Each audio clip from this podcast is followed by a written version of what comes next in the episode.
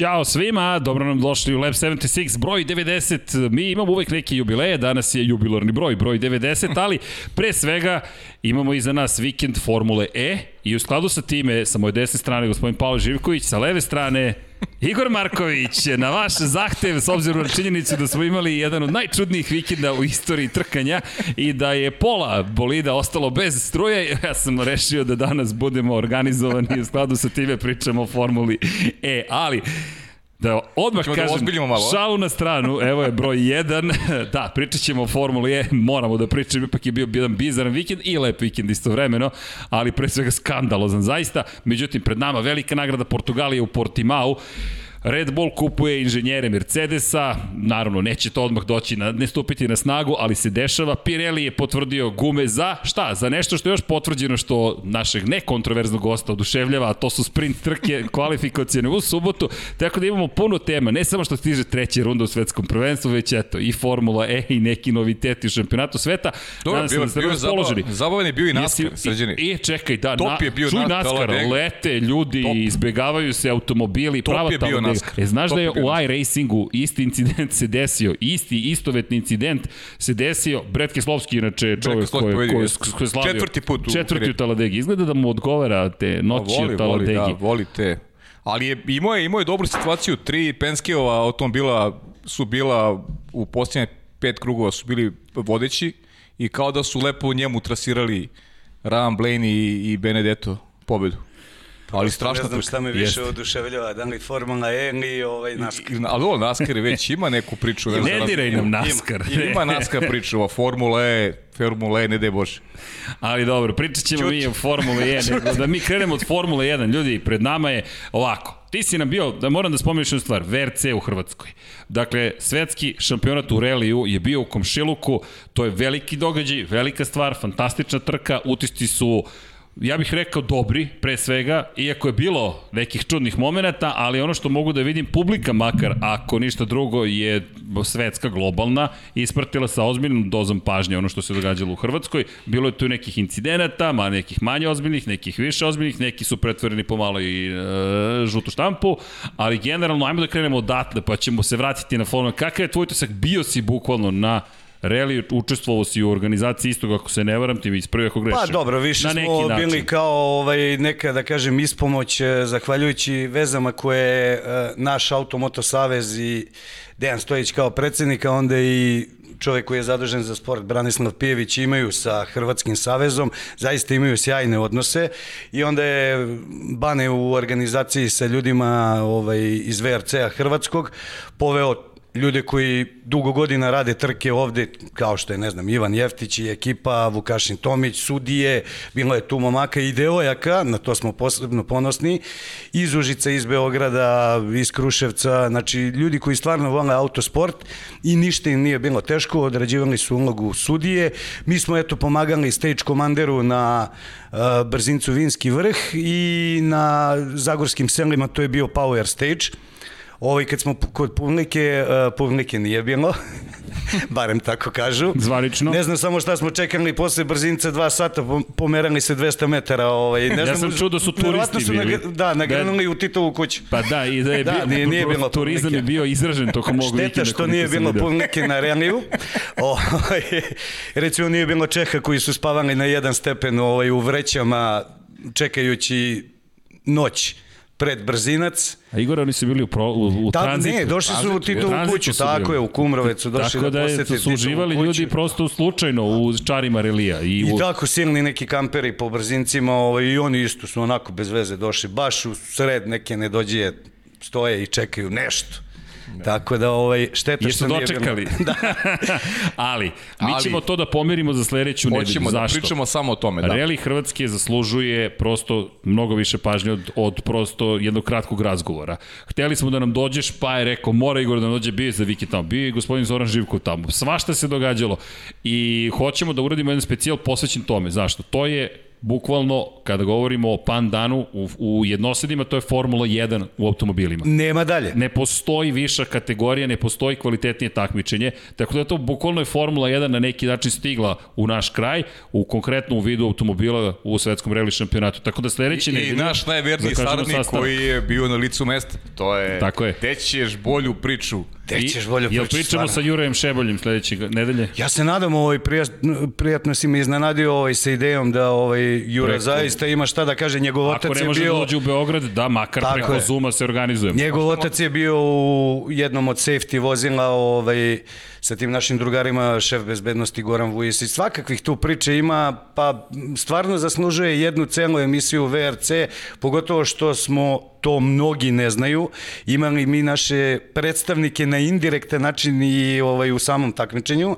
Naime, naš tim NV Racing sa bugarskim timom Jasen Popov Racing koji vodi čuveni Jasen Popov. Uh -huh. zajedničkim snagama uh, su uzeli jedan automobil Peugeot 208 Rally 4 koji je vozila hrvatska posada, Mateo Butorac i Marko Stiperski, momci su bili najbolji e, hrvatski predstavnici na kraju.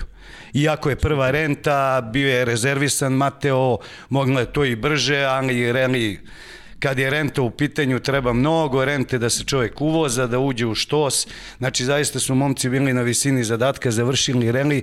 Nažalost, prodani Raštegorac nisu uspeli, to je druga hrvatska posada. Niko Pulić je trebao sa Aleksandrom Kovačić da vozi, međutim, nažalost, zaglavio je bolnicu COVID virus. On je trebao Fiesta VRC da vozi privatno.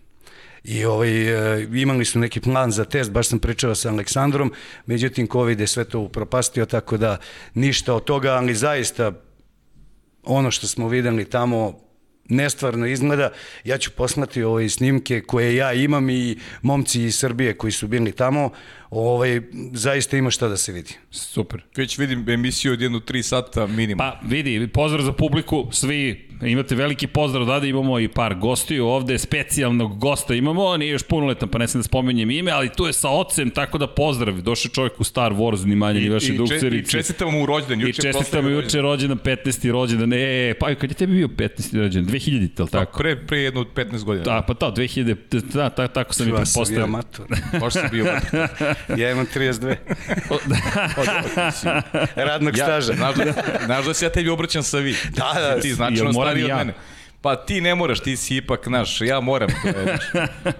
Dobro. Ovaj, e, da, da, zaista VRC zaslužuje ovaj, ozbiljnu priču i treba posvetiti i tim ljudima našim koji su bili tamo, zaista mislim da je, da je velika stvar. To je kao da, da vam ljudi rade Formulu 1. Pa jeste, i, ali cijela organizacija i organizatore hoćemo da čujemo, to je bitno za ceo region, to je prosto za ceo, za ceo region kako god ga zvali je mnogo važno i mnogo je lep događaj i ono što mene to oduševljava jeste ta činjenica da, da, da, da je tu, u komšiluku se dešavalo nešto tako spektakularno i još jedna bitna stvar, da je Andrej Isaković takođe bio, o tome smo pričali pre desetak dana, evo pozdrav za GP Balkance, kaže zovite Andre, zovite Jure, zovite Zorana, zovite Igora i Pozovite onda je- Kart. i Deki, nema problema, svi će na Zoom Sve da se da pojave zovemo. i onda 10 ljudi da prokomentariše VRC. Nije to loše, ali zaista će doći do toga da, da imamo 37 časova podcasta pre nego što smo planirali. Ne, stvarno je ludilo. Priča, za razliku od Formule ti na VRC-u uh, imaš mnogo familijarniju atmosferu. Znači sve je tu, Dobro, tu su vozači, tu su promenila. uh, timovi, sve možeš da vidiš. Do duše, bio je ono, balon, nisi mogao da uđeš bez te narukvice u servisno E da, dobili smo parkište. poklon, da. tako da ovo ide još jedan od suvenira u okviru studija. Croatia Rally 2021. i dobili smo... narukvice. Narukvice. E, s tim si mogao da uđeš u boks i tu stvarno nije bilo gledalaca, bile su zaista restriktivne mere, nisi mogao da uđeš. Ovaj, ali generalno, eh, kad je normalna situacija, bez problema i sa vozačima, vidi šefove timova, Naravno, u toku trke teško da možeš ti sada da se snikaš tu i šta ti ja znam, ali kad se završi dan, kad oni krenu ka hotelu, ma možeš, šta hoćeš. Evo, ubacio sam u, u Vanja, trenutno sam u četu, tako da znaš, ubacio sam još jednom Instagram Andreja Isakovića, zašto? Pobratite pažnju na fotografije koje možete vidjeti na njegovom profilu, zvanični fotograf, inače čovjek koji je otišao iz Lab 76, praktično je putovao, prošle nedelje se javio i, i, i dvostru, dupla doza se slušala usput, inače čovjek koji radi za AFP i čovek koji form, fotografiše i Formulu 1 i rally, sada svetsko prvenstvo. Tako da eto, bacite pogled. Vratit ću nas sada malo na Formulu 1, malo više na Formulu 1, a, a VRC ćemo a dobro, pričati. Ovo smo se dogovorili, znači, Jesmo, samo ovo ćemo da odredit ćemo dan, dogovorit ćemo si siguran kada će to tačno Vreme biti. pozvati Jure, Vreme pozvati- pozvati Juraja i eto nas. Videti Andri da može preko Zuma da se uključi i tako dalje. Podelimo priče, pazi, Pa da, napravimo pa jednu Lab 76 žurku VRC. Vidi, za, za rally pogotovo uvek raspoložen i pogotovo kad je ovakva tema gde ima bezbroj priča, mislim. I od e, samih ljudi koji su bili visoko u organizaciji kao što je e, pomoćnik direktora trke, ljudi koji su zaista odradili ceo posao, sve što ti vidiš na TV-u, u onom VRC plusu ili gde već na prenosu, to sve rade ti neki To bi- mali, fini ljudi, pre svega ljubitelji ovog sporta. Znači, to je neverovatno koliko oni vole rally. Pa Kao i svi to, koji da. volimo sve što ima točkovi i motor elektro. Vidi, Srki, ustajanje u 3. Dođeš u 9-10 u hotelu, 3 ustajanje. Postavlja se brzinac u pola 5, 5. Čekaj, pratiš ti veliku nagradu Australije? Pa pratim, naravno. Ma, vidi, zna se gde se spava, vreće za Imamo- spavanje u kabini iz smo sport kluba. spavanje. Samo još Čehije da vam dovedu. Samo, samo još jednom reći. Ako može mala samo izmena u toj rečenici Čekaj, i čekaj, sve je u redu, ali jasno. okej, ne, ne, koje god ne, nacionalnosti nisu sporne. Pa, ali dobro, da. Šalim se, naravno, imamo, makar ja imam devojku, tako da. Sve je okej. U svakom slučaju, Ja pozdrav za moj ljubav. A ne, ti imaš proslavu u četvrtak, zato ne možeš ove nedelje, ako smem da budem indiskretan. Smeš, naravno, što da ne D- Dve decenije braka, je li tako? Da. Čestitam. Hvala, troje da sam ubio, već bi izašao. Ali, ali ti si u najslađem zatvoru na svetu. Da, uh, Ellen Portimao. Ali da, Portima, Tema je Formula 1. tako je, tema je Formula 1, pa vratimo se mi našim točkovima vernim. Da, i da Pustio je, krenemo. pustio je životne točkove. Ajmo, ajmo na, ajmo, ajmo, Ajmo na ova četiri. Ajmo na neke druge Vidi teme. Vanja kako razgura. Hvala Vanja, šta je ovo ljudi? Ovo je poster našeg Bogdana Brđevića. Kako ti se dopada Igore? Sjajno. Ovo je poster, kao što smo obećali, štampaćemo ih, inače Bogdan nam se oporavio, posle Tako malo je, duže to je. pauze je ponovo u punoj snazi, sedlu, baš u u punoj, ali se oporavio i spreman, kao što možete vidjeti, eto, dajte komentar, mi jedva čekamo da čujemo šta mislite o, o, o novom posteru i... Ja bih samo stavio 7 Up, izvini što te prekidam na ovu zelenu 7 Up. Vrati, vrati, vrati, vrati, je kako je pobudilo bolid, uspomene, To je najlepši vas. bolid na svetu. Izvini, piše Lab 7 Up 76, Jordan. ako se ja ne varam, vidi, ali kada pričamo o tome, bez brige, ovde nam se gosti brinu, nemojte ništa da brinete, mi volimo da rušimo studiju, tako da je sve ok, taman smo ga Teo renovirali. je da kaže srđan voli. Tako je, ali da, Aston Martin može tome da se pri, da, i o tome da se priča, ali ono što je činjenica jeste da Lab 76 tako će da bude jednog dana na Formuli 1, to, to je jedan od ciljeva. Međutim, kako se lepo spajaju stvari? 7 Up, 1991. godina tvog rođenja, dakle, događa Hvala. se, događa se šta? Mihael Schumacher stiže u Formulu 1. Nama se bliži Lab 76 broj 91, mi ćemo ga pomeriti, neće biti sutra, ali će biti u potpunosti posvećen Mihaelu Schumacheru. Da, i to smo se Biće tako je, Deki Potkonjak tu, zašto? Zato što je to Deki Potkonjak i zato što je čovjek napisao crveno-crno knjigu o Tako Mihaelu je, Schumacheru. I čovek koji te kako dobro zna. car. Eto, Jeste. sve je rečeno. Evo ga, crveno and crno, tako da jeste. Znači, bit ćemo ko ovi bolidi, 90B. 90B, dev- imamo to, To, već, imamo te 90B, emisije pa to, 75B Samo to i moramo da obavistimo ljude šta kad radimo, jer Tako mi je. sledeće nedelje će biti Tako busy, je. očigledno. Tako je, na vreme ćemo obavestiti. napeto. Da, biće znači, i napeto, da. VRC, i Schumacher, i, MotoGP. i- i I Portimao, MotoGP, i Portimao, tako je, i- Jerez, i to sutra najavljujemo, za one koji zanima, sutra nam je MotoGP. I uh, Spider. Mine se pojavio, what language is this? This is Serbian language, Spider Mine, tako da, welcome to the jungle, welcome to Lab 76. Pa dobro, Ali, pogodio si. evo da odgovorim na neka od pitanja. Brzinski, samo znate, NFL podcast prošle nedelje nije bio, ove nedelje pomeren, renovirali smo studio, 99 yardi, snimili smo kombajn, neću vam reći koliko sam bio moćniji od svih ostalih, ali to je bilo interesantno. Nisam bio loš, pa je 5.50 sam trčao 40 yardi. No, idemo nazad na Formulu 1 iz četvrtog pokušaja. Pred nama velika nagrada Portugalije, Portimao, treća runda. Kako ti su ti se dopale pre nego što krenemo prve dve? Za one koji eventualno nisu bili sa nama ili nisu pratili Formulu 1, kratka rekapitulacija. Jedna pobjeda za Luisa Hamiltona, sedmostrukog svetskog šampiona, branioca titule u Mercedesu, jedna pobjeda za Maxa Verstappena u Red Bullu, pravi izazivač što bi se reklo. Nema još uvijek titulu Max Verstappen, ali to je taj sukob, to je duel koji smo očekivali. Promene koje smo u međusezoni doživjeli su dovele do toga da je Red Bull napravio, pored promjene koje su bolje prošle za Red Bull korak u napred i odjednom je izjednačena situacija, deli ih samo jedan poen, 44 za Luisa Hamiltona, inače njegov broj, 43 za Verstappena, zahvaljujući najbržem krugu u prethodnoj trci velikoj nagradi Emilije Romanje u Imoli, I, a de, samo sam rekao promilo onoga što smo videli. Kakav je tvoj utisak posle ove prve dve trke? Pa evo ono što kaže agencijski tiker. Prva trka utisak je e, smirenost Maxa, Maxa Verstappena posle onog poraza, da tako kažem, jer e, očigledno je taktički izgubljena trka. A, neverovatno je bio smiren, prihvatio je to barem javno, veoma mirno, što do sada nismo imali kod njega, uvek je bio neki komentar, uvek je bila neka digresija, osvrt dan na ekipu, na šta već. Neverovatno je sazreo, očigledno je puno radio na, na, na glavi, psihološki je dosta do, napredovao i to se na kraju krajeva videlo već i u Imoli. E tu je pritisku podlegao Hamilton A, sad je lako iz fotelje pričati o svemu tome, treba biti u koži Hamiltona a, kada vidi negde svoju šansu, ona je realno bila jedina šansa da, da sustigne Maxa. A, morao je da ide na mo, mokar deo staze, da, gubio je mnogo vremena, išao je splet krivina gde bi ostao iza svih, ovaj, odnosno iza Maxa pobegao bi mu mnogo, greške se dešavaju, mm a, niko nije bezgrešan, kad si na limitu, greške su normalne. Onda ljudi komentariše, znaš ka, e, vidi ga, nema pojma pogrešio. Hmm. Ljudi, greške su sastavni deo kad si na krajnjoj granici svega, greške su sastavni deo i ono što je meni utisak je da je Mercedes kao tim mnogo napredavao između uvoda sezone i Imole, a dokaz tome je najbrži krug Lewisa Hamiltona dobro ste ispratili, vozio je neverovatan taj najbrži krug. To nije bilo moguće na uvertiri sezone, jer je Red Bull bio brži kako god okreneš. Oni su nešto uradili, napravili verovatno taj difuzor, nešto su pokušali da odrade.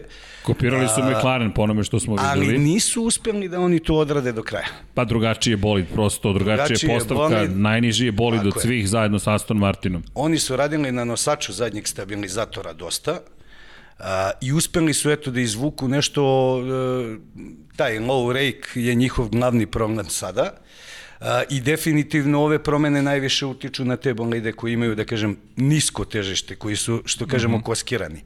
A, kao što je Mercedes, kao što je Aston Martin. Martin. I to što je Otmar Schaffnauer zakukao da su pravila direktno up, usmerena ka uh, Aston Martinu, kao bolidima koji imaju low rake, u stvari tu mislim da je negde ovaj Mer Mercedes ono, ajde da ne kukamo mi, aj ti malo kaži tu čisto da čačnemo, eto da se zna. Mercedes je odradio odličan posao, uh, došao uz rame Red Bullu i, i dalje mislim da je Red Bull uh, bolji trenutno, što se tiče samog bolida. Uh, Hamilton je pod ogromnim pritiskom i zato ja jedva čekam Portimao da vidim, to je borba psihologije, pre svega, a onda će tek da bude na stazi priča. E, čini mi se da Portimao svojom konfiguracijom iako je nova, relativno nova staza novog dizajna, e, to je poslednja nova staza koja ima stari šmek, da tako kažem, nekako, ako se slažete sa mnom. Znači, pa, najbolja definicija, da. sigurno. I, ima, ima šmek poput Imola i poput tih nekih e, staza stare građe, konfiguracije i šta ti ja znam. A, Tako da tu mislim da Red Bull ima prednost, Uh, pogotovo na tom pravcu došli do izmena u DRS zonama, skraćena je DRS zona za, čini mi se, 165 metara, uh, ona na start cilju, ali je produžena između krivina 4 i 5, ako se ne varam. Tako da će biti veoma interesantno i uh, ono što postaje jako interesantno, što me raduje, mi godinama već nemamo borbu drugih vozača u ekipi Znači sada imaš Botasa i Pereza, Pereza koji se još uvek traži. Perez je možda i pod najvećim pritiskom od svih. Jer e, ima primere svojih prethodnika gde čim malo nešto ne ide kako treba, odma pedalino.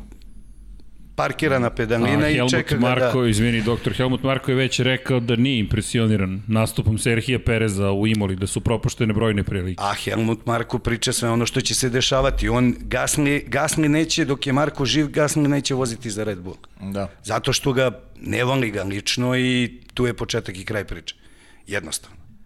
Ja mislim da, ne znam, on bi možda Hunkenberga jedino prihvatio, ali Perez je očigledno imao jače sponzore, jaču podlogu i zato je došao na to mesto i mislim da Pa i dobru formu u krajnjem slučaju kad je došao. Naravno, dobru formu, apsolutno. Ovaj, inače, e, e, ja nisam, bio sam recimo fasciniran podatkom da je e, Perez tu drugu startnu poziciju, to mu je prvi put u karijeri da startuje iz prvog startnog reda. Jer Posle 100 nikada nije bio nikada, u prvom startu redu. 163, 193 trke, tako nešto. Ovaj, 193, mislim. pre nego 193 trke, mislim. I tu je ono kao rekorder da je posle toliko trka tek startuo iz, iz, iz prvog reda. A, nije dobro odradio Imolu, da, to je definitivno. Ovaj, utisak mi je i ta kazna za Raikonena, Uh, koliko je uh, to bez ikakve logike govori podatak da FIA već priprema promenu tog pravila. Jeste, to rekli su da će to biti promenjeno s obzirom na činjenicu da je čovjek kažnjen Na pravdi Bog. na jedan, za jedan bizaran incident. Apsolutno. Blago rečeno Koliko bizaran god je. Perez prema pravilima, jeli, okrenuo se, Jeste. izleteo, ne smeš da pretičeš, to je sve u redu. Ali ovaj je Raikonenov penal od 30 sekundi je potpuni nonsens. Ali ki, Kimi ko Kimi, dobro, vaš u redu. Nema veze. Nije Pa bitno. šta će? Pa dobro, može. Ja mislim da ova korona situacija najviše odgovara Kimiju.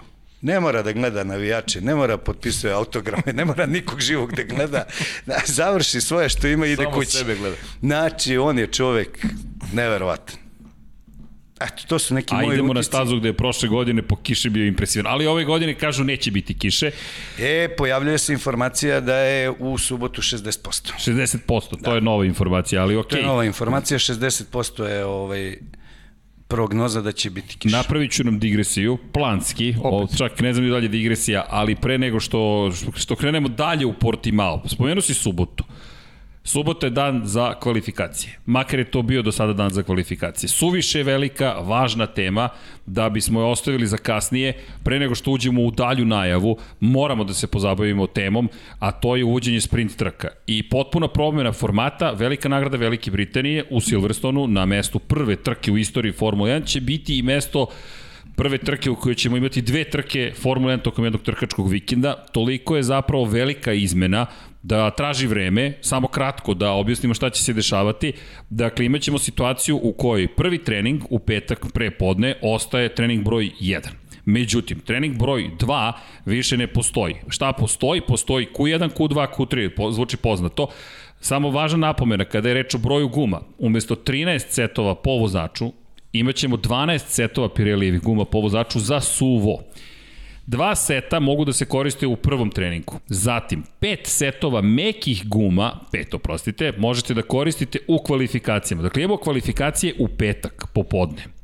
Zatim, trening broj 2, nekadašnji trening broj 3, dolazi u subotu pre podne, 60 minuta, jedan set guma imate na raspolaganju i potom trka, sprint kvalifikacije 100 km će trajati, nema obaveznog stajanja za promenu guma, dva seta guma su dostupna i dodeljuju se poeni za prvoplasiranog, drugoplasiranog i treće plasiranog. 3, 2, 1 poen. I tek onda u nedelju standardna trka, međutim, dva seta guma vam je još ostalo na raspolaganju, tako da čak nije ni standardna trka, vi sada imate situaciju da znate da će biti jedna promjena zapravo pneumatike. To imamo u Silverstonu, živo me zanima kako će te gume da izdrže, ali toliko je brojnih i problema i promena da zaslužuje baš da se posvetimo ovome. Aj- Hajde, prvi utisak, kakav je prvi utisak, ući ćemo u detaljnu analizu šta je dobro, šta loše u celoj ovoj priči. Meni se ništa ne dopada u celoj priči, iskreno. To smo već pričali i prošli put. Imamo kvalifikacije kvalifikacija. Znači imamo dva puta kvalifikacije, u stvari. Imamo jedne kvalifikacije u petak, onda imamo kvalifikacije u subotu. Pritom se te kvalifikacije i boduju.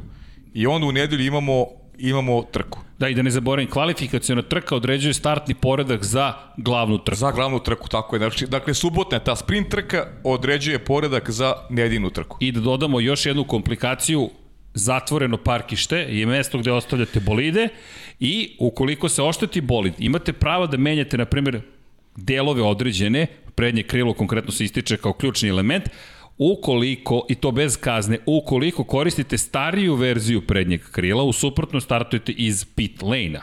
Tako da čak ne možeš ni sve da menjaš, kada se završi te trka u subotu, naprotiv, malo toga smeš da menjaš. I to je ono što pričamo sada vezano, bavili smo se tim nekim futbolskim temama, Superliga jeste, nije Superliga, kao navijači su važni, oni kao odlučuju.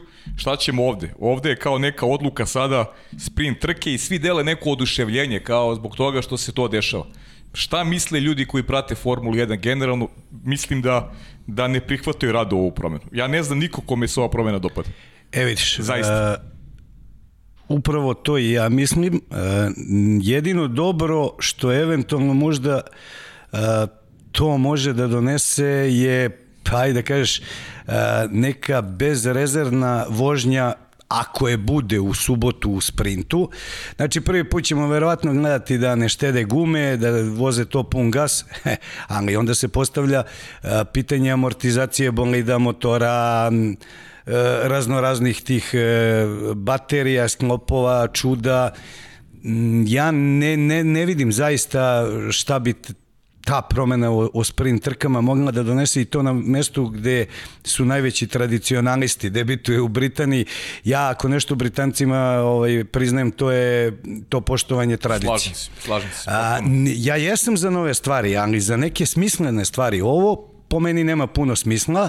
Šta ćeš dobiti? Dobit ćeš da Red Bull i Mercedes nose 3, 2 i 1 bod dobit ćeš još manje zanimljiv šampionat, barem u ovoj postavci stvari. Ok, ovo su piloti. Ide uh, Silverstone, Monce i još treća staza uh, koja još nije Trebalo potvrđena. Trebalo je Brazil da bude, ali rekli su da Formula 1 insistira na tome da ne bude na evropskom kontinentu i da Tako bude je. u završnici sezone. Ali, pošto je Brazil pod velikim znakom pitanja usled pandemije COVID-19, pa se ne zna da li će uopšte biti trke, onda je pomereno. Ali ukoliko bude Brazila, trebalo bi na, u Sao Paulo da se desi. Ja sam rekao davnih dana sam to pisao u novinama i ovaj, kad je Liberty Media preuzela to, ja sam pustio sliku neke četvoročlane porodice, svi onako dobro nahranjeni, jedu ove hot dogove i stavio sam potpis, jel hoćete ovo u Formula 1? To će vam doneti Liberty Media. Meni ova a, promena smrdi na fritezu, na američke krofnice, na hot dog, na kokice, samo još čekam kad će počnu na viču defense. Na, potpuno mi je ono, e, nije u svrhu e, ljubitelja ovog sporta. Či znači, formula, tehnički sportovi su malo drugačije, lepo je sve to. E, ja čak verujem da ista publika ne voli NASCAR i Formula 1 istovremeno. Jer su to potpuno dve različite stvari. Yes, Oni yes. u naskaru skaču kad se neko polupa, meni se kosa digne na glavi kad vidim tačno, tipa udes živa istina, to je Botasa i, i, i, i Rasela. Pa oni, oni, to negde, oni to negde i stimulišu sa svojim pravilima stimuliš. Upravo to, to si to dobio guranje, sa Liberty To guranje na stazi, to je sve legitimno, to je dozvoljeno. Znaš, to je a, s jedne dozvoljeno. strane, a, ja bih uporedio to sa Turing trkama, sa VTCR-om.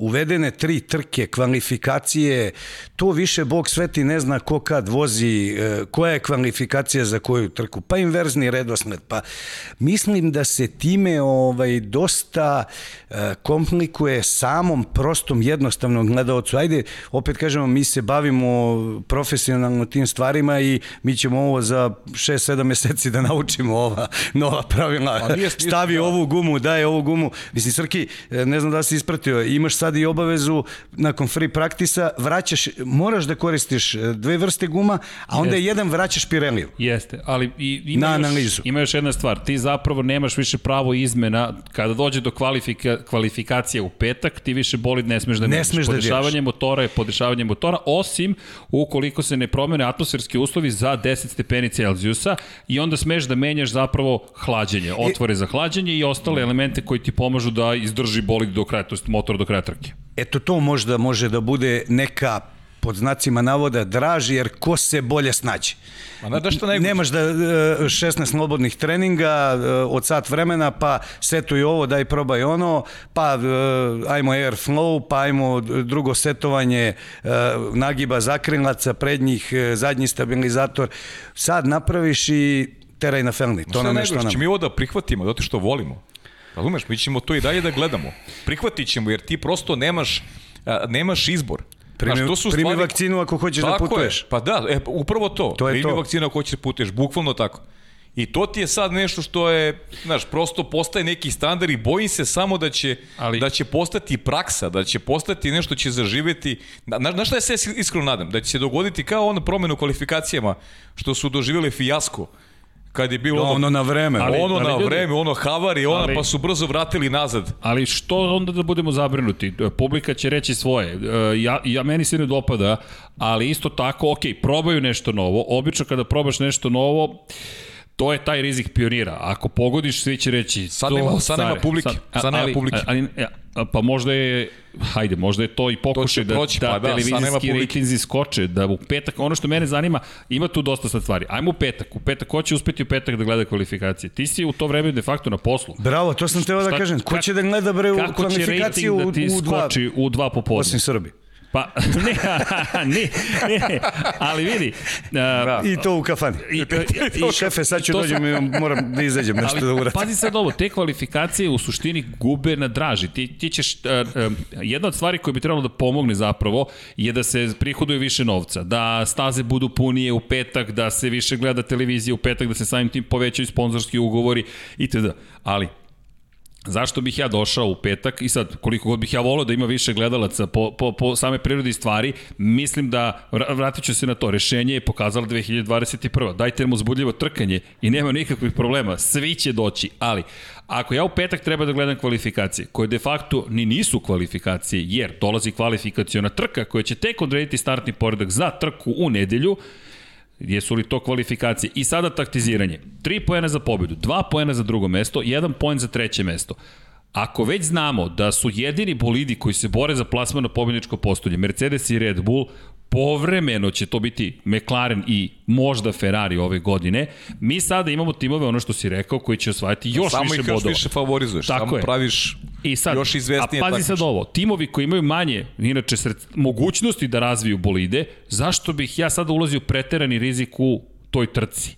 I još jedna bitna napomena, za razliku od standardnih trka, ti ćeš sada moći za nedeljnu trku da biraš koje god želiš gume. Sve ovo pričamo naravno o trci po suvom. Ukoliko bude trka po kiši, opet dobijaju se setovi za kišu i ukoliko intermediate potrošiš I to opet, više od ne i znam to koliko opet nije dobiješ dobro. I to opet nije I dobijaš valjda četiri još seta Tako je. ako, ako je šućmurasto vreme, dobijaš Jeste. četiri seta intermedijuma na ona dva seta kišnih koje... Koje inače Jer, jer zar nije ja kažem, Q2, za šest meseci će- Q2 ćemo svi da shvatimo. kvalifikacija najlepši zato što tu biraš strategiju, tu se igraš, tu tražiš nešto što može da ti donese dinamiku u trci, eventualno dobar rezultat, a sada imaš, sad ti je sve izvesno. A, jedina po meni poenta, opet kažem zašto mi to smrdi na fritezu, a, zato što su svi automobili u subotu na stazi, kao dešava se neka trka, tu će svi da se čuvaju, da se štede. S druge strane, moraš e, e, e, da juriš da bi napravio što bolju startnu poziciju. Šta ćeš kad recimo dođe do nekog udesa, rasturiš taj bolid, šta ćeš u nedelju da ne voziš? I ono što si rekao na početku, ja mislim da, da, je, to, da je to, čini mi se, početak i kraj. Uh, zašto narušavati nešto što je divna tradicija? Nešto što se prenosi iz generacije u generaciju, nešto što su naši očevi gledali pa nas učili da mi gledamo i sada mi neka buduća pokoljenja učimo da gledamo. Zašto nešto što je lepo, što ima lepu tradiciju, zašto je e, pokušaš da je oblikuješ na drugačiji način?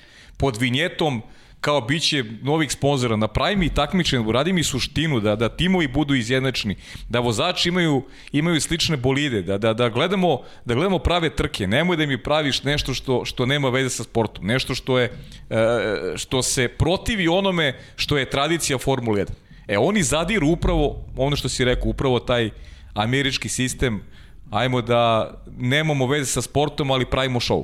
A, televizija, televizija i samo televizija i ako Ali- može neki demolition Ali derbi, vidi, ja mislim da ovo nema veze sa Liberty Medijom. Ross Braun je čovek koji stoji iza ovoga. Ross Brown godinama već govori o sprint trkama. Ne, ne bih da svedemo samo na, na, na Liberty Media ili na američki sistem. Američki sistem mislim da je pozitivno uneo to što su ograničili budžet. Ček, ček, a za, za koga radi Rozbron? Pa da, ali to je njegova ideja i pre Liberty. To je nešto što čemu on priča. On, on, on, to, je, to, je, to, je, to je neka želja i on je rekao, da, ja se slažem, treba pokušati s nečim novim, ali ima opet loš tajming mislim da je u pitanju. Imaš savršenu sezonu i mi sada u najavi treće trke se više bavimo sprint trkama koje će tek doći, ja, koje mogu ozbiljno da izvini da, da utiču na šampionat. Ali ja mislim da u Bernijevo vreme, kako god bio Berni, da ovo ne mogu se dogoditi. Ko je Berni, ovo? Nema šanse.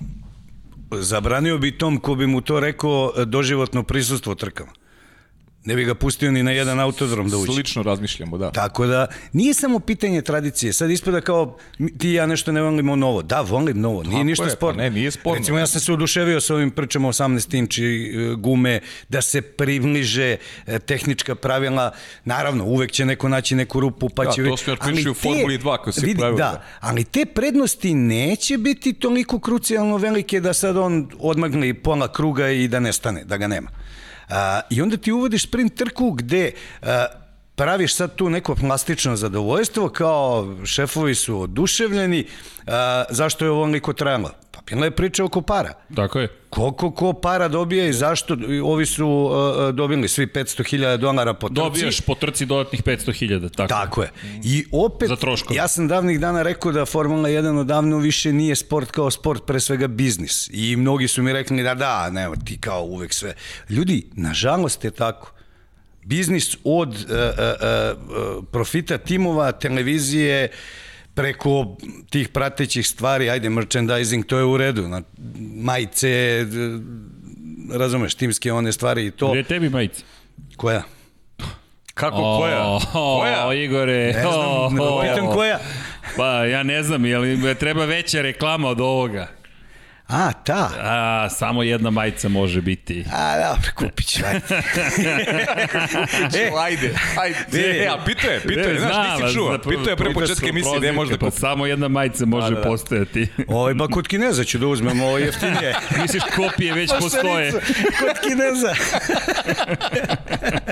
Imaš proširene vene, nema donese sutra.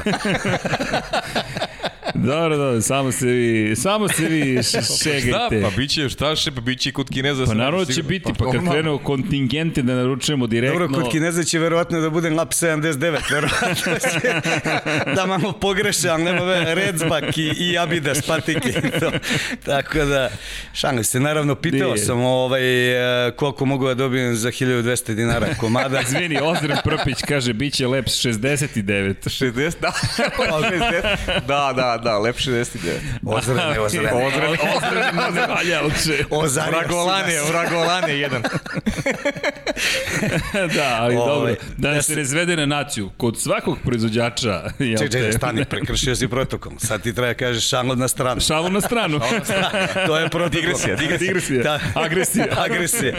Ovaj, tako da, ne znam, zaista, prvo je pre svega ovo ako neko pokušava da ukapira šta je pa Zazvučao si mi sad kao Deo Savićević. Tako da...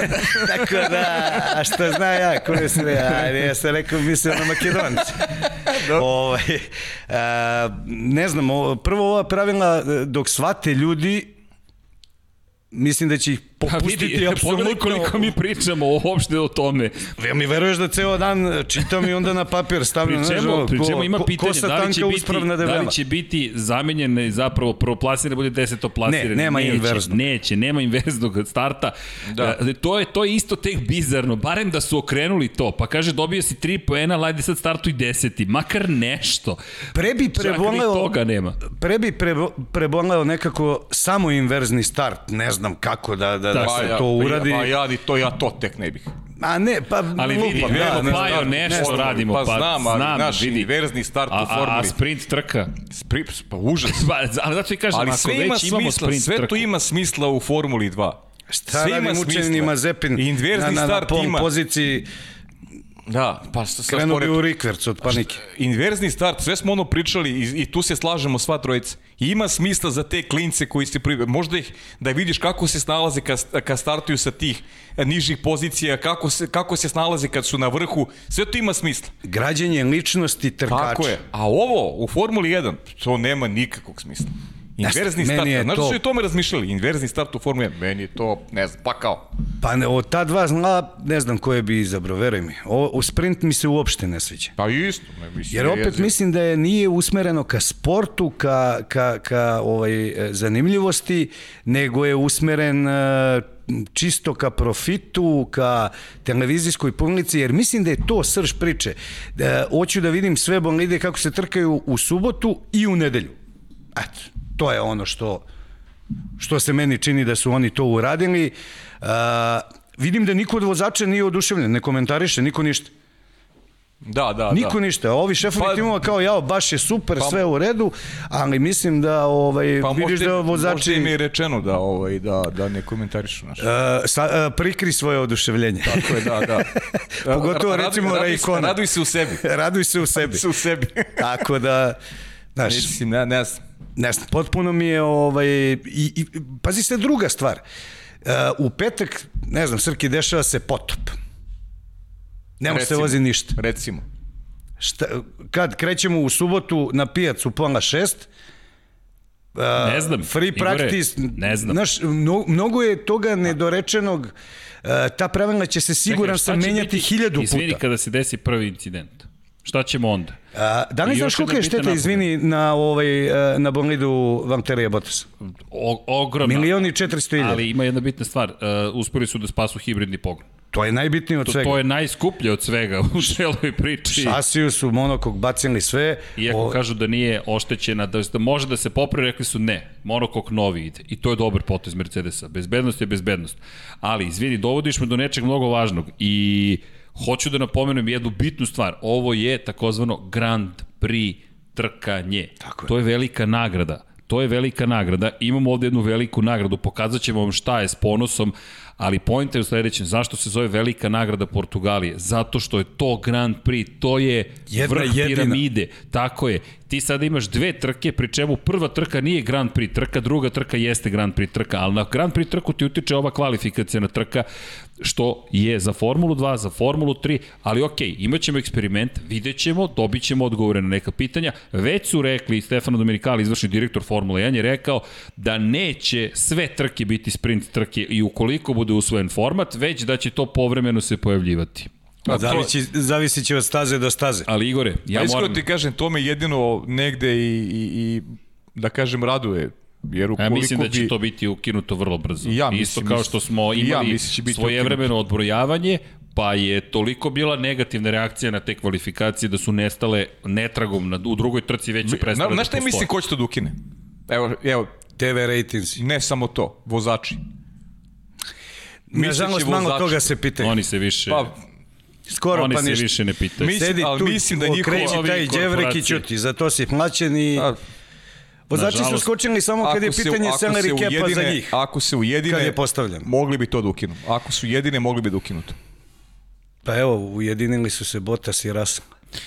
Da, čekaj, čekaj, pre nego što odeš tamo, Potom, stanite. potom, ajde, stanite, da se mi malo ovo je, hvalimo. Ovo, ne, ne, ovo nije čak ni da se mi hvalimo. A jeste da se hvalimo, ali ja bih pre Pa svega... jeste se hvalimo, šta? Dimitriju Nikoli i Lidiji da se zahvalim. Ljudi, hvala vam.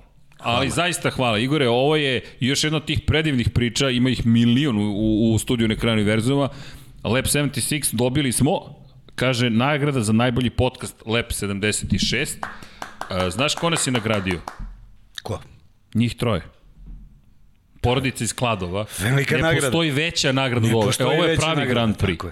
I rekli su, sad, prosto zahvalili su se i žele da nas nagrade ovim poklonom za naš trud i istranost svih ovih godina. Dobili smo još neke sitne, po, ne sitne, velike poklone od njih, sad da ne, da ne, ne spomenjem sve, da, da ne bih baš bio potpuno indiskretan, ali ljudi hvala.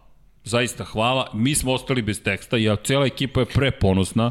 Ne znam ni šta da kažem, Ja ali... za- I Zaista- treba da budete ponosni. zai- da, Mislim, zaista, ja zaista, be, ne znam, nije kurtoazija, stvarno nikada, treba da budete nikada ponosni. se nisam osjećao tako zaista, nego Da. kad, sam, kad mi je srđan pokazao šta smo dobili i baš veliko onako čast i veliko hvala. Da, hva, ne Hvala postoji, našim dragim gledalcima. Ne, nismo ni tražili nagradu neku, ali kad ovo dobiješ, ok, to je prava nagrada. Pa ne, prava, nema, prava, ne, prava nagrada, to je to. E, Bolji je iskreni osmeh nego, ne znam, šta neko da ti da. Pa ne, naravno. To je moja logika. Jeste, slažem se, slažem I kad se. ti neko kaže, e, ne valja ništa, ne sviđa mi se, da, i to je poštenije sjajno. nego da te neko Isto, tapšte, ja, ja, ja tapše to po ramenu. ja i- to obožavam. A kad se Zato okreneš... što sam i sam takav, ali, ali znaš, kad ovako nešto dobiješ, kad vidiš da neko vrednuje to što radiš na taj način, zaista Svaka im čast. no, Ja nisam znao, priču Svaka je o... čast. Mi smo impresionirani, pri čemu tu ima ozbiljnih detalja, pogledaj- kaciga, volan, to je specijalno pravljeno Ne, i ono što je još dirljivije od celoj priči, salon pehara i evo reklame, udrženje paraplegičara Čačak je pravilo. Tako da, ukoliko želite da ih podržite, radnička 24 032 33 44 13. Ne zna, su- ne zna se šta je jače. ne zna se šta Ne je jače, da. bukvalno. Ne zna se šta je jače. Zaista. Nevjerovatno. mnogo, mnogo emotivno, zaista i Veoma, no, ja... baš emotivno. I kad tako nešto dobiješ, kažeš sebi, okej, inače se zabavljamo i lepo nam je, ali... Ali ovo ima smisla, ali ovo što radimo. O, to ti, da. ti da smisla i poleta, da evo, kažu ljudi, zato ste krenuli na vreme. Može. zato smo Da, da. krenuli danas na vreme. Ali da, pre svega smo sreći. Srećni, zaista smo presrećni. I treba da Hvala. budete srećni, zaista Hvala, ja m, e, stvarno e, gledam svaku emisiju, volim da pogledam, e, često se ja tu malo šalim sa Pajom, zezam se pa tu nešto dobacujem, ali ovaj, gosti priča uvek sve vrhunski, zaista. Hvala. A, pa, Pa i ti nam ne- pomažeš, pa svi koji su svi koji su došli nam pomažu. Ti, de, Pa, e, kapiramo svi ljudi koji dolaze deo da- tima, to je- Jako to je mogu to. da dam doprinos, e, hoću uvek, zaista. Zato što stvarno radite e, e, jednu stvar koja nije postojala na ovim prostorima, da se ne lažemo.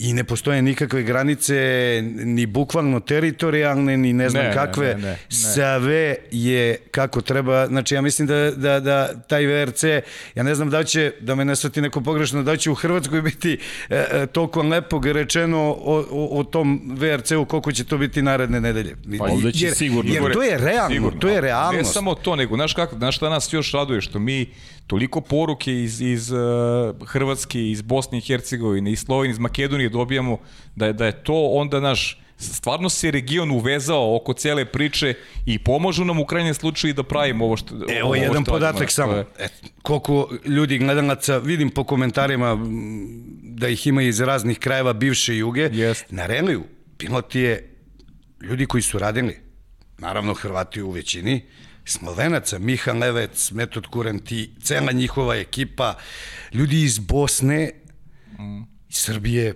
mislim, samo nije bilo iz Makedonije. Da, da. Znači, prosto neverovatno a, a, a, kako, su, kako svi imaju neki a, isti cilj, kao što se oni tamo okupili na VRC-u, tako i ti ljudi koji gledaju iz svih krajeva te bivše juge, imaju taj cilj. Znači, svi su ljubitelji ovoga, svi vole da čuju nešto pametno. Na kraju krajeva i sukob mišljenja i... Pa naravno. Zato- Naravno, zato služe pa, ove- pa, Pa, naravno. kritički, to je, to je Znaš, ti ne možeš deo. svakom da se svidiš. I ne trebaš To- svakom i da se ne svidiš. treba Igore naravno, pa to nije to nije suština, znači znači da znači da razmišljaš o tome šta ćeš da kažeš, da da da upakuješ da bi se nekom svidao. Ne, nego da izneseš neki Ma jasan kritički misliš. stav, ono što misliš, tako je. Tako da, evo tako... Pohvališ kad misliš, iskritikuješ opet kad misliš i to je suština cele priče. Evo, ja bih- Pa ja mislim da su to ljudi negde i prepoznali, da je to negde nek, Pa to i jeste poenta priče. Pa jeste Evo, poenta. e, s tim u vezi ja bih pohvalio Liberty Mediju o... za sprint trke. A ne bi, moram ja, ne bi ja bio ja. baš, o, baš pa si eto, puno pohvale. hvalim i manje ulje u fritezu da ne budu ovaj, Ali, mnogo masne jasno, ove ali, američke ali, krofte. ali, čekaj, Dobro. ali ova sezona, ajmo da se vratimo, Portimao Ajmo, ajmo, zaslužuje pohvale. Ljudi, Naravno. kakvu smo sezonu dobili? Imamo još 21 trku i treći vikend delo da će biti spektakularan. Pričali smo o stazi. Ajmo da napravimo kratak uvod samo staza, da bacimo pogled iz perspektive Pirelija. Mislim da imamo i prevedenu grafiku, ako se ne vrat... O, A, ima Vanja Vanja, sve, ima Vanja Vanja. Bogdan, vidi ekipu, sve su pripremili. Dakle, Izbrne tvrdoće guma, tvrda C1, srednje tvrda C2, C3, meka. Dobili smo ovde pitanje i za kulisa, gde su nestale hipermeke, meke i tako dalje, ultrameke, za onih koji to ne znaju, nema više tog obeležavanja, ali ovo su tvrde gume. Mi ovde pričamo o C1, C2, C3 smešama, dakle govorimo o smešama koje su najtvrđe na raspolaganju. Zašto? Obratite pažnju na opterećenje. Prijanjenje nivo 4 od 1 do 5, maksimalna ocena je broj 5. Kočenje četvorka. Portimao će tu biti veoma zahtevan, pogotovo ulazak u prvu krivinu. Ukoliko ste pratili prošlogodišnju trku, tu se lako pravi greške. Bočno opterećenje i tekako na lepih broj 3, stres za gume broj 4, prijanje asfalta dvojka, abrazivnost asfalta dvojka, nije, dakle preterano abrazivan asfalt, aerodinamički potisak koji će se razvijeti ovde četvorka. I sad, dužina trke, broj krugova, sve možete da vidite, rekord staze prošle godine Lewis Hamilton, zašto? Pa dosta je jednostavno, samo smo se jednom i vozili ovde, tako da teško da ćemo možda oboriti neke stvari, ali vidjet ćemo zavisi od vremenskih uslova. U svakom slučaju, Jedna prelepa staza 2008. godine završena, 2008. godine su počeli uglavnom da je koriste u drugim takmičenjima, pre svega svetski šampionat u Superbajku i od 2020. eto, najzad je dobila svoje mesto u šampionatu sveta Formule 1. Obratite pažnju dok imamo ovu grafiku na sektor broj 1, te krivine u desno. Desna, desna, desna, prilično ošte krivine, onda jedna krivina u levo, pa idemo uzbrdo, pa nizbrdo. Inače, ko prati Moto Grand Prix, krivina broj 5 je drugačija u odnosu na, odnosu na MotoGP, s obzirom na činjenicu da je ovde dosta oštrija. U petoj krivini u Moto Grand Prix imaju veći luk, širi luk i drugačiji drugačiji prolaz, šesta, sedma, osma i tako dalje su sve prilično to jest iste su, ali opet usponi prevoj između 8. i 9. brzo skretanje u levo u devetoj krivini i potom završni deo staze. Prelepe kadrove smo prošle godine imali kada je reč o helikopterskim snimcima. Nadam se da će tako nadam se da će tako i ostati s obzirom na činjenicu da je ovo staza koja pleni nekako zove se roller coaster staza i zaista liči na roller coaster. Ideš gore, dole, brzo je, levo, desno i tako dalje. Ali, uh, uprko svemu tome, najveću promenu u nivou visinsku razliku i ipak ima Austrija. i dalje spa. Spa. 102 metra. 102, da, spa. 102 spa. metra između naj, najniže i najviše tačke. Ja sam mislim da je Red Bull Ring, da je između prve i treće krivine zapravo najveće. E. Ne, to je, to je spa, pa Austrija, pa tek onda ide Portimao. Da, ali, ali prelepa jedna staza i biće, verujemo da će biti uzbudljivo još ako bude zaista padala kiša, da se vratimo, stari format imamo, da. trening broj 1, 2, po 60 minuta od ove godine, trening broj 3, 60 minuta, da kvalifikacije ko 1, 2, 3. A čak nam i to nedostaje, tih, tih... Tih pola, pola, po tih pola sata, sata u prvom i drugom treningu. Tih pola sata, ne, tih sat vremena u stvari. Pa da, sat, sat vremena ti nedostaje petkom, znaš, to je, to je ozbiljan, ozbiljno su krajcovali ono što je bila neka, neka ne znam, praksa. Uh, potpuno ajde da kažem, za sad sam skeptičan. Eto, da bude to ali, neki najblaži izraz, da sam skeptičan. Iz priče o razmišljanju da se ukine petak uopšte. Da. Od priče da neće, Ali vidiš, nema petka. su taj forma dva dana nikako kao, ne može forma da. dva dana, to ne ide. I onda smo napravili ono, ajmo Idemo, format 5 dana. Format Ali čekajte, dana, pobeći da, će nam tema. Ljudi, Portimao, Portimao, te moramo da se vratimo na ovu temu. Ide treća runda. Ne, ide, znaš šta, znaš šta mi pričamo, pričali smo o Red Bullu, o Red Bullu, hoće, mi pričamo o Red Bullu i Mercedesu, ali e, jesu Red Bull, Mercedes e, velike teme. Međutim, meni, meni ono, što, ono što je moj utisak, Uh, imam problem često s svojim gospodinom preko puta mene što se uglavnom slažem s onim što, što, što kaže. Uh, ali moj utisak su vozači. Jer mislim da konačno možemo da pričamo o vozačima, o dva momka, jednom koji je veliki šampion, jednom koji, koji preti da to bude, e, oni su moj najjači utisak. Jer na stranu automobili koji voze, to su momci koji imaju šampionski karakter. Jedan dokazan, jedan koji napreduje i ono što si ti rekao s početka, Uh, to je to mi se posebno dopalo jer to sam ja tako video. To smo uh, komentarisali nakon prve trke.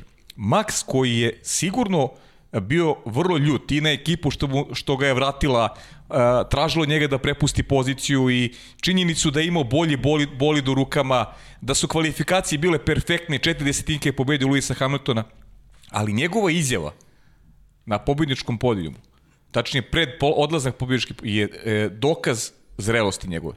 On to pokazuje na stazi, a poče da pokazuje i izvan staze. Pokazuje da je spreman da se, da se bori u svim segmentima sa Lewisom Hamiltonom i na taj način stavlja pritisak i na pleće Lewisu Hamiltonu, što njemu kao šampionu, siguran sam što kaže Srđan, negde i odgovara. Pravi greške, ali mu se to sviđa jer ima pravog rivala i ima mogućnost da dokaže ljudima koji čak i dovode u pitanje njegov e, kvalitet, ima takvih, srećom ne sede za ovim stolom, ali ima takih koji dovode u pitanje zašto ga ne vole pa dovode u pitanje čak i njegov kvalitet, da, da u toj borbi sa Maxom Verstappenom odigra najbolje mogući i da dođe do jedne pobede, do jedne titule koja bi onako predstavljala, zaokružila tu, tu epohu u Mercedesu i njemu samom dala, a, dala potvrdu da a, može pret, protiv jednog ozbiljnog takmaca da osvoji, da osvoji šampionat, jer ove dosadašnje titule što je osvajao u Mercedesu, složit ćemo se, bili su onako kisela voda. Ko je jedini doskočio, da tako kažem, a, Hamiltonu do sada? Samo Niko Niko Rosberg. Samo Niko Rosberg, da. Kako? Shvatio je da je ovaj tanak na psihi, pod pritiskom. Pod pritiskom. To isto je uradio verovatno Verstappen, uzeo je psihoterapeuta koji je sve to dobro prostudirao i uporno mu radi na psihi. Nema veze i greška i tim pogreši i ti po... Ispravljena greška u trci ne može da se popravi. Ako razmišljaš o tome, samo možeš da ideš iz greške u grešku, u grešku i ništa nisi uradio. A, ajde mi da se smirimo, kaže recimo taj psihoterapeut, i onda nek Hamilton misli o tebi, a ne ti o njemu. I negde se to dešava, ali čovek koji polako počinje, ja to imam neke svoje ideje, vizije, stanovišta, e, čovek, ne ni čovek, dečak koji polako počinje da e, pokazuje sve ono što od njega očekujem, e, je Lando Norris. Uh -huh. I on će biti, ukoliko McLaren bude kako treba, ne samo ove, već i naredne sezone, da se ne lažemo, ovu sezonu svi, da tako kažem, preživljavaju. Ako McLaren bude napravio pravu priču, eto ti Landa Norisa jako brzo u vrhu. A na dobrom su putu. Vidi, hrabro je rekao pomerite mi Ricarda, Jeste. koji se šmekerski pomerio, ispoštovo Jeste. svako slovo ugovora. Misliš da mu je bilo prijatno? Nije sigurno. Ne, rekao je, probuto sam knedlu. Po, pomerite mi Ricarda, mislim da sam brži kako se Ricardo pomerio, tako je odjezdio. Da se nije pomerio, ne bi bilo podijum. Upravo je to Da je ostao dva, tri kruga iza Ricardo, ne bi bilo podijum. E, da li po slovu ugovora ili kako već timski rad očigledno u McLarenu postoji, recimo u Ferrariju to baš nešto i ne vidim. A, da, ali nije bilo ni prilike do sada se, da se I kad bude prilike ne znam koliko će to biti da. koliko će to biti izvodljivo. Hoće, verovatno mora po slovu ugovora, jer će neko dobiti penala. Uh, uporno potenciraju da nema prvog vozača, što možda u ovom trenutku i jeste istina. Ali bude li jedan od njih dvojic, dvojica odskočio, ovaj drugi neće postojati za nastavak sezone. Naravno, figurativno neće postojati jer će sve biti podređeno tom nekom koji pravi dobre rezultate, ali mislim da Sainz uopšte suštinski ne zaostaje mnogo za Leclerc. Pa ja to mislim, ja sam rekao, ja sam rekao da me ja sam sumnjao u to kako će Sainz da izgleda u Ferrariju, ali se slažem s tobom da da pokazuje Srđan je mnogo više verovao u taj taj izbor Carlosa Sainca, međutim Sainz odrađuje odrađuje dobar posao. Uvek moramo da polazimo od prepostavke da je neko novi u timu i da mu treba više vremena da savlada da savlada ne znam, sve mehanizme koji su neophodni da, da, da dođe do dobrog rezultata. U krajnjem slučaju ta priča važi i za Serhija Pereza u Red Bullu, pa ajmo da mu damo još malo vremena, još malo šansi. To što nije dobro za Serhije je ta izjava doktora Helmuta Marka. Znamo da on tamo vedri oblači i da... Kad te on markira, je... završio si završio karijeru, si pre priču, nego što da. si i počeo. Ja, I nije je... dobra ta vrsta pritiska za Serhija u sad u ovom momentu kada Red Bull mora da bude konkurentan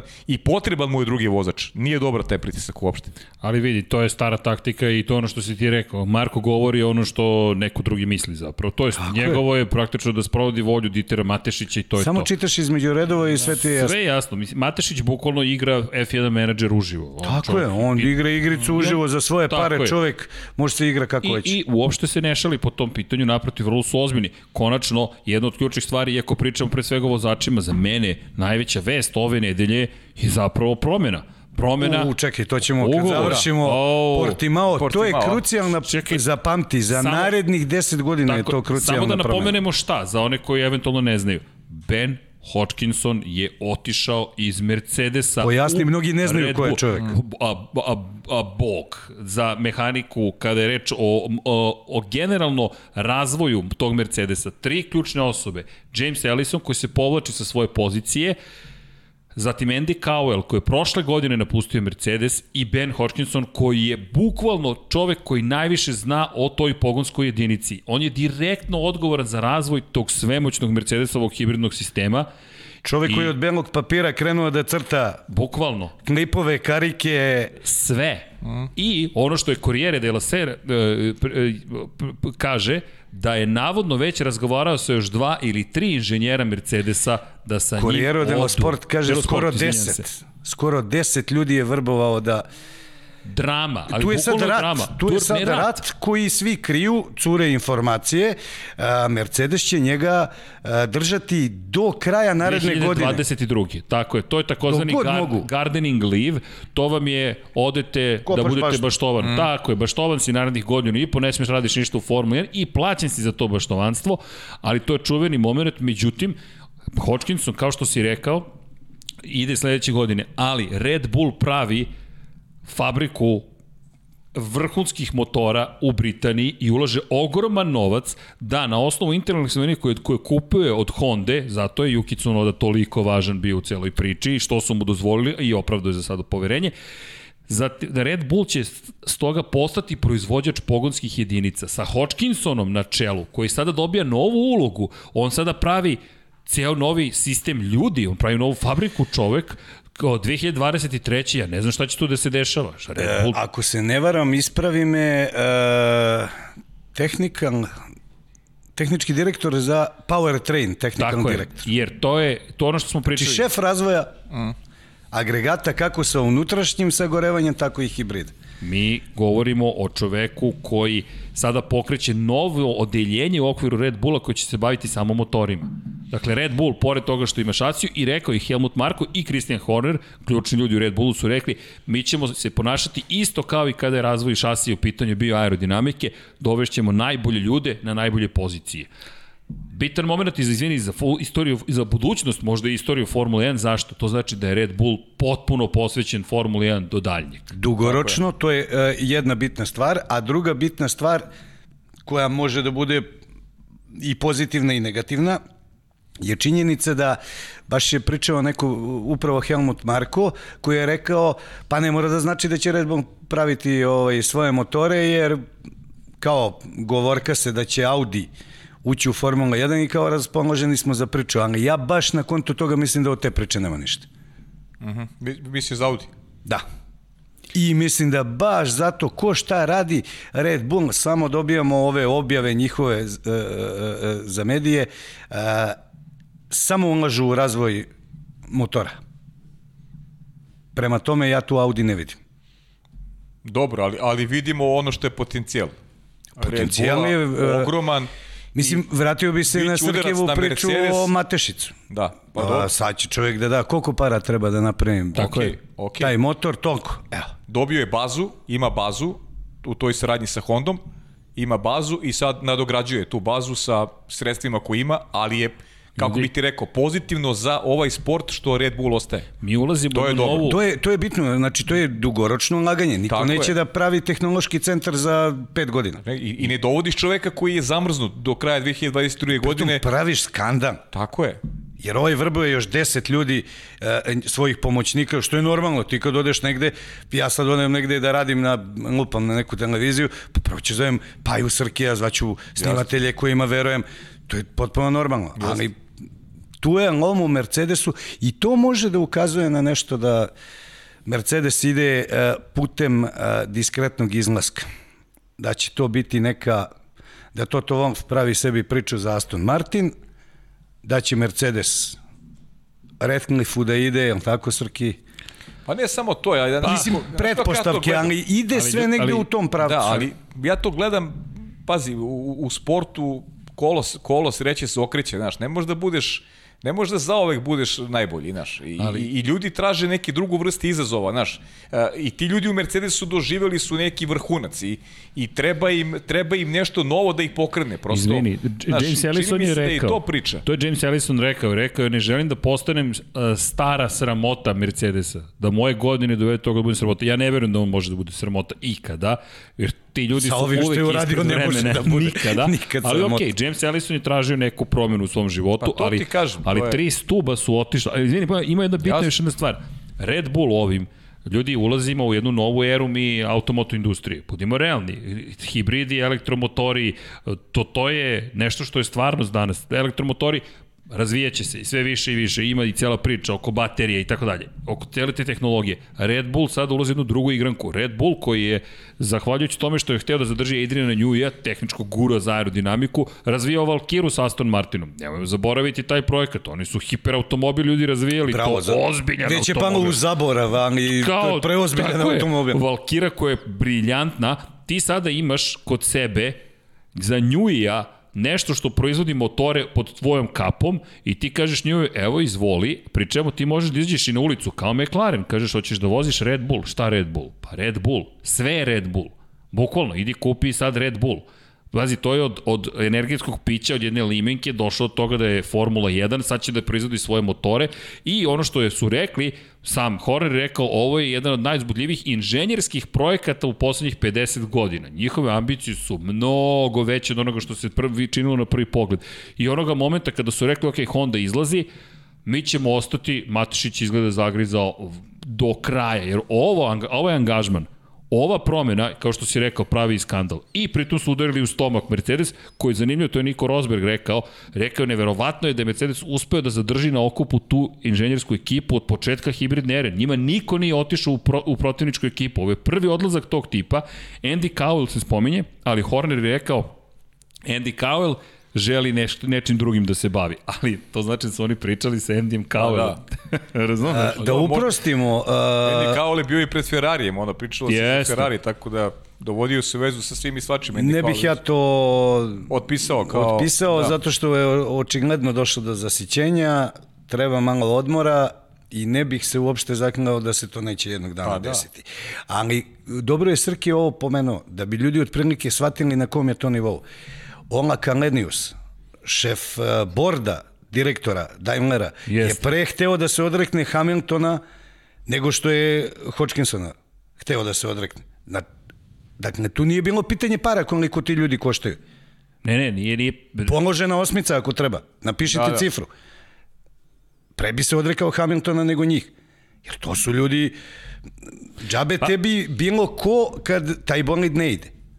To je današnja Formula 1. To si nekad mogao u vreme ručnih menjača i ostalog da imaš i slabiji bolid, pa da Sena pobedi sa Tolemanom, koji uzgrad budi rečeno tada uopšte nije bio loš Ali- te ali godine. Dobro. Igor, ja zato i mislim da nije možda pitanje ni novca toliko. Koliko izazova koji nudi taj projekat Red Bulla i onoga što bi Max Verstappen mogao da bude kao naslednik Luisa Hamiltona i nekog, neko, neke budućnosti Formula 1 u kojoj Red Bull možda se pozicionira s svojim ljudima e, tu gde je danas Mercedes.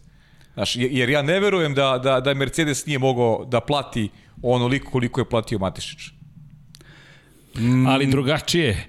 Ovo je Da, druga- Paja, ovo je to je to pričamo o kor, mega korporaciji. Daimler je mega korporacija. Red Bull je korporacija, ali i dalje ima jednog velikog šefa koji kaže igramo i, i meni se sviđa, on čovek radi ono što bih ja radio da imam te pare. Šta bih napravio? Pa tim Formula 1 dobro. i tim MotoGP-a, nema tu diskusije. O čemu pričamo? Pa šta, ne bih... Napravit ćemo jednog dana. vidite.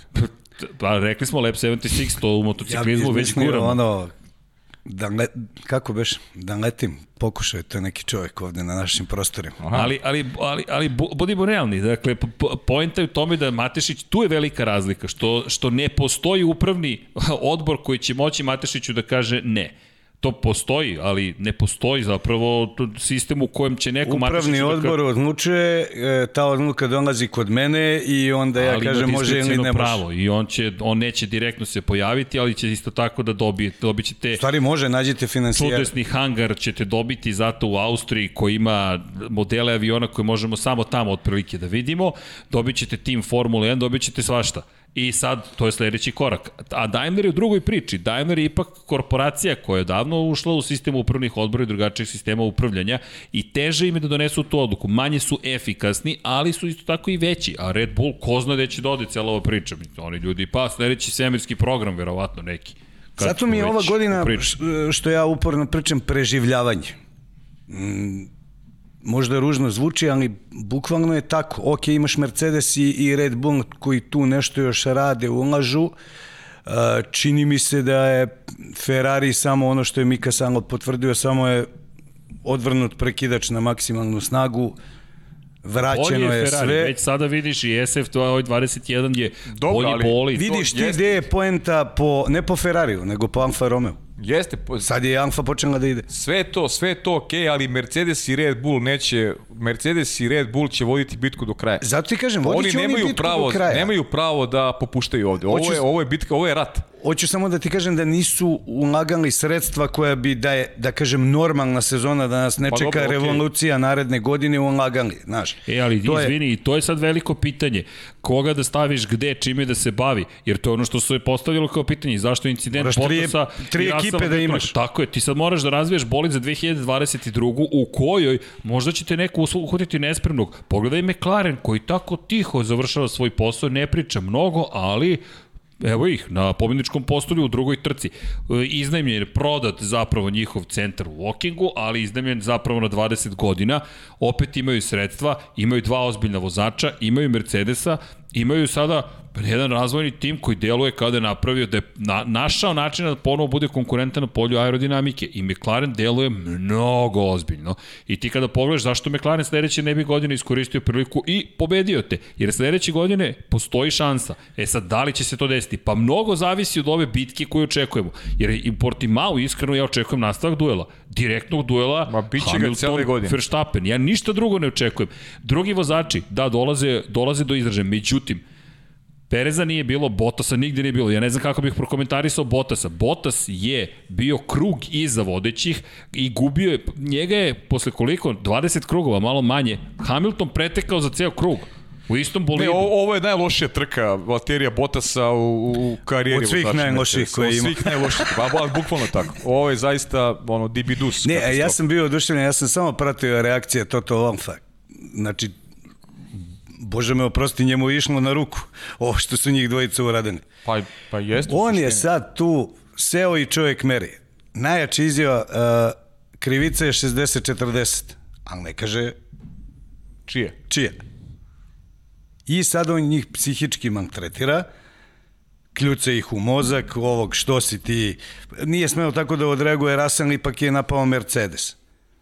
Zadovoljavaš Mercedes s jedne strane, ali ne pominje da je napao Bottasa, nego Mercedes. Spasili su trku Hamiltonu njih dvojica. Pa da. E, to je, znači čovjek, ok, sreća su prati hrabro, sve to da, stoji, ali neverovatno, kak, ovog puta ne verujem da bi završio u bodovima sa, sa Ne. onim, onom vučom po stazi i, i ostalim stvarima. Ne bi sigurno. I Bottas je na kraju pokazao ovaj, Russellu da su izgubili jedan bod. Da. Može i tako. da. ali obojice su, ali, a dobro. Ali, ali, Samo pričaj- jedan bod. E, Ali treba ja ću pogrešan prst da iskoristim, Da, ali- je- jedan bod. Ali da. vidi, ali, ali opet to je incident na preko 300 km čas, o tome smo pričali. Ne, ne, Mene zanima kako će se sada Perez pojaviti u Portimao i kakav će se Bottas pojaviti u Portimao. Jer u ovoj trci opet imamo sličnu situaciju. Norris neće usporiti. Posle ovoga, to su još veće krila za McLaren. Ne, nego će Ricardo biće još da se ubrza. Tako je. I sad Ricardo mora da se ubrza. Nema sada mnogo više čekanja. On se već jednom sklonio. Ako postane navika da se ti sklanjaš, ti polako postaješ vozač broj 2. Hteo, ne hteo, to ćeš postati. Dakle, Ricardo mora da reaguje. Ferarijevci deluju bolje, pazi, deluju bolje. Ti vidiš da tu ima ozbiljnog napretka. Deluju Čak bolje, ali, ne, ali ne mogu, protiv ova tri tima ne mogu. A- ali vidi, ali ovde se otvaraju mogućnosti, ako Perez mora da rizikuje, ako Bottas mora da rizikuje, ako Hamilton pravi greške jer je pod pritiskom, a Max mora da bude savršen da bi pobedio i on će praviti greške. Pa ne, to je ono što pričali, Znaš, pravit će oni greške tu svi. se otvaraju Otvarat će situacije. se vrata, ali misli najviše za McLaren. Jedno sam siguran. E, Hamilton nema šanse da zabeleži laganu pobedu. Mislim da nema, nema ovde laganih više pobjeda. Znači, e, prošle godine je u Portimao upisao koju pobedu? A, ta, čekaj, deved, 92.. 92. Tu se tako je, tako 92. Ne, a, u Turskoj se, Ne, ne, u Portimao 92. u karijeri. to je 91. imao najviše. Schumacher, Izjednačio se 90 u Turskoj sa... sa, Sa- u Turskoj se 92. izjednačio. sa 92. 92. pardon, moja greška. Uh, postao rekord Ne znam, 92. nije. Jeste, jeste. 100%. Zar nije na, na trci, zar mu nije, a ne, to je bilo sa pol pozicijama. Imola je bila 93. A tako je išlo. Ne, Mik mu je dao kacigu ljudi u, u, u Nemačkoj prošle godine. Ali zar da to nije bila 91. 91. je bila u, u Nemačkoj 100%. Ja mislim da je bila Nemačka je bila Da je bila u 100% Portimao. 91. Moguće, da, moguće, zato što mu je Mik, mu, Mik mu je dao Mik mu je dao, sećam se toga da je bila Nemačka, da mu je Mik došao i dao mu je u Nürburgringu mu je dao kacigu iz ere Mercedesa Mihaela Schumachera. Mik Schumacher mu je Ja dao. ipak mislim da je Portimao 92. pobjeda. Ja, ali 92. je onda prednost, moramo da vidimo. Da, 92. je prednost, da, da. Moguće. U pravu si, Deve- 91. deve- Portimao, 90 a za pol pozicije... Ne, ne, 92. Portimao. Kad, ne, ja sam 92. pogrešao. Ne kad se izjednačio, nego... kad je- kad je 91., preskočio. 92. Kad je preskočio. A 93. Tako, tako 93. je bila Imola. Evo, ima publika je tu, hvala. Dakle, da, Nürburgring Jel jeste 91. 92.? za pobjede izjednačenja, 92. u Portimao. Tako, Bravo. i tu se 93. osamio. Imola. Tako je... U, Jimmy Franco, evo ga, RSD 100 dinara, Srkil, vozimo duo My Career u F1 2021. Pa Jimmy, kako da odbijem? Evo, dobio sam angažman za 100 dinara, tako da kako, kako sad da odbijem tu ponudu? Ali da. E da, kad smo već tu, like, Like, like, evo nisam spomenuo like, koliko vanja trajemo već? Uh, sat i 15 nisam spomenuo lajkovanje, ljudi, ajmo udarite like, zašto? Pa, i zabavno je, a i pozitivno je, a možete i ovaj dolar tu pored Smiley-a, tako pružate podršku celoj ekipi. Mi smo inače nezavisna produkcija. Daj, bilo je pitanje zašto smo pomerili na sport klubu emitovanje. Mi ne određujemo emitovanje na sport klubu. Mi volimo sport klub, deo smo sport kluba, ali sve ovo što smo napravili nezavisno. To je Infinity Lighthouse. Sami smo seli i napravili nešto što prosto kažu nema dovoljno interesovanja za Formulu 1. Mi kažemo ima. Ima i ljubavi i interesovanje. Tako da, Ima 100%. 100%. E, znaš zašto je Portimao još interesantan? Zato što je na obali Atlantika. Šalim se, ali bitka za Atlantik nam je bio naziv zapravo jedan koji je nestao. Pa slušaj, prvo, to je četvrto mesto gde se vozi portugalski Grand Prix. Uh, Lisabon je bio, bio je Estoril, bio je, bio je, bio je, bio je, bio je, bio je Porto. Porto, je li tako? A, a. Ne, stvari jeste. je Porto. Boavište. Ba, dobro, okej. Okay. Boavište, de, deo... Čekaj, Deo pa Porta, čekaj, vidi. pa stani. A šta je bilo 84. A i sad? 84. Pa to je Sena. Ne. Nije.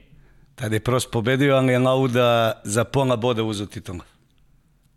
Aha. Čekaj, zašto mi je On igra, on se igra kvize sad nama. Sad. Da, igra Statističari. da, da. Ne, ne, ba, ja Pa prosto... dobro, malo interesantnih informacija. Lepo, Što da ne? informacija, Evo, dobio sam i 100 dinara da izaberem i tim i strategiju. Hvala Jimmy Franco. Boga mi dobro tebi to Ide. Evo, pozdrav za Marija Vidovića. Samo ti kažem, on, on sve to, ja i Vanja ne vidi da smo tih 100 dinara.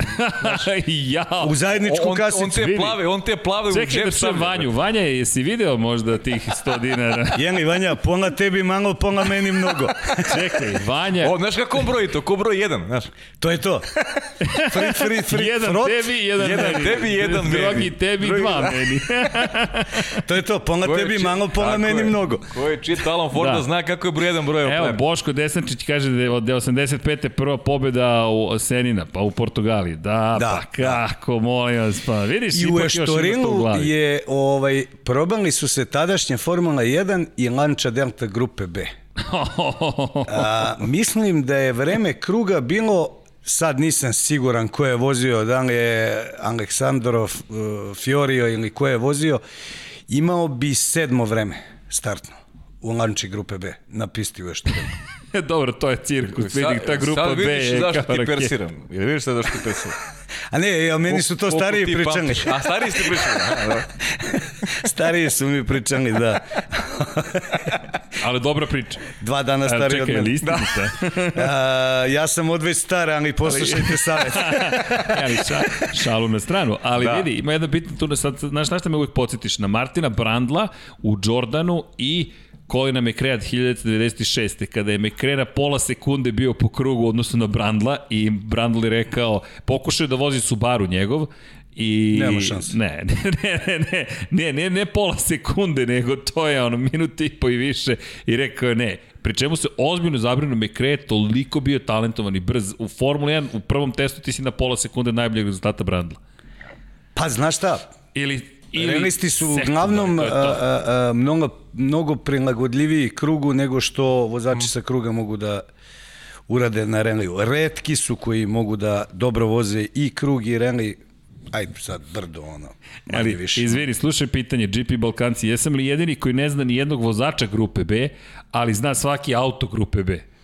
Pa ne, e, mnogo ljudi, nažalost, mnogo njih se i upokojilo. A ta grupa B je bila, nažalost, Mm, Od e, najvećeg talenta po meni Henrya to Ivonena preko Serđa Kreste i mnogih drugih.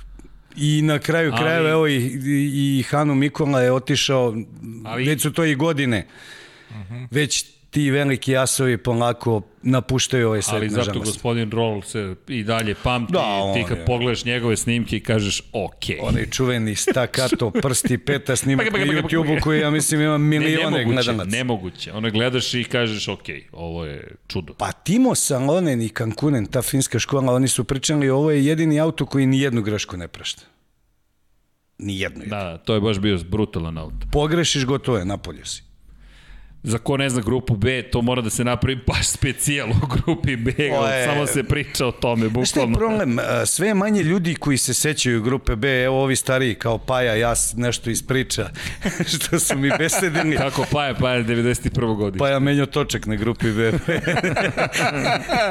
Ne jedan, bre. 86. 80. Kad se samo setim te E, 86. deco moja. E, čekaj da po, pozdravimo Smile of Fighter, A, osmeh za obavezno, Fightera obavezno. i za Draška, hvala. da, šta je to grupa B, ja sam mlađi nikad čuo za teo. Mateo, samo ukucaj, grupa B, YouTube. I probudi, nećeš zaspati, sutra ne znam čime se baviš, da li studiraš ili ne, ali zaboravi večeras celu noć, jer grupa B to je jedna od najčudovišnijih zapravo kategorija ikad osmišljenih u istoriji automotosporta. teh, tehničko-tehnološka Viagra. Boku ta, ok, može i tako. Da to je, Kad to je objasni Igor. zastrašujuće. Pa, realno. Barem kod ljudi koji vole rene. Jeste, jeste, baš je, to je, ali to ne može teško opisati. To su brutalne mašine, bile toliko moćne i A toliko... nesigurne, koliko god su tako moćne, je. toliko su Zadnji bile nesigurne. kraj je bio toliko lagan, da zapravo ovo što Igor rekao, svaka greška manje više vi ste van staze, a tamo ne postoji staza. To znači da ste ili u zidu, ili ste niz liticu, ili ste Pa u evo, drvetu. evo, evo ideje dobre. Za još jedan podcast koji viš da ljudi interesuje. da, da. mlađi koji ne znaju. Moramo to da napravimo. Moramo da, da moramo to da napravimo. Kad se već bavimo temama vezanih za automotosporta. Naćemo imamo- odgovarajuće sagovornike za to, ljude koji su... Pa da. Ne, to je, ljudi, zaista, to, to je bio kovčeg u suštini. Sedneš i nadaš se da ćeš stići živ. Bukvalno nadaš se da ćeš stići živ i kada imaš neke od snimaka suvozača, ti kao suvozač znaš o čemu govorimo. To poverenje koje ti imaš u tog čoveka, Pa dobro, to je generalno u Renliju tako postavka, da. znaš. To je to što Šu- Schumacher je govorio, sve bi radio, samo nikad ne bi bio suvozač. To A... se držim ja za svesku. A imali smo gosta, pazi, koji je Schumachera je oborio na stazi, to jest imali su incident na stazi, pa čisto da se zna, u motociklizmu. Aha, ja rekao rvali se. Pa. Ne, ne, ne. Ste dovoljni rvače. Žeks je bio, Željko Staničić je bio, A, Željko imao Staničić. je, imao je incident sa Schumacherom, ni manje ni više u šampionatu. Nemačke. Da, da, da, u šampionatu Nemačke. Kaže, dižem se iz prašine, gledam ko je ono Schumacher pored mene.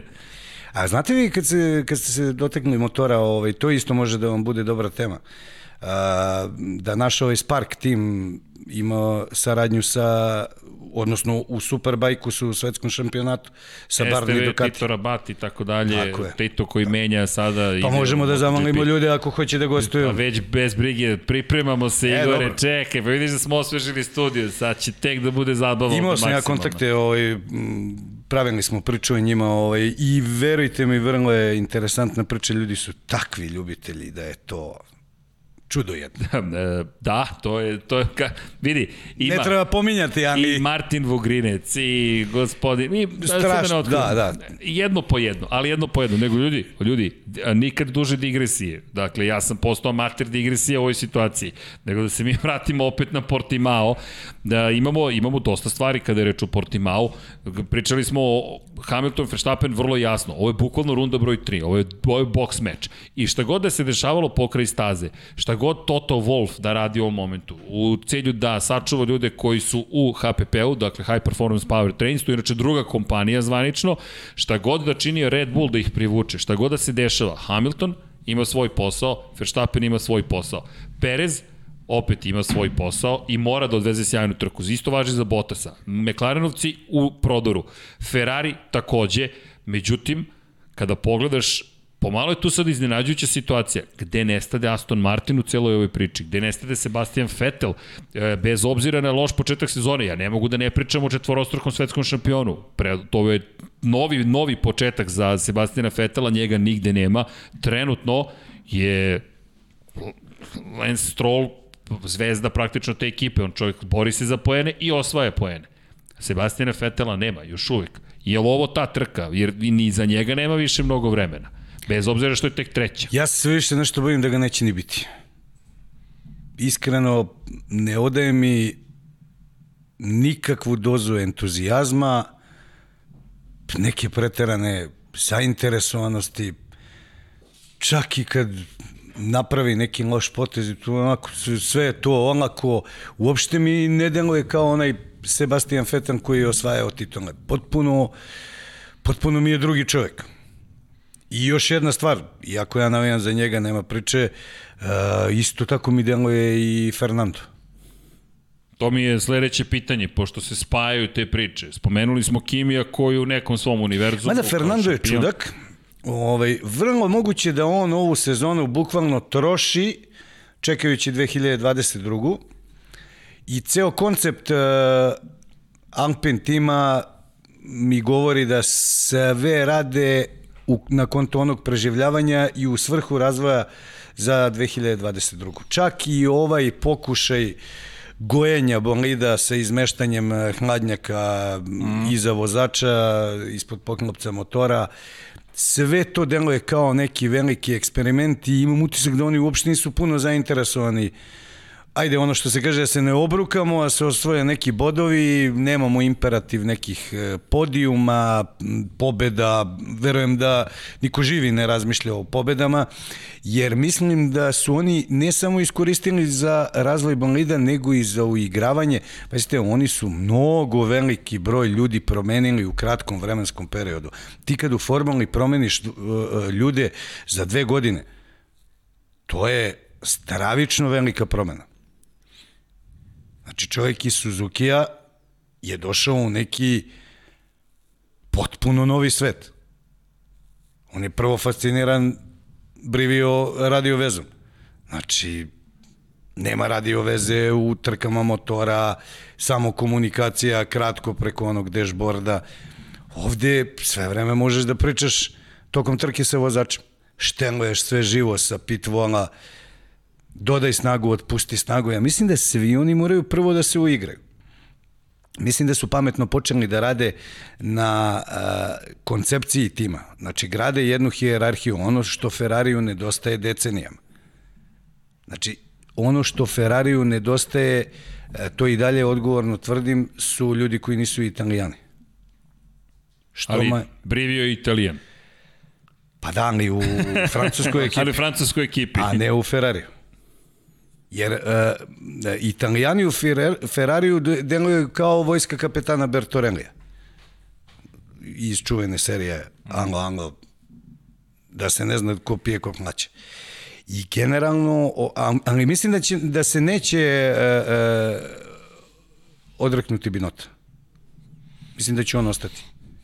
Ali da cela druga ekipa oko njega se potpuno nova sprema, Ali... vidim da su i oni radili restrukturiranje na početku sezone, promenili su silne ljude, zbog sam rekepao, ok, poslali su neke ljude u Haas i kao ispomoć za, za Mika Šumahera, Tako da, mm, mislim da će i Ferrari u toj novoj eri, u toj revoluciji biti veoma respektabilan tim.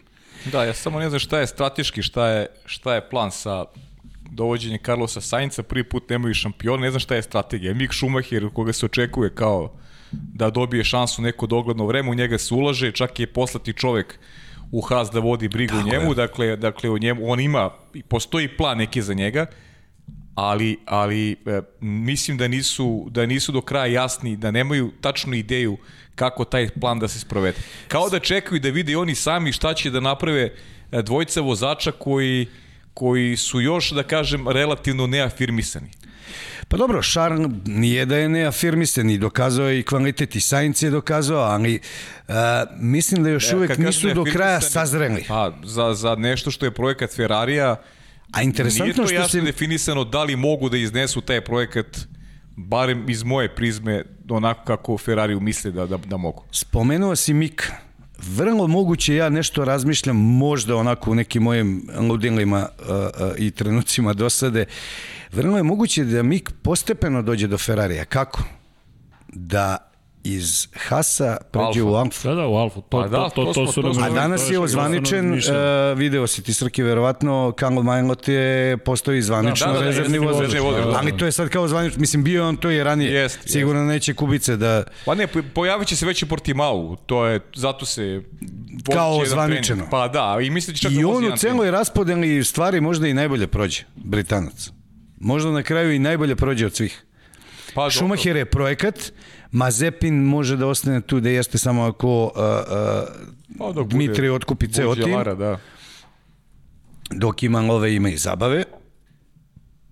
Mada ne mislim da je uh, uh, nešto spektakularno loš vozač Mazepin. Vidim, svi pljuju. Znaš, on, oni generalno voze dresinu, deregliju.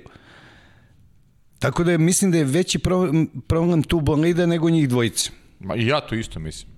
Ja to isto mislim. Za Haas definitivno bolidi, ne njih dvojice. I zato njima i ne sudim. Ja uopšte se ne sudim u onome što oni rade na stazi, ili prosto mislim da nije realno suditi o njima. Kao što se negde Cunoda, kao Cunoda se snašao super, a njih dvojice nisu. Pa čekaj, Cunoda vozi, ima boli Cunoda.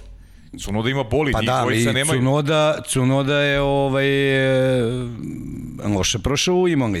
Jeste. Pokazuje da još mnogo treba da radi, Pritom, ajmo da da, uči. se sjetimo Formule 2, kako je Cunoda izgledao u tim duelima sa Mikom Schumacherom i sa Mazepinom. Bo, to je već bolje ogledalo nego ono što se Nego dešava što se- sada. Jer Cunoda sada ima bolid, ovi voze kante. Po Ovi, znacima navod. ovi voze Smederevce, šporet. bukvalno. I, ali izvini, ima tu još jedna bitna stvar. Novajlije su pride. Dakle, imaš loš bolid i Ginter Steiner je lepo rekao u izjavi za motorsport.com rekao je da nema prave reči koje bi uputio svojim Novajlijama s obzirom na činjenicu da pogrešne reči u ovom trenutku zaista mogu da imaju ozbiljnu štetu. Ti nisi njima obezbedio bolide kao je. Tsunoda što je dobio. Ti nemaš Alfa Tauri u svojim To rukama. je dobra izjava Gintera Steinera generalno. Jeste. I, n- Ne praviš alibi tako što kažeš oni su klinci, ne znaju ili nemam pojma šta, nego, nego realno kažeš Gradiš im samopouzdanje. tako, Tako i je. treba, i treba to da radi, zato što zaslužuju to. Ljudi, to je pritisak je ogroman, samo zamisli ti sad sediš u bolidu Formule, pri čemu Mick Schumacher, on čovjek malo malo snima neku reklamu, on je velika medijska zvezda u Nemačkoj. On je već projekat. Sada. Jeste, Projekat, on je projekat. pravi tako. projekat.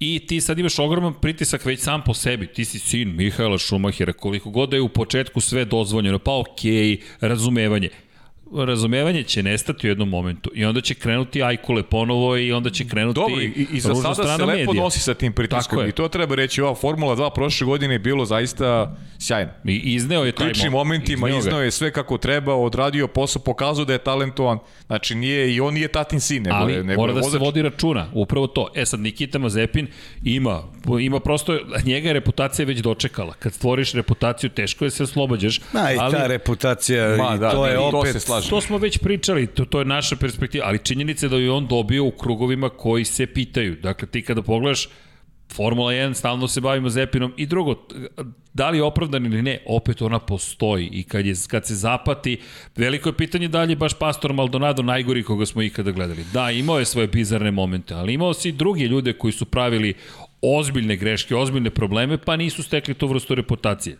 A šta ćemo sa ljudima poput ono, kako se zove, Esteban Tuero, kako se zove onaj, bilo je tu da. Enrique Bernoldi i ostali, pa ne. Ali to, Za njih je Maldonado Schumacher. Kada Yes. pogledaš šta se, kad stekneš reputaciju teško je, ali Mazepin je rekao da nije očekivao da će toliko intenzivna biti Formula 1. Pocenio je sam šampionat, delovalo mu je da je jednostavnije upravljati tim bolidima. Tako da i on ima mnogo posla ispred sebe. Ljudi, ali setimo se Đuvinacija kako izgledao kada se pojavio u Formuli 1. izgubljeno. Polupao je sve što je mogao da polupa.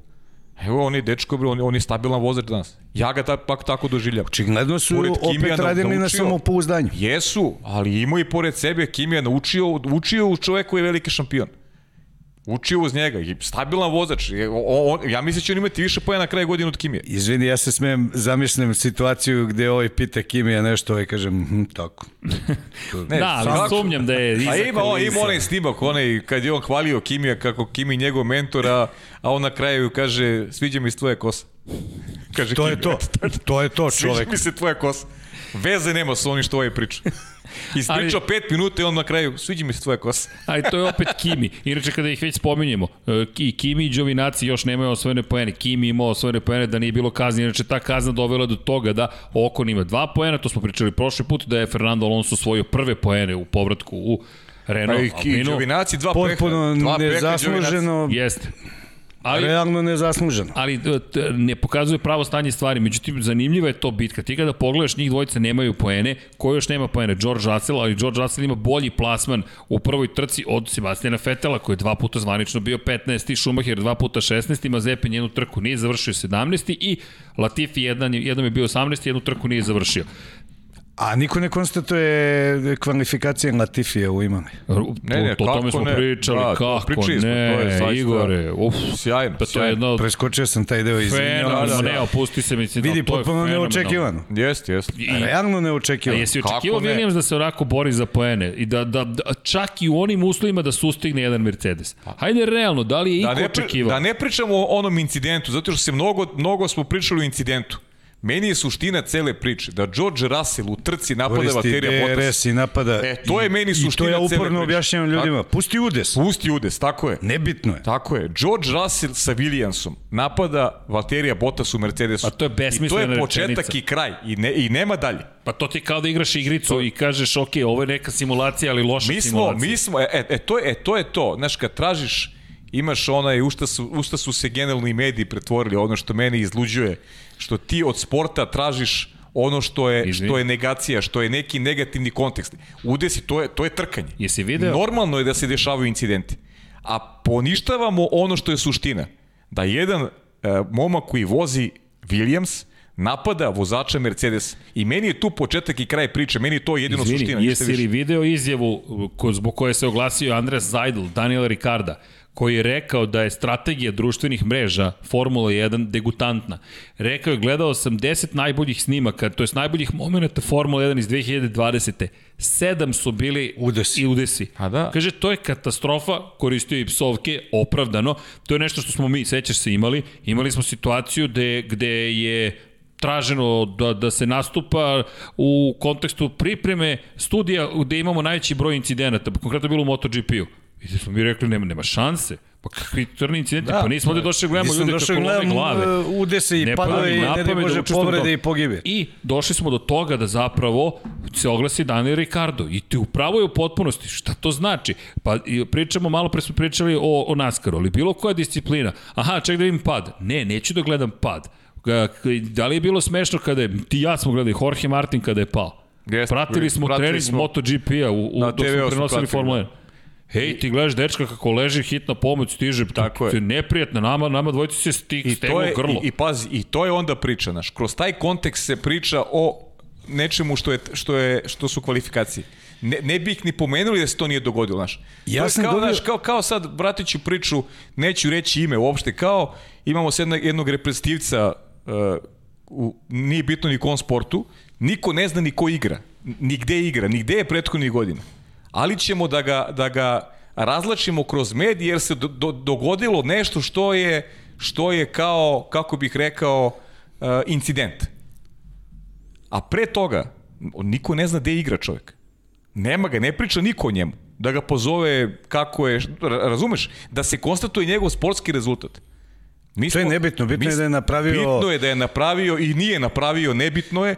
Bitno je samo da se provlači kroz negativni kontekst. Čim ima negativnu konotaciju nešto, to je, to je postalo, to je postala Evo ti primer, ja sam u ponedeljak uh, uh, video, pošto novine ne čitam baš zbog tih stvari, uh, video sam Takođe. u elektronskom izdanju, ne mogu da ih nazovem novina, to je jedna đubruština, jedno smeće, generalno, a onda sramota za Hrvatsku, stidi se ovo sa ožijavom i Pa čekajte ljudi, vest nema veze sa poentom priče, sa onim što se dogodilo.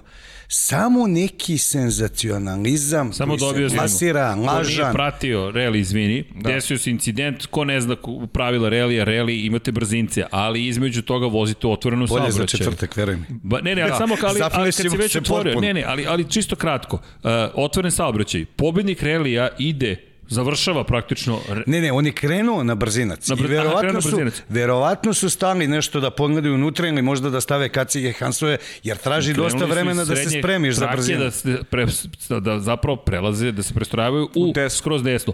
Neko u saobraćaju u Zagrebu, je li tako bilo? Zagrebu. U Zagrebu je proleteo desnom trakom, ne opravdavam Dubrovačka avenija, tako nešto. I tako i grada. zakačio čoveka.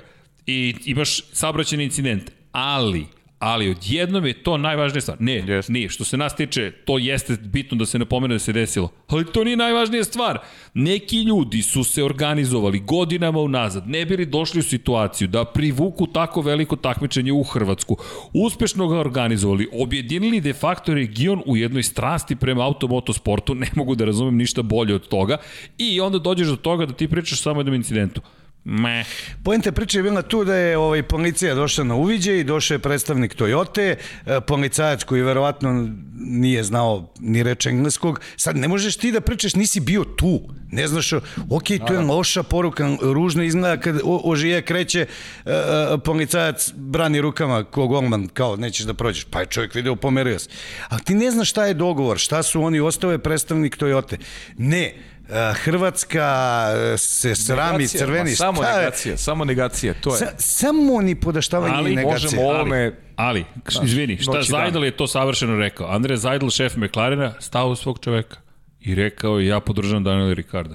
Kraj priče. Bukvalno Čovjek kraj- objasnio u jednoj Kraj rečenici. priče i nemamo dalje. Obožavam Zajdla. Dakle, cijela ta ekipa kako se razvija i čovek šta radi, samo je rekao da, da, da pružamo podršku i to je to. Zato i kažem, eto viš, znaš, dešava se da, da, da, I Da, dobra je budućnost i- Formule 1. dobra je ljudi, budućnost, dobra je dobra je budućnost. Da, Kad Formule ukinu 1. sprint trke. da i kao A dobro, da i vidi. normalni da kažem da i normalni Omašiš naš ono ponekad. negde negde naprave onako izlet sa sa realnošću i i zakače se za teme koje koje koje im nudi Daj, ljudi, ali- koje im nudi nažalost većina naš to je Ali- to je užas Evo ali- recimo taj ta recimo meni to Bottas Russell ja to samo gledam kroz kroz tu tačku George Russell koji napada Mercedes, znači to je nešto što To je centralni što ja nisam događaj, mogao, nije udes ja, događaj. Da, ja nisam mogao da zamislim da se tako nešto dogodi Ali i to čekaj. nije početak trke. To je sredina trke. Ali to je prava Formula 1. Znaš šta mene oduševljava? Izvini, nekako se spajaju, mnogo lepih priča se spaja. Menja se poredak, imamo bitku dva velika vozača, imamo bitku dva velika tima. Pogledaš šta se dešava u Monaku, Ferrari iz 1974. Historik, Grand Prix. 312 B3 i odnosno onaj snimak Žana Lezije kako ga vozi. Tebi srce ovako poigrava. Ja moramo da saznamo da li ćemo imati prava da da pustimo u okviru emisije. No, to se i Tražit ćemo poput Paje seća. Pa je, pa? Pa dobri, ja, ja sam... ima fotografije, ima diapozitive. Ko zna? ima Evo, slike pitanje, iz Monaka, ali sa stare za slušalce staze. i gledalce. zašto- zašto- Ko zna šta su Sad te diapozitivi? pitan nešto, zašto si stavio datum rođenja Igorovo godište ovde na ovaj...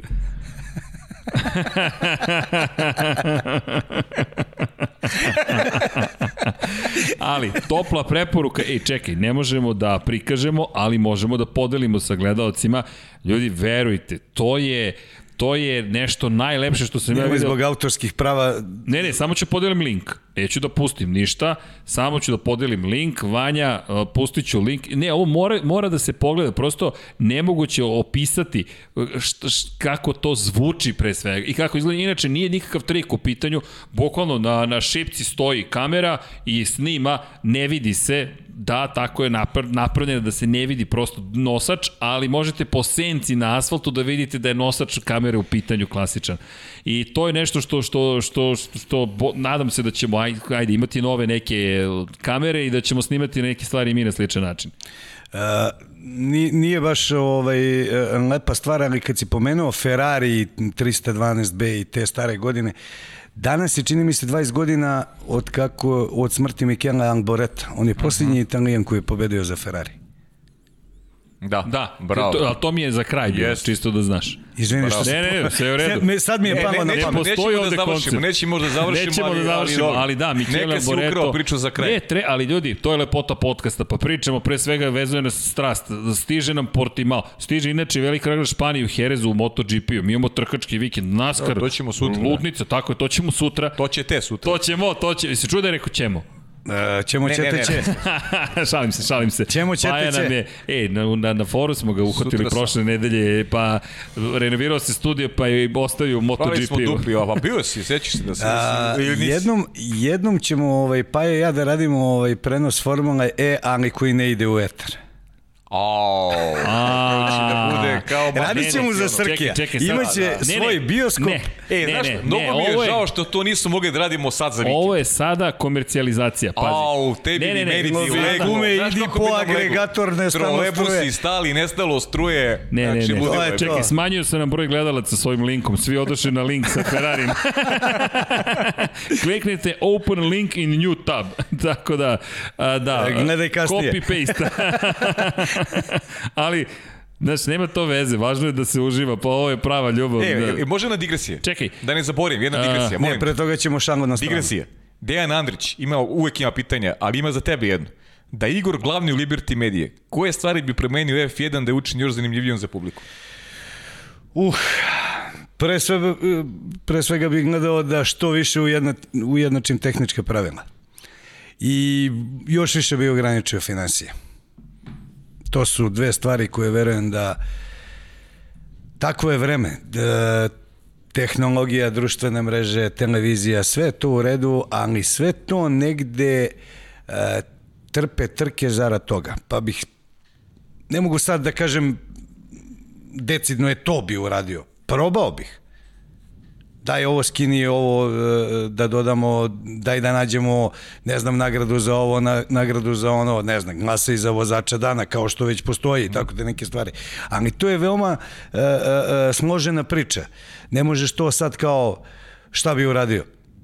Uh, najlakše uzmeš uh, iste gume, isti motori i ista elektronika i teraj.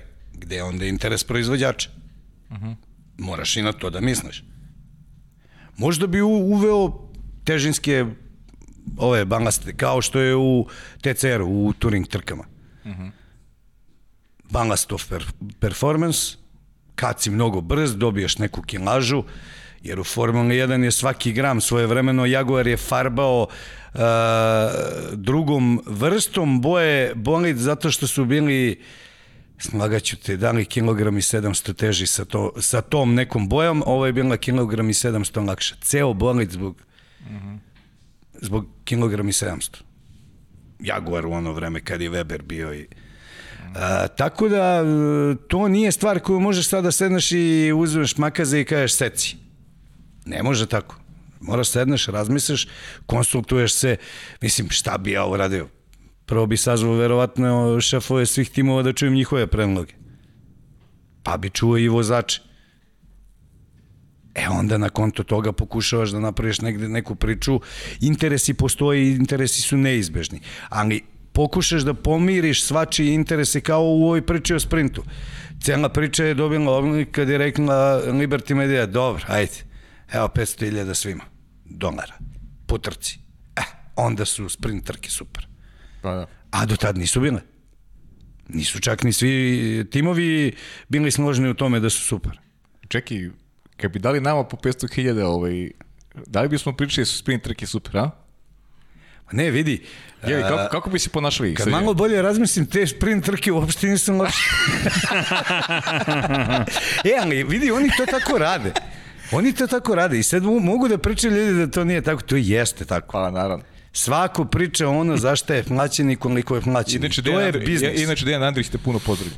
Neki jedan e, divan momak iz Valjeva, Valjevci nosioci rally sporta u Srbiji, naravno tu je Beograd i Bajna Bašta, ovaj, e, de, dečko koji kad god može ide ovaj, na trke, skoro mi je slao snimke, bili smo zajedno igrom slučaja na poslednjem VRC-u u ovom delu Evrope 2010. u Bugarskoj.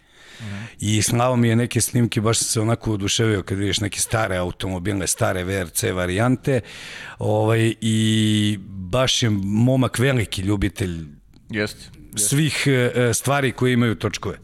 I veliki pozdrav za Deki ovom prilikom i opet za sve Valjevce, jer tamo je ekipa tih trkača čudo jedno.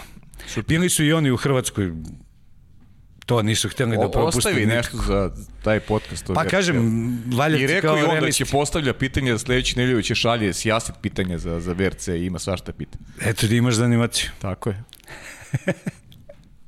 Srki, Srki, Ja samo slušam, vidi, ja, Ne, ja, ja, ja, sam, ja sam napravio digresiju, ti si teo E, da... a Srki udara lajkove Ja sam sa udarao milion lajkove. profila, Lajkove. ja, otvorio sa jednog profile profila na drugi i profil. kao Ajde, daktilografkinja. pokušavam da rešimo ovo pitanje, ali ne smemo, nemamo prava da prikažemo ovo okviru emisije, još nemamo prava, ali pisat Ne, ćemo... imaš prava jednom.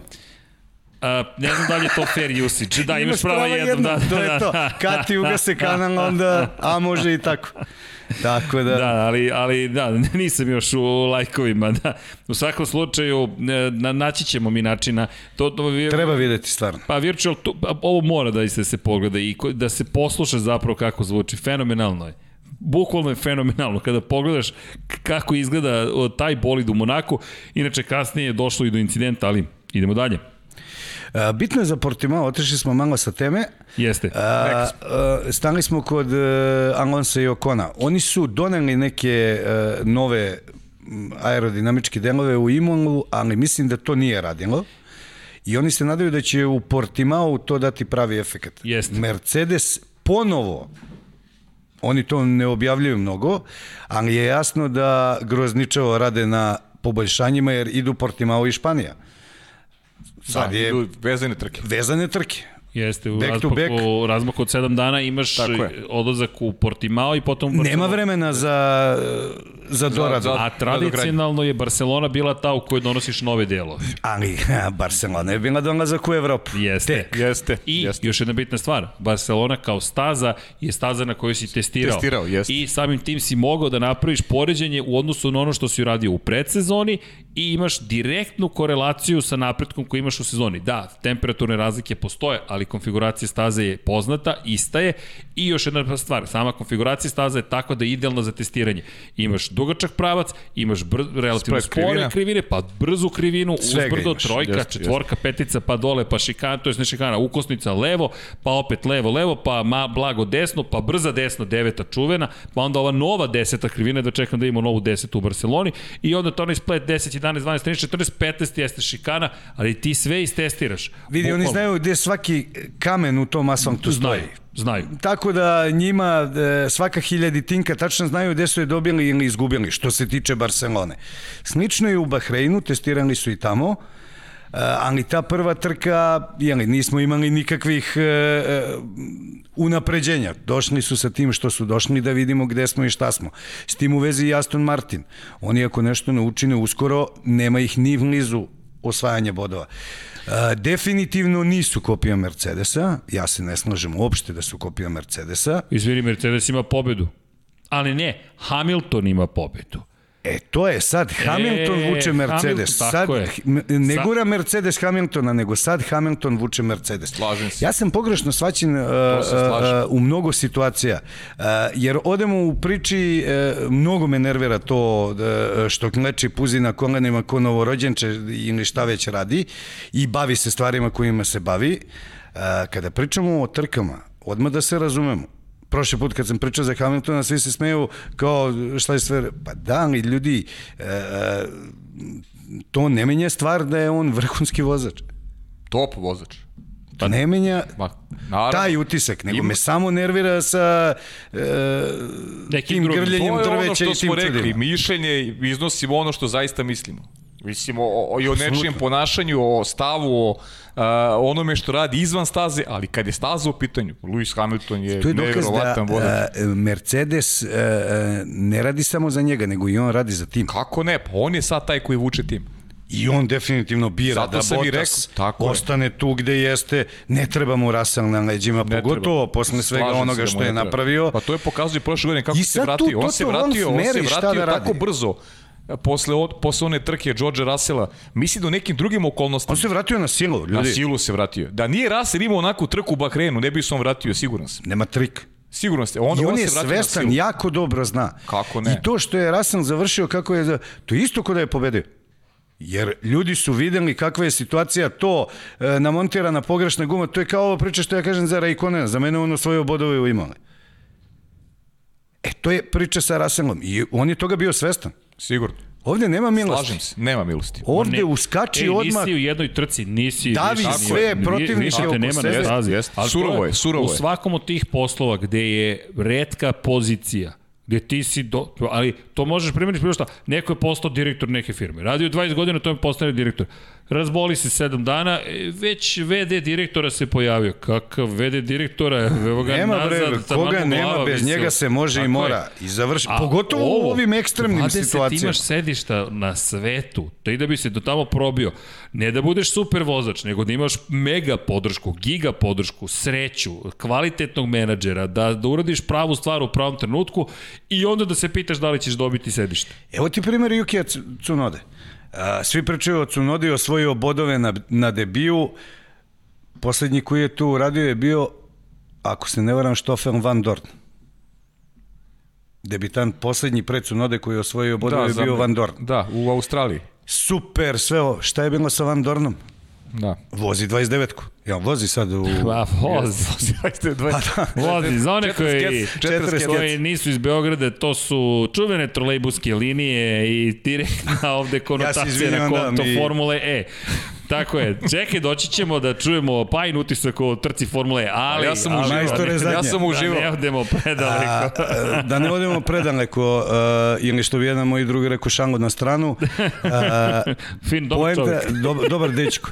O, poenta cele priče je da uh, Van Dorn je završio karijeru u Odiseju, nazovi kako hoćeš u Formula 1, kako je A završio. odličan je vozač. I bio šampion je u nižim vozač, kategorijama. bio ozbiljan veliki šampion, je. pobeđivao mnoga Zajedno sa velika Kevinom imena. Magnusenom. E, tako. Pobeđivao mnoga velika imena.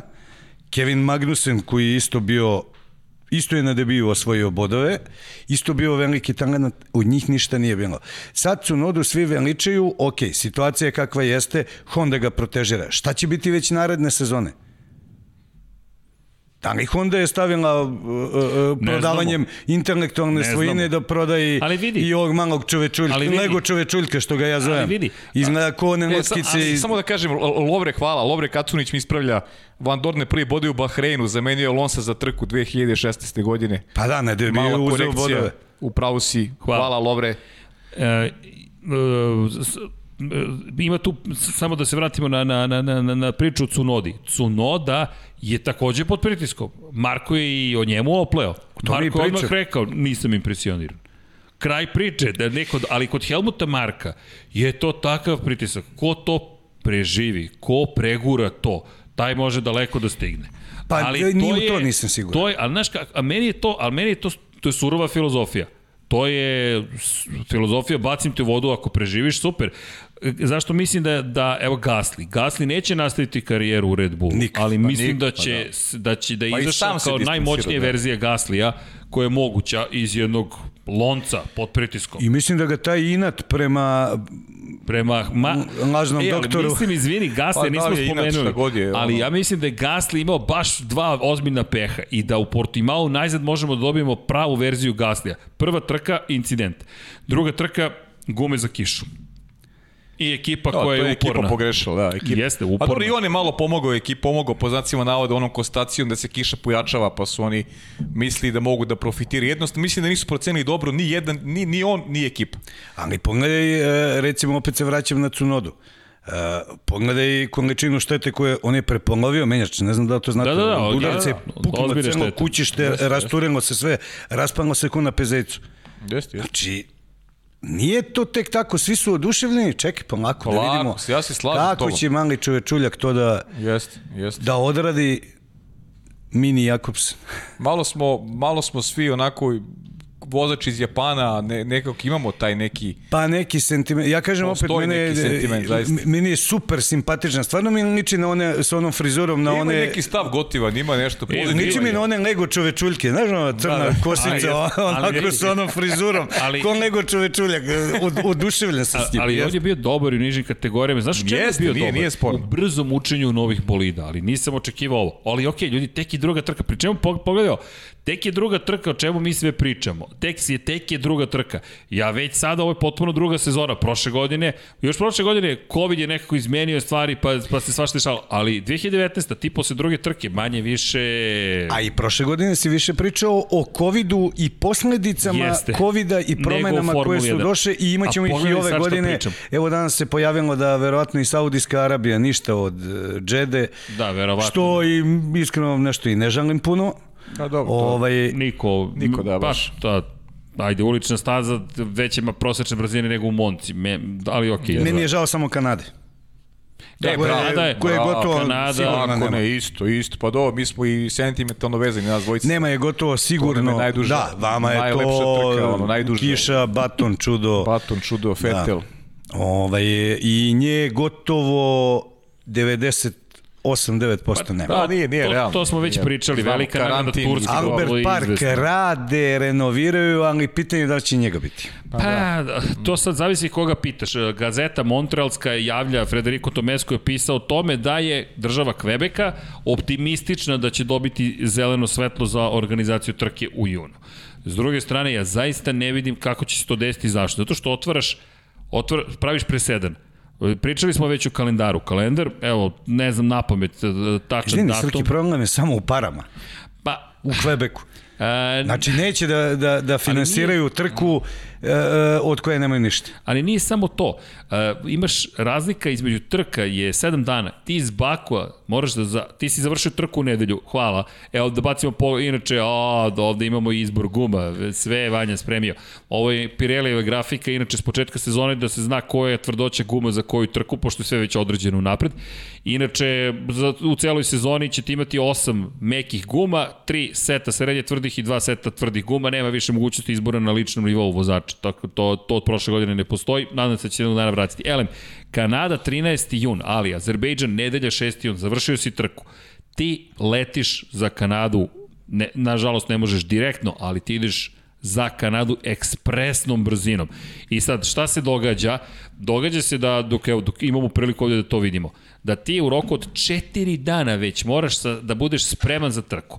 To znači da svi mogući rezervni delovi bi već morali da budu tamo. Logistički to je izazov i u normalnim godinama. S druge strane, kada pričamo o godini kakva je ova, ti moraš da povedeš računa da osoblje ode na vreme tamo i prođe karantin. Šta to znači sad za vozače i za one mehaničare koji ih prati iz da, trke u trku. Kako ćeš ti sada da prođeš taj karantin i potom, ajde ako prođeš to, kako ćeš da se vratiš sada u Evropu? Jer ti sad moraš da ideš u Francusku za dve nedelje, sada to nije pitanje više samo Kanade i države Kanade. To je sada pitanje i Evropske unije, to jest države Francuske, koja takođe mora da kaže spremna sam da poništim karantin zato što se vraćaju vozači Formule 1. Ok, a onda dođu ne znam, futbaleri kažu čekaj, e, vozači Formule 1 su dobili ovo, izuzeće od pravila. Ok, mi tražimo izuzeće.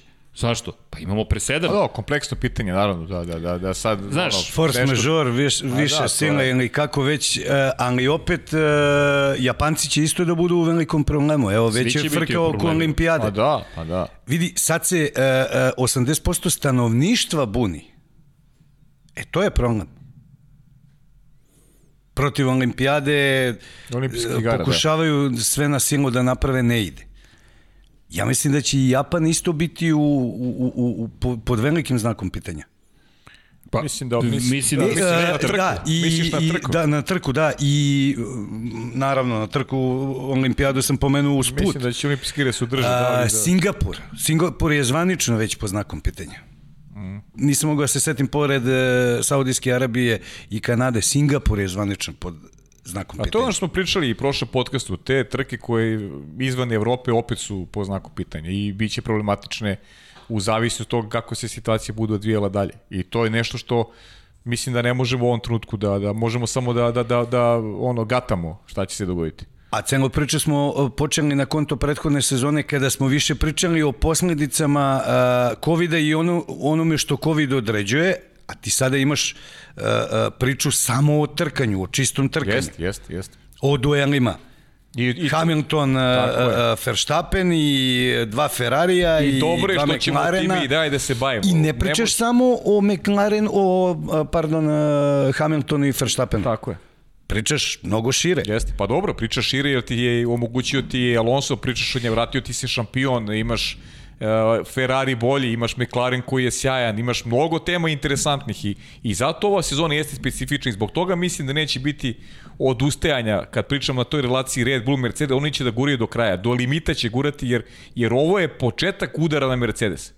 Ono što Red Bull želi da uspostavi novim pravilima i time što su ih poremetili uzimanjem jednog od ključnih ljudi iz, iz fabrike i tako dalje i tako dalje i žele titulu, to jasno pokazuju. I zato ovo rivalstvo dobija onako jednu dimenziju koja je ogromna.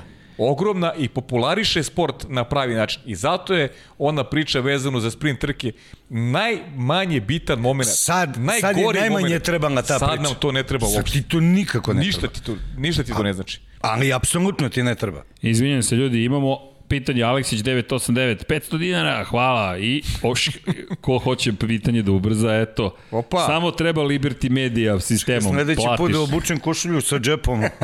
Kićanović. E, nisi razumeo podelu novca. Mislim ti je Paja već to objasnio.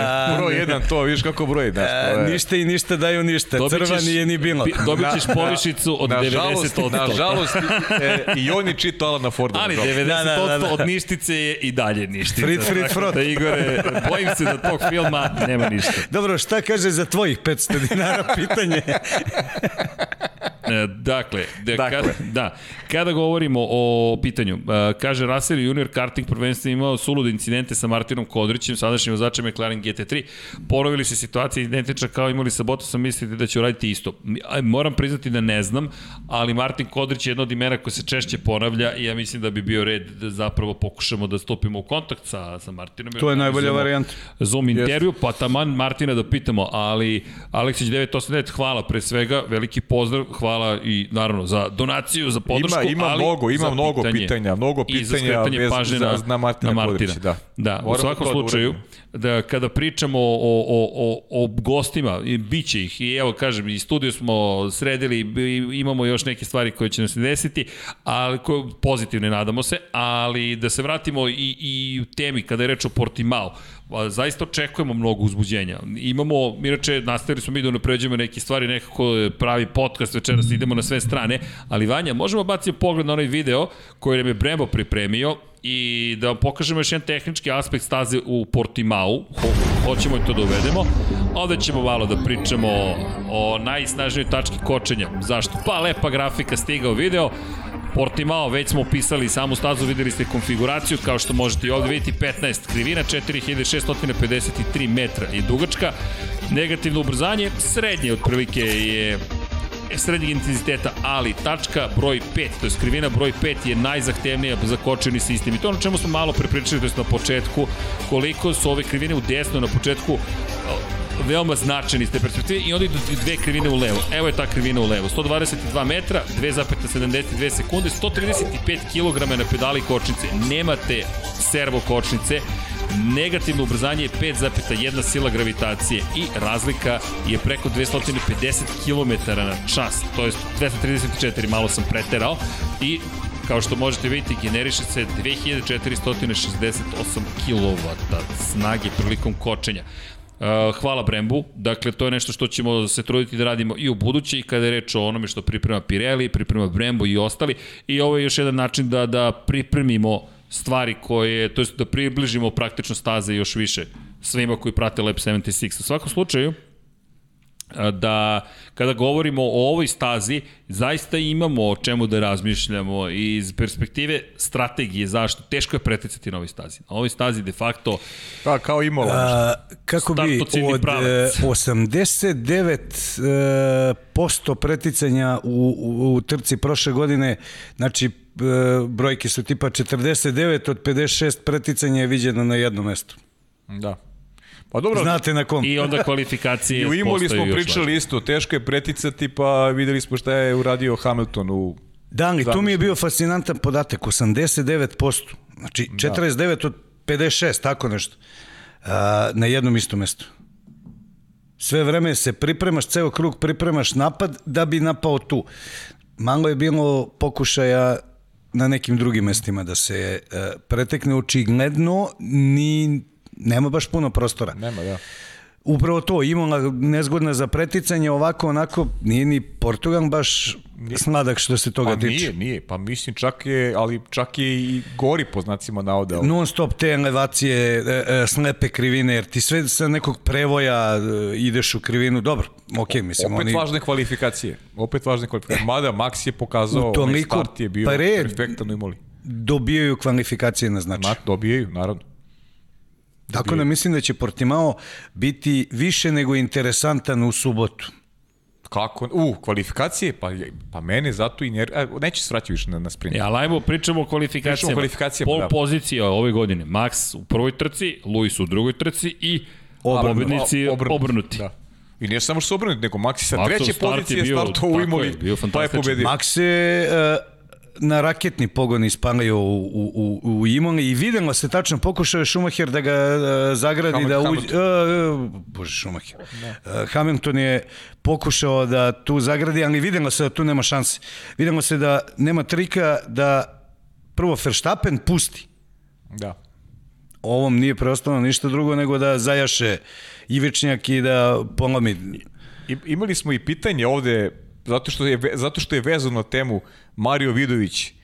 Kaže, ajde pogađajte ko će prvi imati diskvalifikaciju, tačno neće završiti trku, Mercedes ili Red Bull?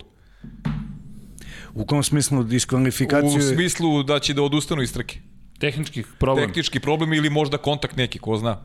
Tehnički mislim da neće ni jedni ni drugi, barem što se tiče perjanica ekipe, jeli, Maksa i, i, i Luisa, a, a kontakt pa vidim samo između njih dvojice. Ako do Da. toga dođe. Ja, ja vidim, ja, ja ga vidim nacrtanog. Ali ne, tako, Nacrtan. ne tako skoro. Pa ne znam kada će se dogoditi. Druga polovina sigurno. sezone.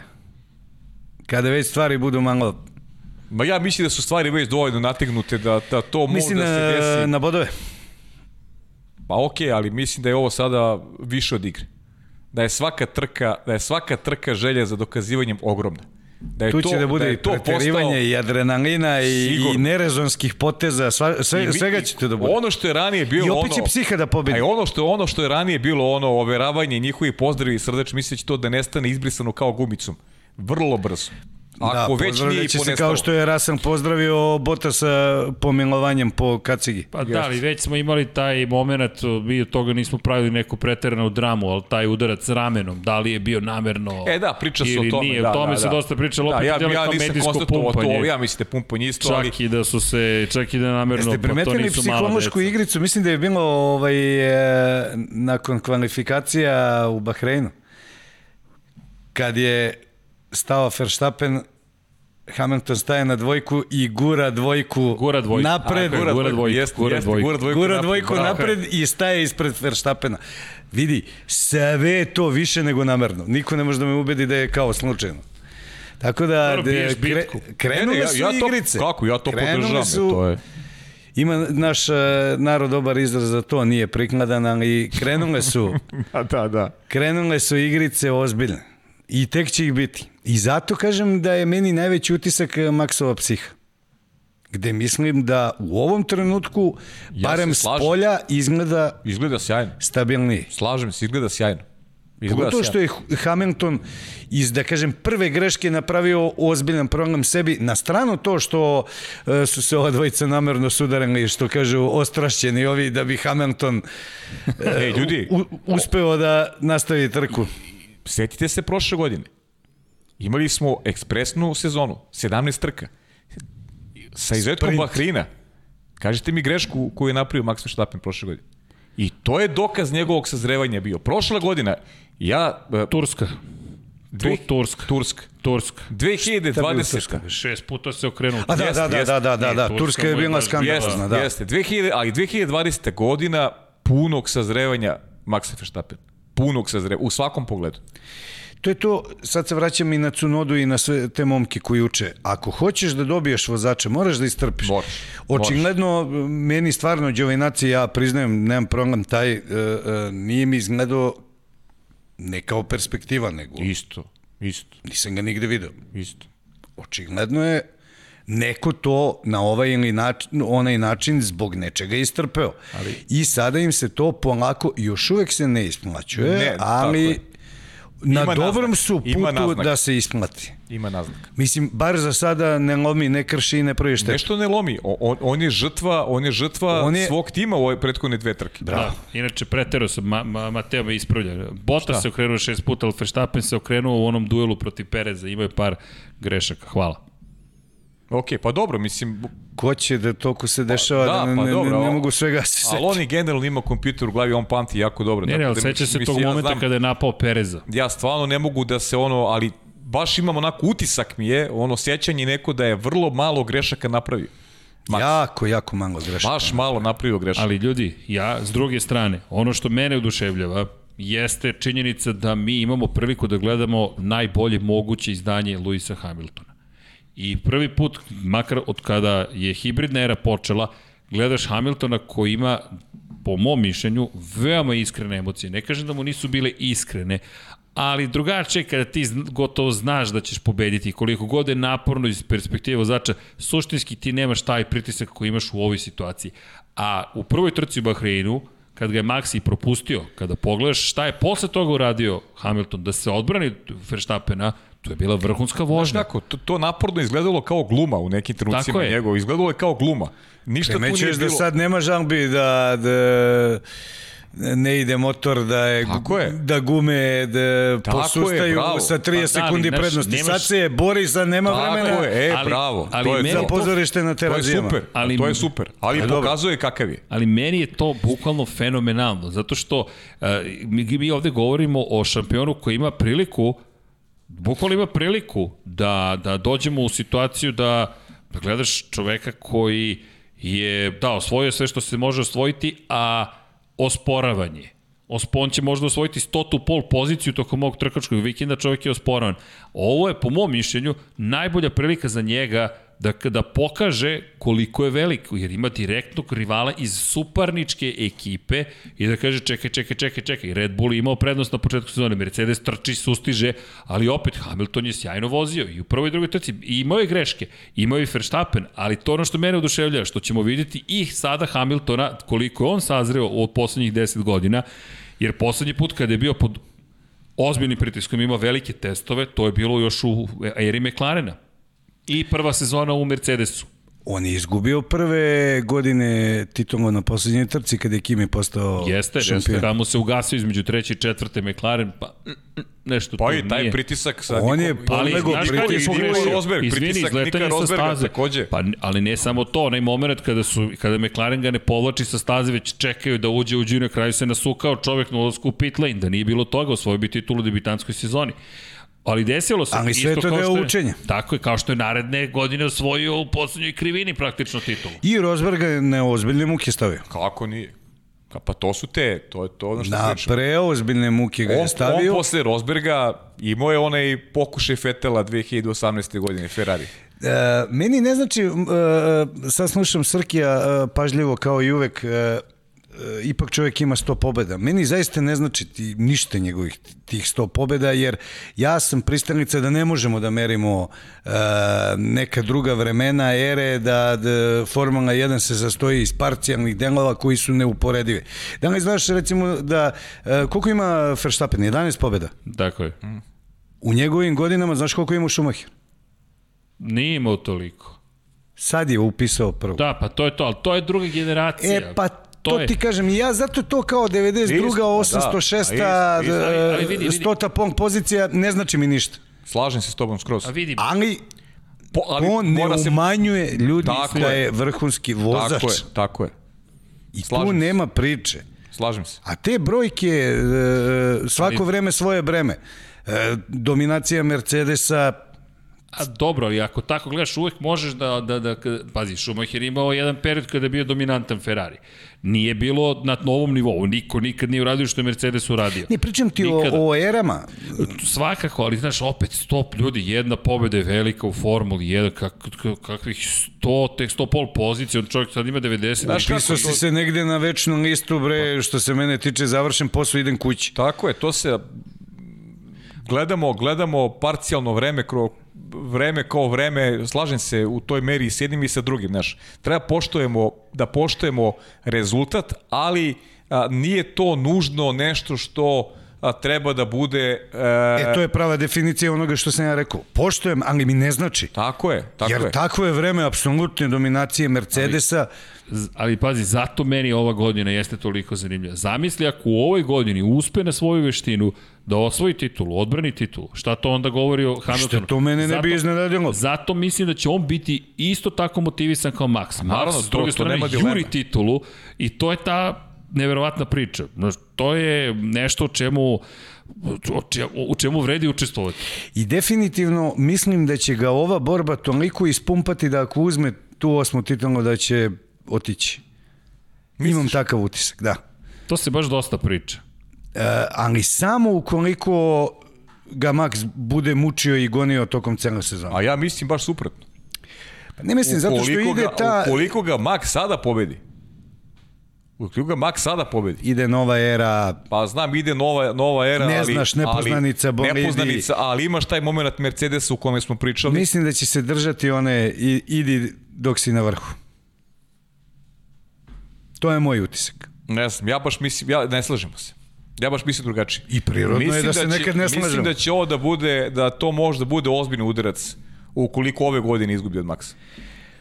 Pa ne znam, taj udarac na sujetu možda, možda nešto može da, da promeni ovaj, u toj njegovoj Ja odmociji, mislim, ali da, ja mislim bi to napravilo preokret u, u svemu. Preokret u korist uh, Maxa kada govorimo o, o budućnosti Formule 1 i onome ko će preuzeti ko će preuzeti uh, mesto broj 1. E sad ono što, kažem, mi smo mali pa ne znamo te priče. Možda će imati ugovore gde će raditi ono što Rossi danas radi. Da drži pozornost i pažnju, da se ne lažemo. Rossi se ne trka već dve godine. Realno. Pokušava. Ljudi godine su onakav majstor. On nije zaboravio da vozi. Jednostavno godine. Pa ja mislim da je to slučaj sa, sa Fernandom Alonso. E, Mnogo mislim propustio da i ja, Alonso... ja, ja, ja recimo to Alonso Okon. Ja nisam siguran da će on pobediti Okona do kraja Nisam ni sezone. ja, iako kažem, još jednom apostrofiram, krvnički navijam za Alonso. Ali nisam siguran da će ove godine uopšte biti bolji. Mislim da je on na iskustvo Video je da je dugo nije bio tu, polako pipka šta se dešava, gde smo, šta smo, imamo u, ugovorom definisan cilj, a to je nova era, ova sezona nam ne donosi ništa, ne bukvalno ništa, ali nismo zainteresovani da izginemo ove sezone da. da nešto napravimo i da on čovjek jednostavno mudro se uvozava i pravi kilometar. E, Srki, Momčilo Vukić, digresija. Opet. Da.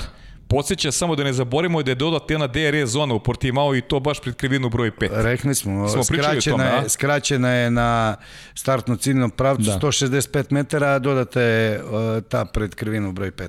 Da, rekao je Igor na, na samom početku. Nisam, ok. da, inače, jedna od konstatacija zašto mislimo da neće biti mnogo preticanja kad je prošle godine bilo mnogo. Bilo je mnogo kada, dok je padala kiša.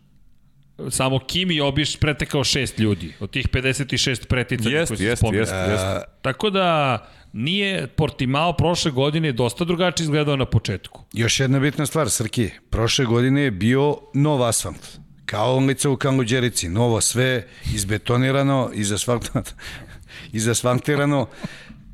Sad se taj asfalt ispostio, ono što kažu amatorio, drugačije će te gume da prijanjaju, drugačije će to sve da se dešava. Mislim da će potpuno biti različita trka u odnosu na prošlu godinu. E, Slažem se, pogotovo što prošle godine su došli bez suštinskih podataka. Ti sada imaš podatke. Ništa nisi znao šta se dešava. Znaš, vozači znaju, drugačiji je pristup i to će biti ipak drugačija trka. Pa evo, MotoGP je bio pre dve nedelje u Portimao. Miguel Oliveira ih je pojeo prošle godine. Ali što je Deki rekao, Deki potkonjak, M je imao motor gde nisi morao više da ga štediš, sačuvao si sve, pun gas, odvrneš KTM i da vidimo. Šta ti Bog da? Tako je, znaš stazu, ispratili te bajkeri i njih ne znam, 100 ga ispratilo do kapije u sredu, motivisan si, završena je sezona, prelaziš u fa fabrički tim, niko ne suštinski ne poznaje stazu, obavili su kratak test, ali suštinski ne poznaje, čovjek izdominirao. Ove godine, padovi, padovi, padovi, nije kraju, nije kraju nije osvojio ni poene. Potpuno drugačija trka. Potpuno drugačija trka. Tako da mislim da ćemo slično dobiti u Formuli 1. Ima jedno pitanje za mene je bilo šta će biti ukoliko Hamilton ne odbrani titul. Odlično pitanje. Ono što bih tu samo dodao dodatnu dimenziju, to mi sad pada na pamet, jeste zapravo i za jednog i za drugog način na koji će se boriti i kada će titula biti rešena, mislim da će biti mnogo važniji od konačnog rezultata iz, iz makar moje perspektive. Jer ukoliko Max se do kraja sezone bude borio rame uz rame sa Mercedesom i Lewisom Hamiltonom i obrnuto, ukoliko Hamilton se bude borio sa protiv Red Bulla i Verstappena do kraja godine, prvo dobit ćemo na jednu od boljih sezona, prva stvar, super, druga stvar, doći ćemo u situaciju da na osnovu tih sukoba i tih duela sudimo, ne sudimo, ali više znamo i o jednom i o drugom. Zato i ove već trke nam govore u prilog tome. Ako pogledamo, Bottas je kuburio na 8. 9. mestu, Hamilton ga je već pretekao za ceo krug. O čemu, o čemu dalje da pričamo? Da je Mercedes sada ultra dominantan? Očigledno da nije. Hamilton se dalje bori za pobede. Molim lepo, s druge strane, Max mnogo ozbiljniji, sve ono što ste rekli. Ali eto, to je ta 2021. Pazi. Mnogo veći pritisak će biti na Luis, on je taj koji možda izgubi više od Maxa. Ali se... Ono što je Igor rekao, u ovim godinama I... Maxovim a redko ko je imao ovoliki broj pobjeda. E, to treba vidjeti ko je uopšte imao u tim godinama ovoliko pobjeda kao Čovek u ovim godinama vozi Ljudi, sedmu sezonu. Izvinjam se, Tako imamo je. Joao Sousa, hello from Portugal. Hello, hello, hello Joao. Hola, obrigado. Dakle, tu smo, tako da je veliki pozdrav za, za našeg prijatelja. Travaho, travaho. Tako je, dakle. Doduše španski, ali ajde. Po, po, Posobu razero. Pozdrav. tako je. E, ima Krakić Josip hvali za ovu animaciju Bremba za kočenje u krivini 5, to je pohvali i tebi Vanja za za ovo što si lepo pripremio i što kaže... si pritisnuo dug. Da, nada se da će ovakve stvari biti više. Tako je. Kao overtiru u trke koji nas čekaju i pohvaljuje podcast. Eto, hvala Hoće. ti, hvala ti Josipe. Da, na, biće, na lepim biće još stvari, bi, i bacit ćemo baš dosta stvari I ono da što da sad suština, ne pričamo pre nego što uradimo. Ti se tebe svi hvale tako da pozivaju da opet budeš gost i tako dalje i tako dalje, eto, ne znaš da imaš Vidi, formula. ja to volim da zaobiđem. Formula E ga čekam. Hvala svima, e. ali ovaj, e da, to sam teo kad si rekao Formula E, čekam da kažem da ovaj Hamilton ako ne uzme titul ove godine, ide na groblje slonova, to je Formula E.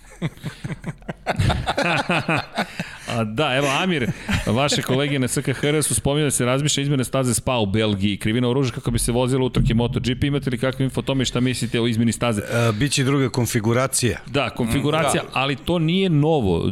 Velika nije nagrada novo, Belgije se, se vozila, ne, ne samo to, 80 miliona dolara investirano u izmene Jesu u SPA staze, da. i SPA će biti renovirano, mnogo toga će biti sređeno, ali kada je reč o moto trkama, ljudi opet YouTube-u i te, imate trke od 500 kubika, kraljevska kategorija, kategorija u neizmenjenoj konfiguraciji, neko drugo vreme, neko drugo doba, kroz oruž. Opet se samo Paja seća. Tako je, mi smo gledali samo snimke na da. YouTube-u.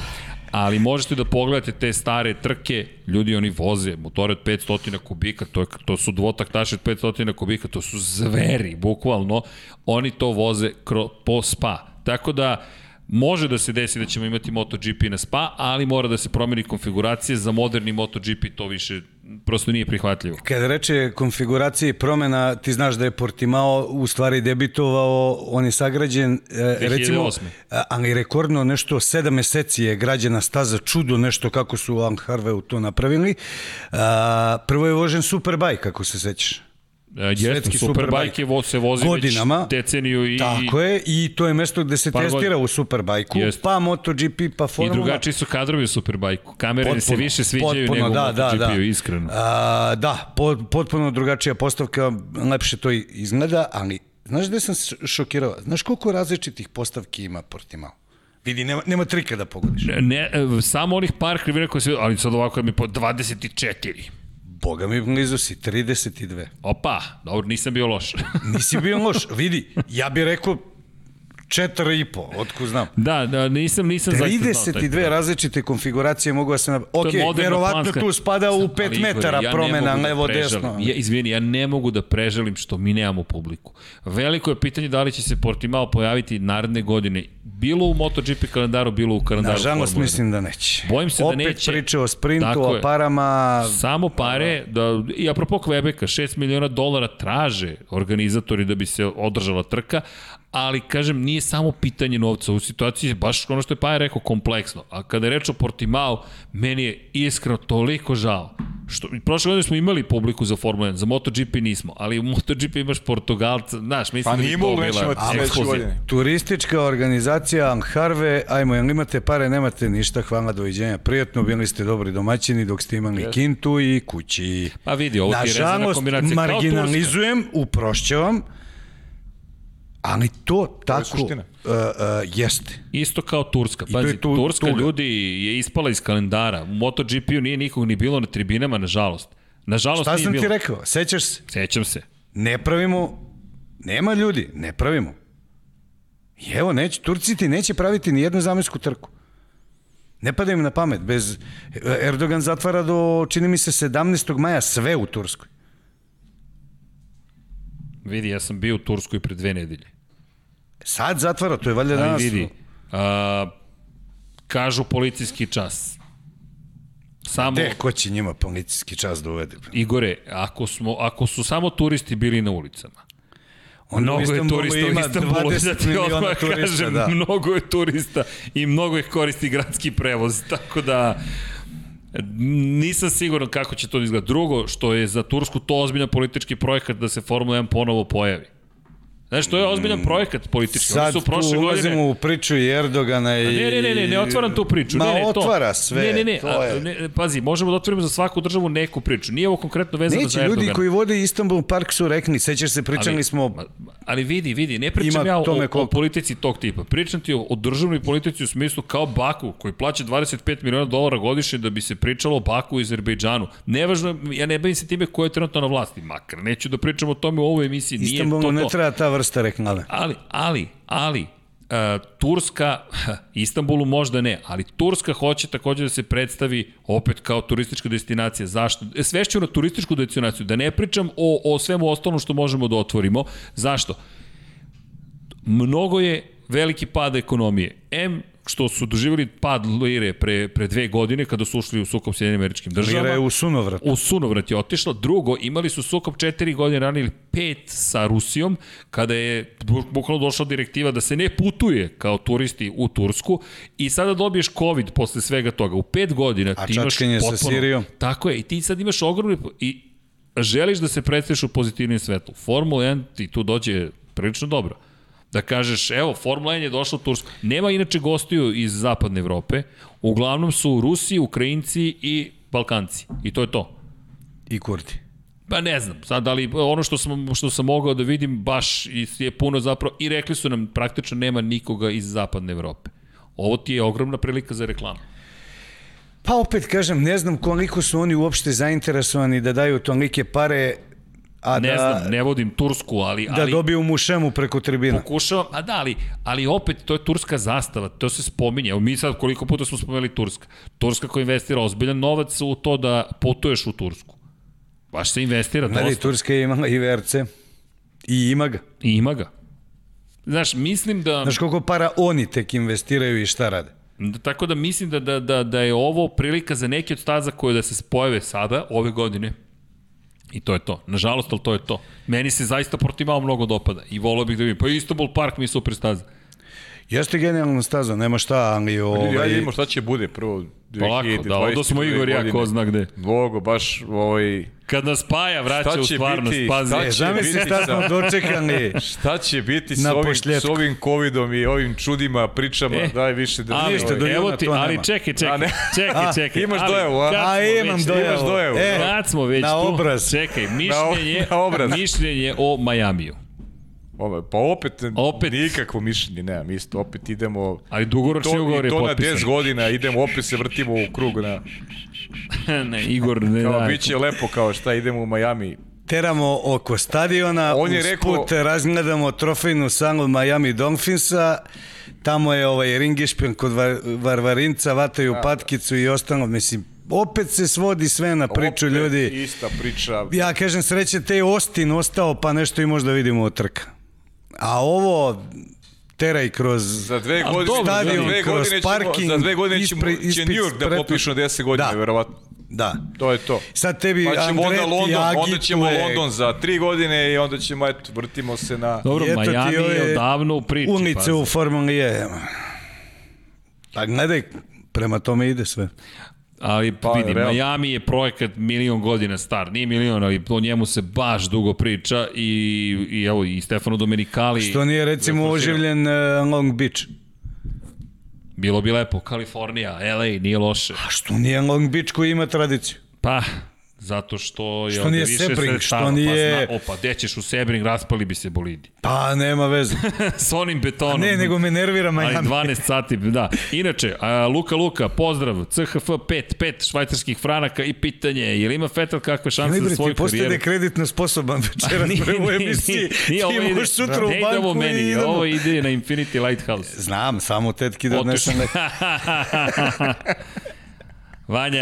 Vanja, Vanja mrežu razapeo, čeka da vratimo. Da Vanja čita samo ta vežba, pitanja, što je Vanja 100 vežba kinti, po 500 dva, kinti. ne, iskaču ti zeleno, ima dosta pitanja, ali ne mogu sve A, da stigne. Ali, Vanja, i da odgovorimo čoveku na pitanje, ide inače, ne, momci, čuvajte se, dva sata terenira redovno u teretani svaki dan.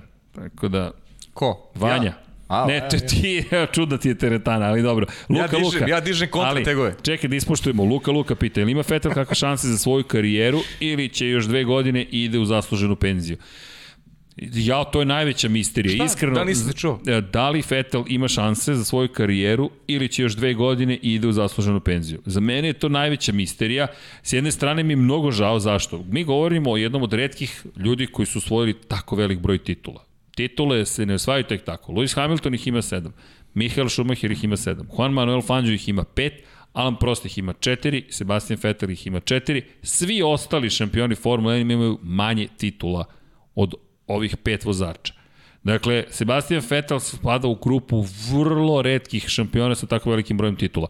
I nisu sve tek tako došle. 2010. u poslednjoj trci sezone, poslednje lude trke gde niko nije očekivao od njega da bude šampion postoje prvog sveta, 2011 pokorili su svet Red Bull i Vettel zajedno. 2012. poslednja trka sezone u Brazilu, udara ga Bruno Sena, čuveni otpadanje delova bolida, pobeda opet nad Alonsom koji je imao, Fernando Alonso u Ferrariju, koji je imao i onaj veliki incident u Belgiji, pa imao još jedan incident, ne mogu sad tačno da se setim gde, da li je bio Japan, na primer, I četvrta godina, to je već bila godina dominacije, poslednja godina atmosferskih motora, onih čuvenih devet pobjeda za redom, gde je Red Bull rešio zajedno sa njim da pokaže šta zna. Dolazi prva teška godina, 2014. kada ga Daniel Ricardo pobeđuje, tri pobjede za Ricarda u hibridnoj eri, ni jedna za Fetela, potpisuje ugovor s Ferrarijem, i projekat nije donio ono što su želeli da Nemac stopama Mihaela Schumachera u Ferrariju do osvoji titulu. Ali kako je izgledao prošle godine, kako izgleda na početku ove godine, kako izgleda već dve i po godine, krajnje problematično. Ne znam, Luka, šta da odgovorim. Iskreno, nadam se da će moći da, da nađe tu formu, ali svi smo sve skeptičniji po tom pitanju. Da, mislim da nije samo on kriv što je zaput takvo stanje, mislim da je Ferrari glavni krivac i to smo x puta naveli i kroz neke primere, a ja za razliku od Alonsa mislim da on može da se vrati i verujem da može da se vrati. Ne vidim da Alonso može da napravi bilo šta, Vettel u dobroj meri sada zavisi od ovoga što je Aston Martin loše otvorio godinu. Opet negde očekujem da će Aston Martin, Aston Martin biti bolji ove sezone i da od toga i zavisi nekako nekako to je sad samo lično ono kakav ja negde imam utisak vezano za o, o, Sebastiana Vettel. Mislim da će da se oporavi od ovoga što se trenutno dešava. Ja, Lukice, mislim da u startu pitanje je da li će da odradi još dve godine i to je to. Ja nešto sumnjam da će da odradi dve godine. da će čak i ranije da završi. Da. Jednostavno, pričali smo već o tome da se ne ponavljamo e, kao neka apatija, nedostatak motiva, letargija. E, Ne, ne mogu Fetelna da zamislim ovakvog da mu je sve sve jedno. Eto, to je recimo ono što je meni e, potpuno neverovatno. Znači njemu je čoveku kao da mu je sve sve jedno. Pa i se sećaš kakav je Alonso izgledao u McLarenu? Isto tako. A znaš kada je to bilo? To je ta problematika. Sećaš kad je to bilo? Ali nekako kapiram da, da, da velike vozači, znaš, da velike vozači, da se prosto loše osjećaju u momentu kada ne mogu da upravljaju uh, vozilom koji im donosi uh, borba za ono što su oni navikli. Ne znaš, mogu da je- mnogo utiču na svoju sudbinu. ne mogu da mnogo utiču. E sad, uh, hoću da verujem da Aston Martin može da, da ponudi Sebastijanu Fetelu nešto se zovu bolji uslovi. Moguće da isto što je vezano za Alpinu, da, da će Aston Martin sledeće godine biti biti bolja ekipa i konkurentnija ekipa u 2022. sa novim pravilima. Mnogo je tu uloženo, Igore, mnogo uloženo. Mislim, ako dozvoljavaš, mislim da tu ima mnogo veće priče od Formula 1 u Aston Martinu. Ja mislim da je cela sudbina brenda Aston Martin zavisi sada od tima Formula 1 Srki. Tako je. Pratio si situaciju, ne znam da li se slažeš sa mnom. Apsolutno. A, kineski konzorcijum je ponudio pare za preuzimanje tima, Lance Strong, uh, uh, Lawrence Strong ne daje. Toto Wolff Još. ulazi u priču, bravo, još. Uh, uh, najbitnija reč. Uh, dižu vrednost, pokušavaju rezultatima da podignu vrednost, jer vidi, ako projekat tima, mnogo para je survano u tim, ako projekat tima ne uspe, fabrika se gasi. Da. I već su oni smanjili broj radnika u Britaniji. E, to nisam oni znao, su u pregovorima podatak. A sa sindikatom već neko vreme. Šta mislite o početku prošle sezone ekipe? Ali, ali vidi, ima, jedan, veli, ima jedna velika razlika ove godine, a to je da njima suštinski ova promjena pravila je zaista isekla, izvukla tlo pod nogama. I e, Str- Stroll i Aston Martin se ne žele samo zato što će time pomoći Mercedesu. Ne, ne, ne, to je sekundarno. Oni moraju sebi da pomognu, Oni imaju muku, propade I, sve. Tako je. Oni su, izvini, u očajnom stanju. Pa evo zašto? E, moje mišljenje. Prošle godine Racing Point je pobedio u jednoj od trka. Pobedio. To je, po, ljudi, to je vrh sveta. Pa zovite vi nas Pink Mercedes koliko hoćete. Koliko god hoćete, mi smo pobedili. I ono što su govorili, koliko, ako ste gledali na Netflix da i Drive to Survive, ti kada pogledaš koliko se Cyril Abiteboul, tadašnji šef Renaulta, bavio Racing Pointom, a oni su stalno ponavljali neka se bavi svojim bolidom, neka se bavi svojim bolidom. Kako je život čudna jedna biljka. 12 meseci kasnije Aston Martin se bavi samo pravilnikom i drugim bolidima. Zašto su se pravila promenila, koji je bio proces, kako je ovo moguće, jednoglasno su usvojene nova pravila. Nemaš kopiran bolid. Ne, i, još gore, imaju dijelove iz 2020. Imaju Mercedesa. delove, ali koji im ništa suštinski ne znače. Ali, ali nemaš, prvo nemaš Luisa Hamiltona, to je trebalo bude Sebastian Vettel, nije u toj formi.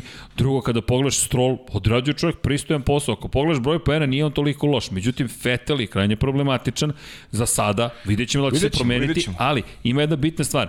Ovo što si rekao, Aston Martin je ogromna investicija. I zašto sam dodao rečenicu još? Mislim da si super rekao, a to je ti sada dižeš vrednost, ti praviš renome. Aston Martin odjednom u Formuli 1 nikad nije imao reputaciju u Formuli 1. Vozim, Bukvalno. vozili obe trke. Nije bukvalno, ali pet trka Imaš imaju. pet trka ukupno. Bez poena. Mi se stalno vraćamo na jednu te isto. Vra- Vraćamo se na, na, na, na Shelbya, na Karola Shelbya, zato što je Shelby seo u, u bolid e, pre 60 i kusur godina. Za one koji ne znaju, stalno ponavljamo, gledajte Shelby, Shelby Cobra, Cobra, samo googlajte Cobra. Shelby, kraj. To je jedan od onih ultimativnih vozila koje su stvorena. Shelby je jedino bitno što se desilo iz perspektive Aston Martina u Formula 1. 60 i ne znam, 8. 9. 59. na primjer. Tako I je. to je to. 59, 59. 60. 60. tako nešto. 61. Mislim, spojili su pet trka za, za tri je. godine. I to je to. I sada mi dobijamo zelenu trkačku boju Aston Martin, e, dolazi Sebastian Vettel, ti otpuštaš Serhija Pereza da bi oslobodio prostor za Sebastiana Vettela. Ti sada kupuješ četvorostrukog svetskog, ti, ti instant renome dobijaš. I nema rezultata. E sad, to je uvek rizik sa velikim A šampionima. nema ni instant rezultata, naš. Histerija kao kada su nastali Beatlesi. Da, ali Takva je histerija. jeste. A razočarenje je ogromno. E, pa zato što je tako malo, e, generalno u životu pravimo, idemo od, od onog, aj malo vreme, znaš, ideš od, stalno tražimo nešto, pre- nema instant rezultata. ne može Nema odmah. instant rezultata, ne može odmah. Mora, kao što traži, Ali kažemo, ovde su strpljenje. za razliku od svih, E, oni jesu. krenuli agresivno. Jesu, jesu. Aston to je Martin, greška, pa- očekujemo pobede, Pa čekaj, podijume. Koliko, koliko puta je Ferrari krenuo u sezonu agresivno pa, pa imao dva podijuma u sezoni? Jeste, ali pa još, ali Ferrari je Ferrari Formula 1, je stabilno je... finansiran uh, tim od strane fabrike koja uh, i u godini covid obara sve rekorde prodaje. Je, da, I koja jedina odbija da napravi električni automobil. još. Još. Čuješ šta kaže? Još. Još. Koliko ti je ona prava još, Još. bila na mestu, sad ti ova nije. Ne Vidi, kvari iluzije. Pa ne znam, ali nadam se iskreno Do da... 2025. smo mirni. to Ja baš zato mislim da će ova priča da će, da, da će biti na kraju uspešna. Mislim da će biti uspešna. Luka nas je odveo putem Aston Martina. Hvala, ja bih voleo zato e, što ne bih želeo da jedan uh, legendarni brend nestane. Jer uh, ukoliko Aston Martin ne uradi ništa, nestaje fabrika. To, to, to ljudi malo kapiraju. Mislim da je 2022. Oni su celu strategiju vezali, Mislim opstanka da, je- da vezali je za Formulu 1. 2022. ključna. A zato su i ušli. To je ono što sam rekao i za Alpin i da, tu mogu da se složim, apsolutno. Zato su i ušli. Ali e, e, doza e, preteranog optimizma, nerealna To očekivanja. To su sami to krivi. mi Oni nije su jasno s to njihove javnosti. strane. Da su to marketinški nešto pokušali da urade ili su bili ubeđeni da će oni biti gore, to mi je zaista apsolutno nepoznanica. Slažem se. Inače, je pitanje Ognjen jedno 12. put. Brzo pitanje koliko ti je informacija, kakva je situacija za ovaj vikend što se tiče F1, da li možemo da čekamo prenos na SK1 ili ili, ne znamo ni mi, nažalost Pa ne, da. nemamo pouzdane informacije, ni, nismo ni mi dobili, to, to se još uvek, ta, tak, takva je godina, određuje u poslednjem trenutku za sada koliko mi znamo, ne, mi još nemamo tu informaciju, volio bih da vam je dam, ali Ne znam, stvarno ne znam. Prat, pr- pratite, otprilike saznaćete vrlo brzo ka, kad i mi. programsku- programsku Ka- šemu Manje više kluba. to izlazi u isto vreme. I ja da vas ne bi davio, ja okrenem programsku šemu na sajtu pa vidim gde je šta. A da, sve si. Pošto pretpostavljam da vas milion ljudi zove i pita gde ide, Yes. kad ide. Okrenem sajt, programska šema i vidim kad šta ide. To je Najjednostavnije, imate, imate sve Opa. programe sport kluba i Ognjen Radivojić. Nije isti Ognjen. Ognjen je pitao za, za Formulu 1, a Ognjen Radivojić ne znam šta je pitao, ali ima mnogo pitanja, nisam stigao. Da. ima mnogo, ima, ima, ima ovaj, šta sam teo još, neko je, Dorijan Tičak. Dobro, to mislim da smo pričali, Dorijan, ovo, šta mislite da li će za trku Portimao biti najbitnija starta pozicije i da se neće puno pozicije menjati kroz trku? Možda kroz boks ili ako se desi neki safety car. Pa mislim da smo... Pa s obzirom, kroz boks teško, s obzirom da je ovaj, prošle godine nije bilo safety kara, Srki, koriguj, prati me samo i koriguj ako, ako pogrešim, nije bilo safety kara i bila je taktika uglavnom sa jednim zaustavljanjem Tako je. osim ko je morao da ide zbog ovog ili onog razloga dva puta ovaj, na zaustavljanje. E, ne mislim da neće biti nešto preterano preticanje i da će subote biti jako bitno. E, a Aco Novković, on pozdravlja nas iz Austrije, gleda, ajde da, da ovaj, hvala ti Aco na pozdravima, prati podcast od prvog. Šta mislimo, hoće li biti promene za narednu godinu što se tiče vozača, ko ispada, ko napušta, ko se rotira, veliki pozdrav uz digresiju. Kad biste mogli ranije da počinjete bar oko 8, radi se ujutro, a fino se raspričate. A zamisli kako je nama. Ustajem u pola sedam. radi se Zamisli mene, a treba još i kući da stigne. Ovo je odlično. Hvala. Pa ne znamo, to rotacija vozača i to, ne znam. Još je rano. Da, Rano je Još je mnogo da, rano. je Tu je, ova sezona, već da. smo se dotakli da će Mik možda preko Alfe Yes. u Ferrari, gde vidimo Ajlota, još je to rano. Jeste.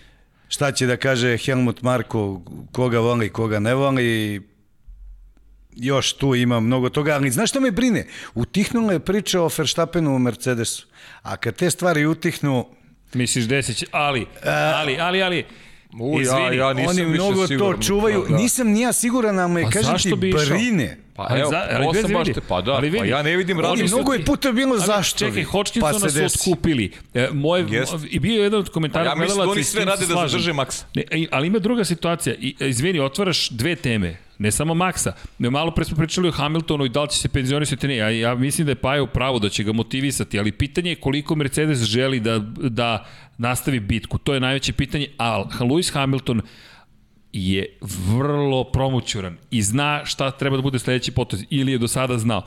Šta hoću da kažem? Ukoliko Hamilton, a prati, zna da nema više Cowella, da nema više Ellisona, da nema Hodgkinsona, da li će reći, hm, ostajem na ovom brodu ili je vreme za neki novi brod? A niko ne priča o tome šta ako Hamilton ode u Red Bull. Aj sad. Ajde, Aj ajde, sad. ne znam. Aj sad. Ne znam da li Matešić želi da ima još jednog Ne čoveka verujem. ili ne. Ne verujem. Znaš, to ti je, ili da se vratimo na, na čuvenu temu, Ferrari. Ferrari da. Ferrari da, to smo pričali. Ferrari Ne, možda bude ne, ne bih ulazio toliko duboko. Pa ne, ali, ali, Pa, mislim, ali mislim, da Max- bi, mislim da bi Ferrari ušao Sve u je taj... hipotetika, sve- Hipotetika je, da. Jeste, jeste, hipotetika, ali zašto bi mislim Max da Max, mislim da sada? Max sada nema razloga da ode. Sad više nema razloga. Pogotovo ukoliko ove godine osvoji šampionsku titulu. Ma ne, mislim onda da je- ta onda je dolazi, ta dolazi do preokreta. Onda je tu. Dolazi do preokreta. Ali svi pričaju da je Ferrari Ferrari. Pa jeste, U kakvoj god situaciji bio, jeste. Pa vidi, to je ono što smo rekli, to, to je ta razlika Aston Martin Ferrari. Ferrari je, je Ferrari, to ti i to ti je Formula 1 Ne, ja, Ferrari ja sam samo pričao apropo tih, eh, tih ovaj, obećanja Rezultata. koji Pa nemaju da, realnu to je- potporu. Znaš, to je, to je- Samo sam tu napravio vrstu poređenja, jer, jer nismo to čuli prvi put od neke ekipe. Bilo je tih izleta u... Pa seti se, setite se i tog McLarena sa, sa Batonom i sa Alonsom. I tu su bile neke priče kao mi možemo, mi smo spremni za ovo, za ono, a to je bila, to je sunovrat McLarena. To. Spremni su da Nema budu gore nikoji. godine. Sa dva šampiona u timu da onako ekipa izgleda, ono je jezivo bilo. jeste, ono je ravno katastrofa. Pa, Na osnovu očekivanja i izjava, tako ravno katastrofa. Katastrofa. I Katastrofa. čuvene izjave, motor Formule 2 i slično. To je direktno uticalo i na korake koje je kasnije preduzela Honda.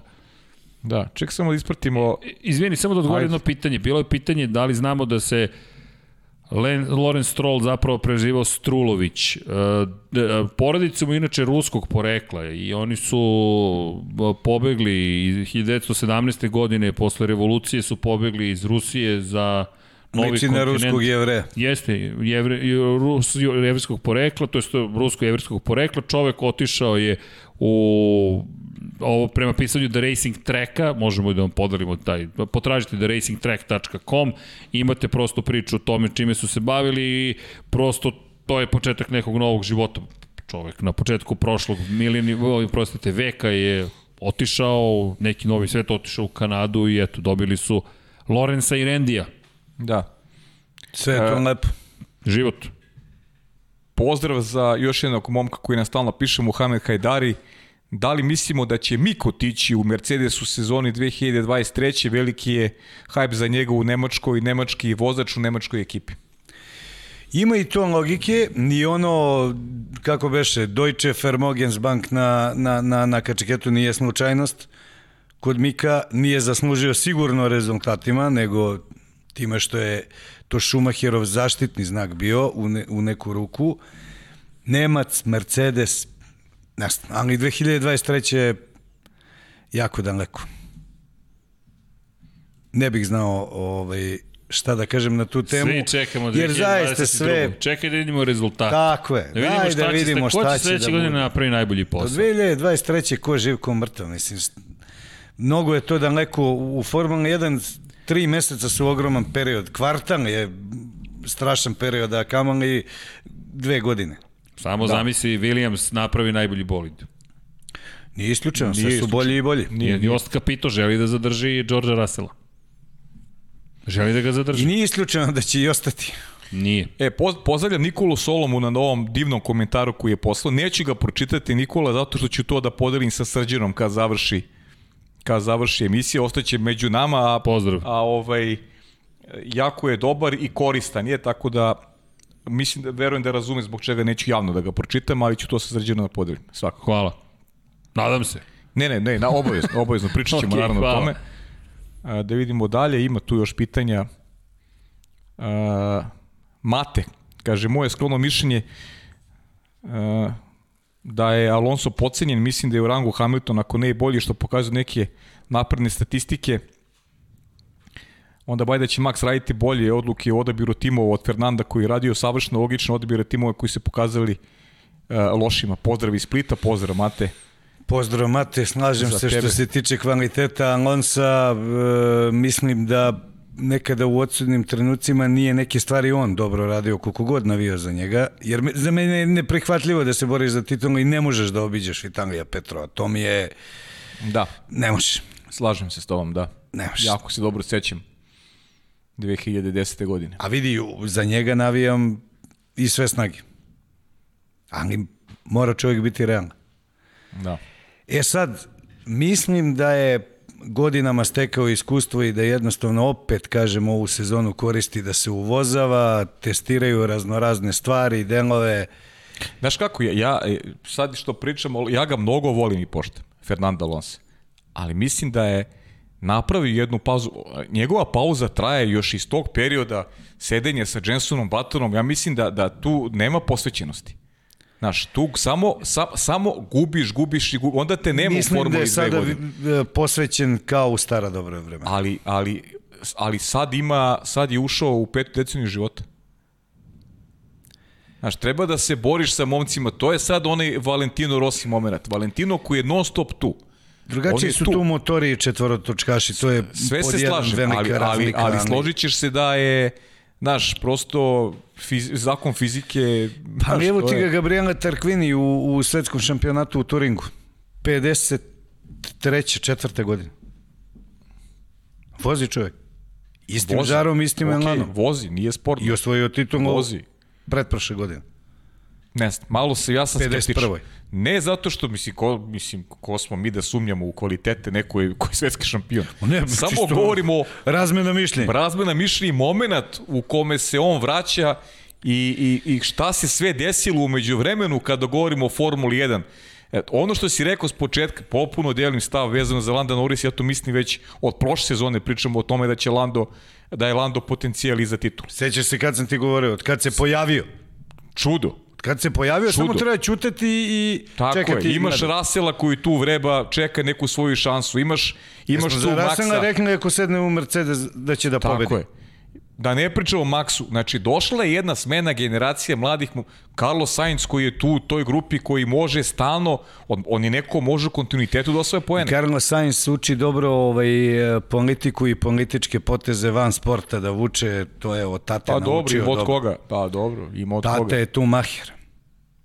Često koga. Veliki vozač nesporno. Pa, tata Veliki koji- vozač nesporno, ali tata koji će biti vrlo visoko u Pa možda, i- hijerarhiji. pa možda i predsednik, možda i predsednik. Da ne Možda i kažem predsednik.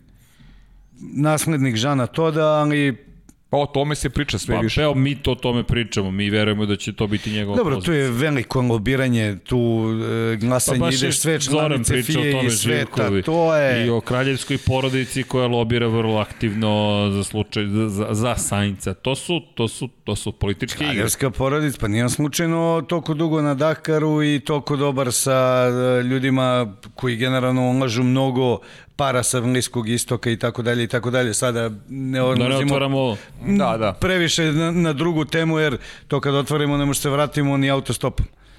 Tako da, Živa istina. pa jest. Tako da ovaj ima tu mnogo tema koje jednostavno traže vreme. Mm. I traže posebne priče. Da, inače, evo, da odgovorim još jednom, Ognjen, moj izvinjenje, pojama poruke, čisto sve proje sa ozirove skane, blja više dane u napred, program samo napred odlični ste. Hvala Ognjene, čovjek je i platio, ali Ognjene već smo bili odgovorili, ali ponovit ćemo ponovo, hvala u svakom slučaju za podršku, ne znamo još uvek kada će biti na sport klubu emitovanja, Da, da, da. to jest znamo vreme, ali ne znamo koji tačno kanal. Ja Pošto... znam i koji dan i u koliko sati, ali ne znam. da, da, To znamo ali svi. da, to znamo Pa svi. do, ali negde ne će da bude ljudi, to je... Da, da, da, da. Pa i za drugog, Pitanje ne. imamo za Formulu E. Da, treba da se dotaknemo Pa evo, ajde, gledao si trku. Pre Pa svega malo, pričamo da, o, mislim, o rundi broj 5 pričamo, pa E nisam Free gledao baš trku, malo sam... Ali kakav malo sam utisak? Zap... Utisak skandal. Skandal. Skandal. Pa jo, brate, rođen. Ne, ali, Znači, ali ne skandal, da ne, li ali stvarno je bio skandal. A- Ti nisi bio tu, skandal je bio. Znači, nisu završili I jedno... da sam bio tu ništa ne bi Pa promenio. znam isto, ali ja sam to video, veruj mi, sticam okolnosti, jer mi je bilo, zab, z- mislim, zabavno. To ni malo nije zabavno. Samo mi je žao što nisam tu trku gledao. Tu da trku. gledam kako... Jer pazi kako se namesti, struja. kako se namesti kad nešto što ne voliš dobiješ ovaj potporu da i ne treba da voliš, razumeš? Pa da. Posto ne voliš, ima razlog što ga ne voliš, znaš. Počeli, nestaje struja. Znači, u finiš trke nestaje struja. Svina 0,7%, na 1%, na, znači nestaje struja. I Valjda ladno vreme, to ko na kameri, kad, je, kad snimaš uh, ladno Pazi, napolju vuče baterije. Kao, kao neka, kao neka uh, animacija, kao neka igrica. Kao da gledaš neku igricu, znaš. Zujanje, neko čuješ i polako otkazuje struja, nema struje, neko je ukinuo, A kratak produžni. a kratak produžni. A, Mislim, sad se šalimo, ali stvarno je bio skandal. Pa šta, šta mislim da, da, da, Baš da je bio skandal, znači nije, nije nešto što, što populariše tu, tu priču, znaš. Ja inače, znaš, da tu delimo stav, inače ne pratim to, nije mi zanimljivo ni malo, ali ovo što se dogodilo za vikend je baš skandal. vidi, Da nema vanja ovaj jedan drugi je meni poslao kad Formula E pokušava da napravi krofnicu. Pa to je smejurija, upravo gledam u tog čoveka. da, ali vidi, ali... Onda ali, dođe V10 na Goodwoodu i Pa, izdominira. Da, ali vidi, ali to su promjene vremena, znaš, to su naša vremena. e, A ja rekao atmosferske promene. e, pa vidi, i one se događaju. Kako Da. si, kako si ti doživao cijelu priču? Ajde, e, pošto... ali, da, pa vidi, ja strašno poštujem e, razvoj tehnologije i strašno poštujem šta pokušavaju da urade iz jedne druge perspektive. Naravno da mi je teško da prihvatim bez zvuka trkanje, jednostavno pr prva asocijacija mi jeste to ono što smo i, i re, rekli da vidite u Monaku. pasulj. Pa, vidi, pa jeste, ali kad imaš visok krvni pritisak, nema soli. Pa, mo, ali moraš da jedeš Ne, na ali, ali pasulj, pusti sad, da jedeš ali sad, nego sad se fokusiramo na ovu trku. ozbiljno. Ova trka je bila Ljudi, ali vidi, baš i- ovo je baš ozbiljan problem. Mi govorimo o vrhunskoj tehnologiji. To je tehnologija koja će se primenjivati. Nije ni bitno da li se nekome dopada ili ne. Nego je point u tome da to jeste nešto što se događa, Igore, ti to vrlo dobro znaš. To je prosto... Znam i to nije ekološki ispravno, a i, i ti znaš da smo pričali o tome i Pričali znaš da nije tome. ekološki ispravno. Pa, o, o, to ti sad, gde zagađuješ? Zagađuješ koncentrovano tamo gde se generiše Svuda. električna energija i ono što je problem jeste odlaganje baterije. Ali, Proizvodnje. Tako je, ali i, i Nissan i, i Volkswagen već uvode sisteme da te baterije koje, ne, ne opravdavam niti govorim da su postigli neki neverovatan cilj, ali to je opet proces. Ti u nekom momentu počinješ neki proces. Ni motor sa unutrašnjim sagorevanjem, pa setimo se olovnih, olivnog gorova, goriva. Do polovine 90-ih olovo je bilo manje više svugde oko nas. Znaš, nije, nije to sve tako ni crno ni belo, ali jeste point u tome da se razvije tehnologija. Formula E tu treba da pomogne. I dok e, već se omasovio, već se omasovljava, električna vozila se omasovljavaju. Mislim da je prerano iz druge perspektive. Nemamo gde da odložimo te baterije, ali to je sad neka druga tema. E, Formula E je dobila ovde, to je, to je lep komentar bio na autosportu, ozbiljan problem za imidž, jer neko ko je seo u subotu, da, najveći problem što se o Formuli E nije ovoliko pričalo nikada. Sada, zbog fijaska, jedne loše trke u ovih 4-5 godina, svi pričamo o Formuli E i to jeste problem. Ja je ne opravdavam, Iskreno. ali morali su drugačije to da rešavaju. Mi se sad evo bavimo, pa je bio u prilici da gleda trku, gleda trku i taman dobiješ trk, mogućnost da dobiješ možda novog poklonika, ti prikažeš trku u kojoj pola njih ne stigne do Ne, cilja. ja nisam gledao trku, ja sam gledao taj, znaš šta je bilo Taj- interesantno, kad sam video da im je baterija svima na, Svima na- na nula- na 0,7, na 1%, na, naš, ono, imaš posljednjih pet krugova, ti se baterija na... parkirali kod taksisti kod jata. Ali vidi, aj, ali čekaj, ali čekaj, čekaj, ali vidi, seti se isto tako Imole, 80-ih godina. Prost je bio diskvalifikovan, ali je nasledio pobedu. A nije trebalo da, ni da se bori za pobedu. Nestane, A dobro, ne možemo ostaneš bez stvarno, goriva. Srki, ne možemo to da upoređujemo. čekaj, ostao si bez goriva. Samo Ali što vidi, nisi ja imao samo jednu stvar, uh, pokazatelj e, na semaforu koliko goriva ti je ostalo. Moram da te prekinem, izvini. Ne sve u redu, pričamo. A, ja sad tebe pitam, e, zašto opet je sve biznis, opet je sve posao? Zašto ne bioetanol? Najčistije gorivo koje postoji na svetu. ba, vidi, ali pitaš pogrešno... To niko, niko ne priča o bioetanolu i niko ne gura bioetanol kao formula 10% bioetanola da zadovoljimo verovatno neke e, ekološke standarde jer Ne, ovo ali- gorivo ali od vidi. e, 16 evra litar Ali- e, oči ispadaju od njega koliko je otrovno ali opet se to čisti od e, proizvodnje baterije. Ali vidi, vidi. Ali ti sad otvaraš temu koju ja nisam čak ni započeo. Ja, ja prošli put smo pričali o tome.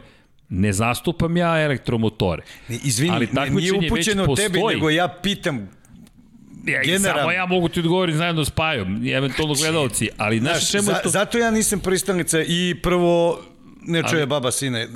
Pojačam televizor do daske, mislim Vidi. da sam ognovio, pa majke mi šta sme. Ja, prvi put kad sam gledao, ja nisam kapirao šta je. ti. Ja pojačavam, Ali- čujem frfće. Ali ono. vrati se 100 godina unazad. Ljudi su se plašili sus motora. I Plašili su se, to je samo pitanje vremena. Ja ne govorim da je to dobro ili loše, samo konstatujem da su se desile promene i, i neće, ni, oni- ne, neće stati. Ali ja gledam to iz perspektive trkanja, ja gledam te ljude koji, tu, pazi, to je tamo je ozbiljna grupa vozača, nisu ono neozbiljni vozači.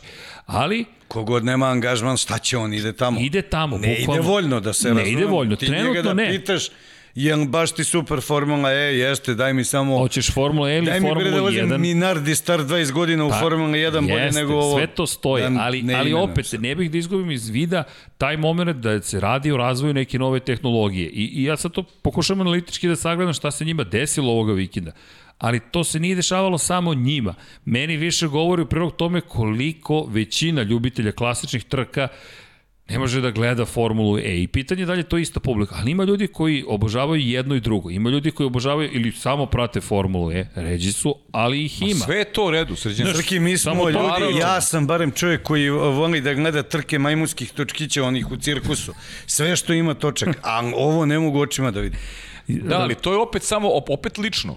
I to je lično, sad da, pričamo, nema mi ništa protiv. delimo lični stav. Gledajte vi, bre, te Kogod, trke. kogod, voli, to je super, znači ljudi, svako nađe sebi, pa pazi šta ja volim sve da gledam, ono, to je, i sad treba nekog da kinjim zbog toga što, što on Sad ne voli. ovaj ne voli Pa hokej. šta mi, da, nemoj da ga pravo voliš, ne ja voli. volim i to je, to je to, razumeš, znači nemamo sve u redu. Ja ne znači. mogu, ja kad čujem ono ko, ko, ko tosteri, ono kad e, frkću i frfću, odmah izgubim želju, Ma, ma, ugasim televizor. Ko, ko će to da gleda, ljudi? Bre? sve je okej, ali kažem ti, znaš, svako, sve ima svoju publiku.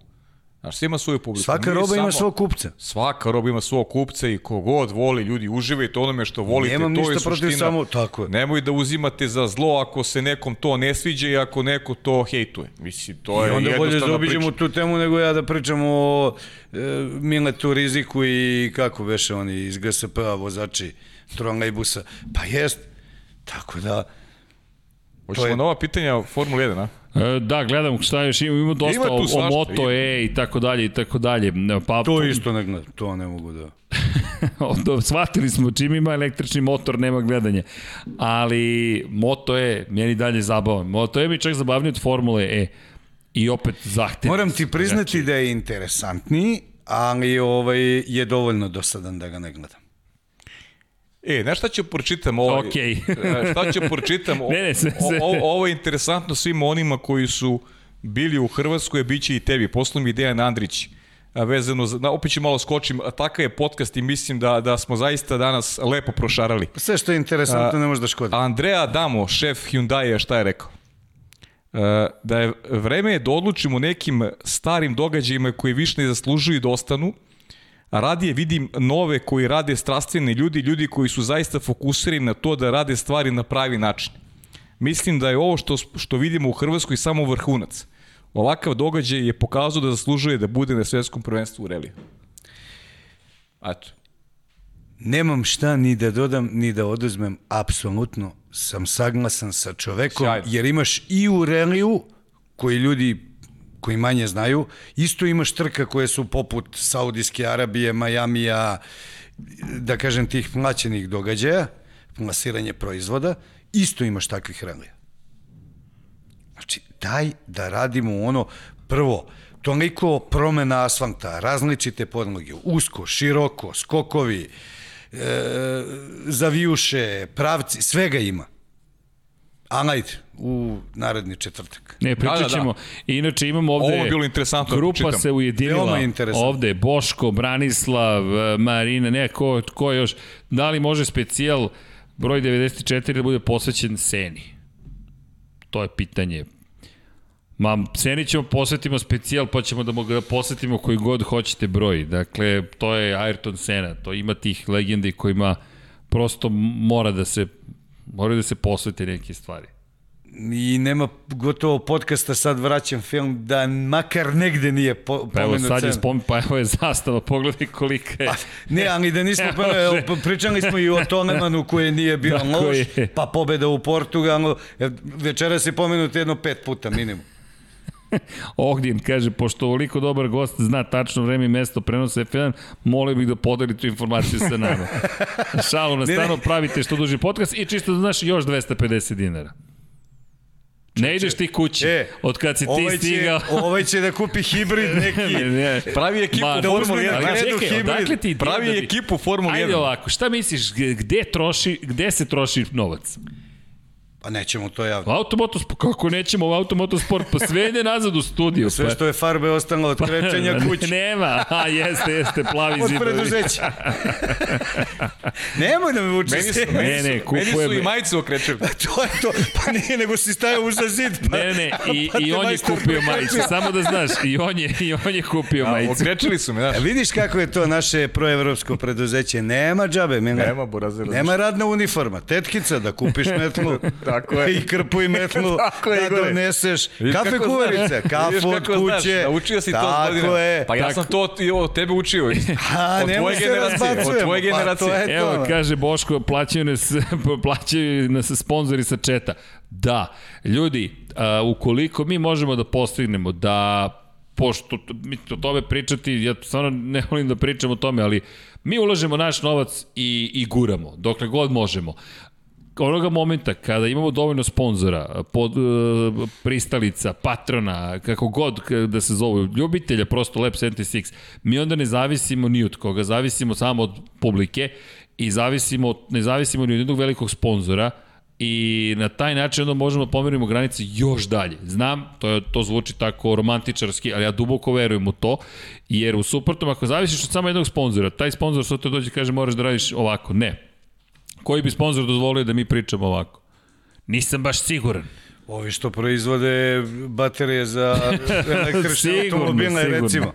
Ne, ali Da. morate razočaram. Evo dobio sam podršku, drži se Srki, tako je, držim se, nema. Romantika je umrla i na Karabur mi je, zna Paja o čemu Da. pričam, tako da od toga nema Srki, ništa. Srki, 50. Srki je- Ne, s- e, Srki možda nešto ne prati, ali, ali je Pajče. potkovan i znaš, znam, vrlo dobro. E, Evo, da, naježio sam se u obe ruke od ove emotivne priče. E, daj ure kupim te majice za 1000 dinara, koliko može da se uzme. Daj mi banu jednu, Evo. ako Turci u Istanbulu što prodaju Imamo. na, na bane. Ne, ne. Ali da, na popustu su trenutno. Mali popust. Da, samo za tebe. Samo za tebe. Halo Bin, kako vrat? Pravda za Što čet. opet su i E, e, samo jedno pitanje. Pravda Može za? li pot... e, Čekaj, če, pravda za čet. Srki, Za čet. da li će Igor da gleda reli kada bude prešao na hibrid? Ja, ja, to je pitao i Deki isto. Jao. Šta misliš? Ne? Hoće. Hoće. Pa ja ne, ja volim reli, ali e, e, mnogo benigniji će biti barem za sada hibrid u reli. Čekam ga, čekam ga. Da, da, da. A važi što neće ima da bude kod prvog drveta, šta ti? A ne najbolje da već nisu naši foru da će da voze etapu na, na, ovaj, na ovaj prekidač, na trofaznu struju, a brzinci će da voze normalno. Evo, Stomić 50 kaže, čitamo samo plaćene poruke. Nije, čitamo stalno poruke. Može Koje i su u šanse Robi, može i da u Mer- Robi. Koje su šanse da Mercedes u borbi, može i u gorivu, koje su šanse da Mercedes u borbi za konstruktorsku titulu izbaci Bottasa na pola sezona ako nastavi ovako loše. Pričali smo prošle E, to put o tome. pričali, da. Ajde, šta ti misliš? U- Ugovori su toliko jaki i ne verujem da je iko spreman da, e, da toliko e, penala plati na sred sezone nekoga da izbaci, da dovede nekog drugog, teško. E, jedino ako Toto Wolff koji ih onako tako lepo diriguje svojim vozačima, radi im šta hoće, Eto, pa ima dobro mišljenje. Šta ako dođemo do toga da Mercedes ne može da odbrani titulu u šampionatu konstruktora? Da im nedostaje vozač numero duo? Ja i dalje mislim da ne. Pružit će bezrezervnu podršku, podršku Bottasu, znaš one floskulne priče, a onda će na kraju sezone da ga kopačkiraju i kažu beži ne vraća se, da te ne vidimo više. To tako ide, mislim, sve u rukavicama uglađeno, a onda jedva čekaju da ti vide leđa. I to je surovost. I ovog sporta i biznisa generalno. Tako da mislim da od toga nema ništa. Muhamed Hajdari kaže, mislite da momčadi u 145 miliona treba dodati crash money za popravke bolida kao što je Bo Bottas Mazer? Ne. Ja mislim da ne treba. Da, da, da, isto. je. Da, do, i vidio sam ja tu poruku, da, isto. Ja mislim da ne treba. Kao što mislim da i treba salary cap za vozače uvesti. To je dobra priča. Ja, apsolutno, ali odmah je Leclerc skočio kad je čuo negde uh, predlog 30 miliona, pa kao ne, zašto ograničavati? Ja mislim da treba. Ja slažem se s tobom. Meni se dopada svi timovi isti Nemoj budžet. sve da pretvorimo u industriju, Ajmo. sve isto. Razumeš? Nemoj sve u industriju da pretvaramo i samo idemo za novom. Daj pare, daj pare, daj pare. Pokaži nešto, mora se trkaš. Pokaži da možeš da vučeš tim, kao što je Hamilton sad pokazao. Pokaži kao što je Verstappen naterao Red Bull da bude bolji. Tako je. Evo pitanje, Moraš da imaš neki uticaj. Moraš nešto da radiš. Moraš, moraš. izvini, Viola Wings, šta mislite o budućnosti Williamsa? Da li mogu da se vrate na puteve stare slave? Pa, Pa, stare čekamo slave sad- tu pa, 2022. da. Ra, rano je za puteve stare slave, znamo šta je bio Williams nekada, ali Opet polako. petogodišnji Plan ja, mora da ja postoji potpisujem da Jost Capito i, i, i, i cela ova Dorlington e, priča Da. kapitalno imaju desetogodišnjih mlada.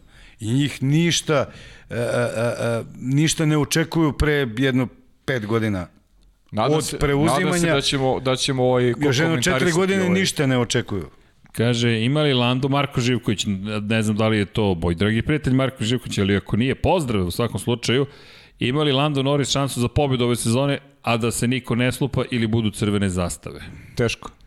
Da, čest, teško. Ima šansu da pobedi, ali rekli smo u kojim uslovima da se dogodi nešto vanredno na stazi. On, mislim da je on prvi koji može da iskoristi uh, taj nazovi rat između Maxa i, i Luisa Hamiltona. Mm, neću da dužim, apsolutno se slažem sa Pajom. Dobro.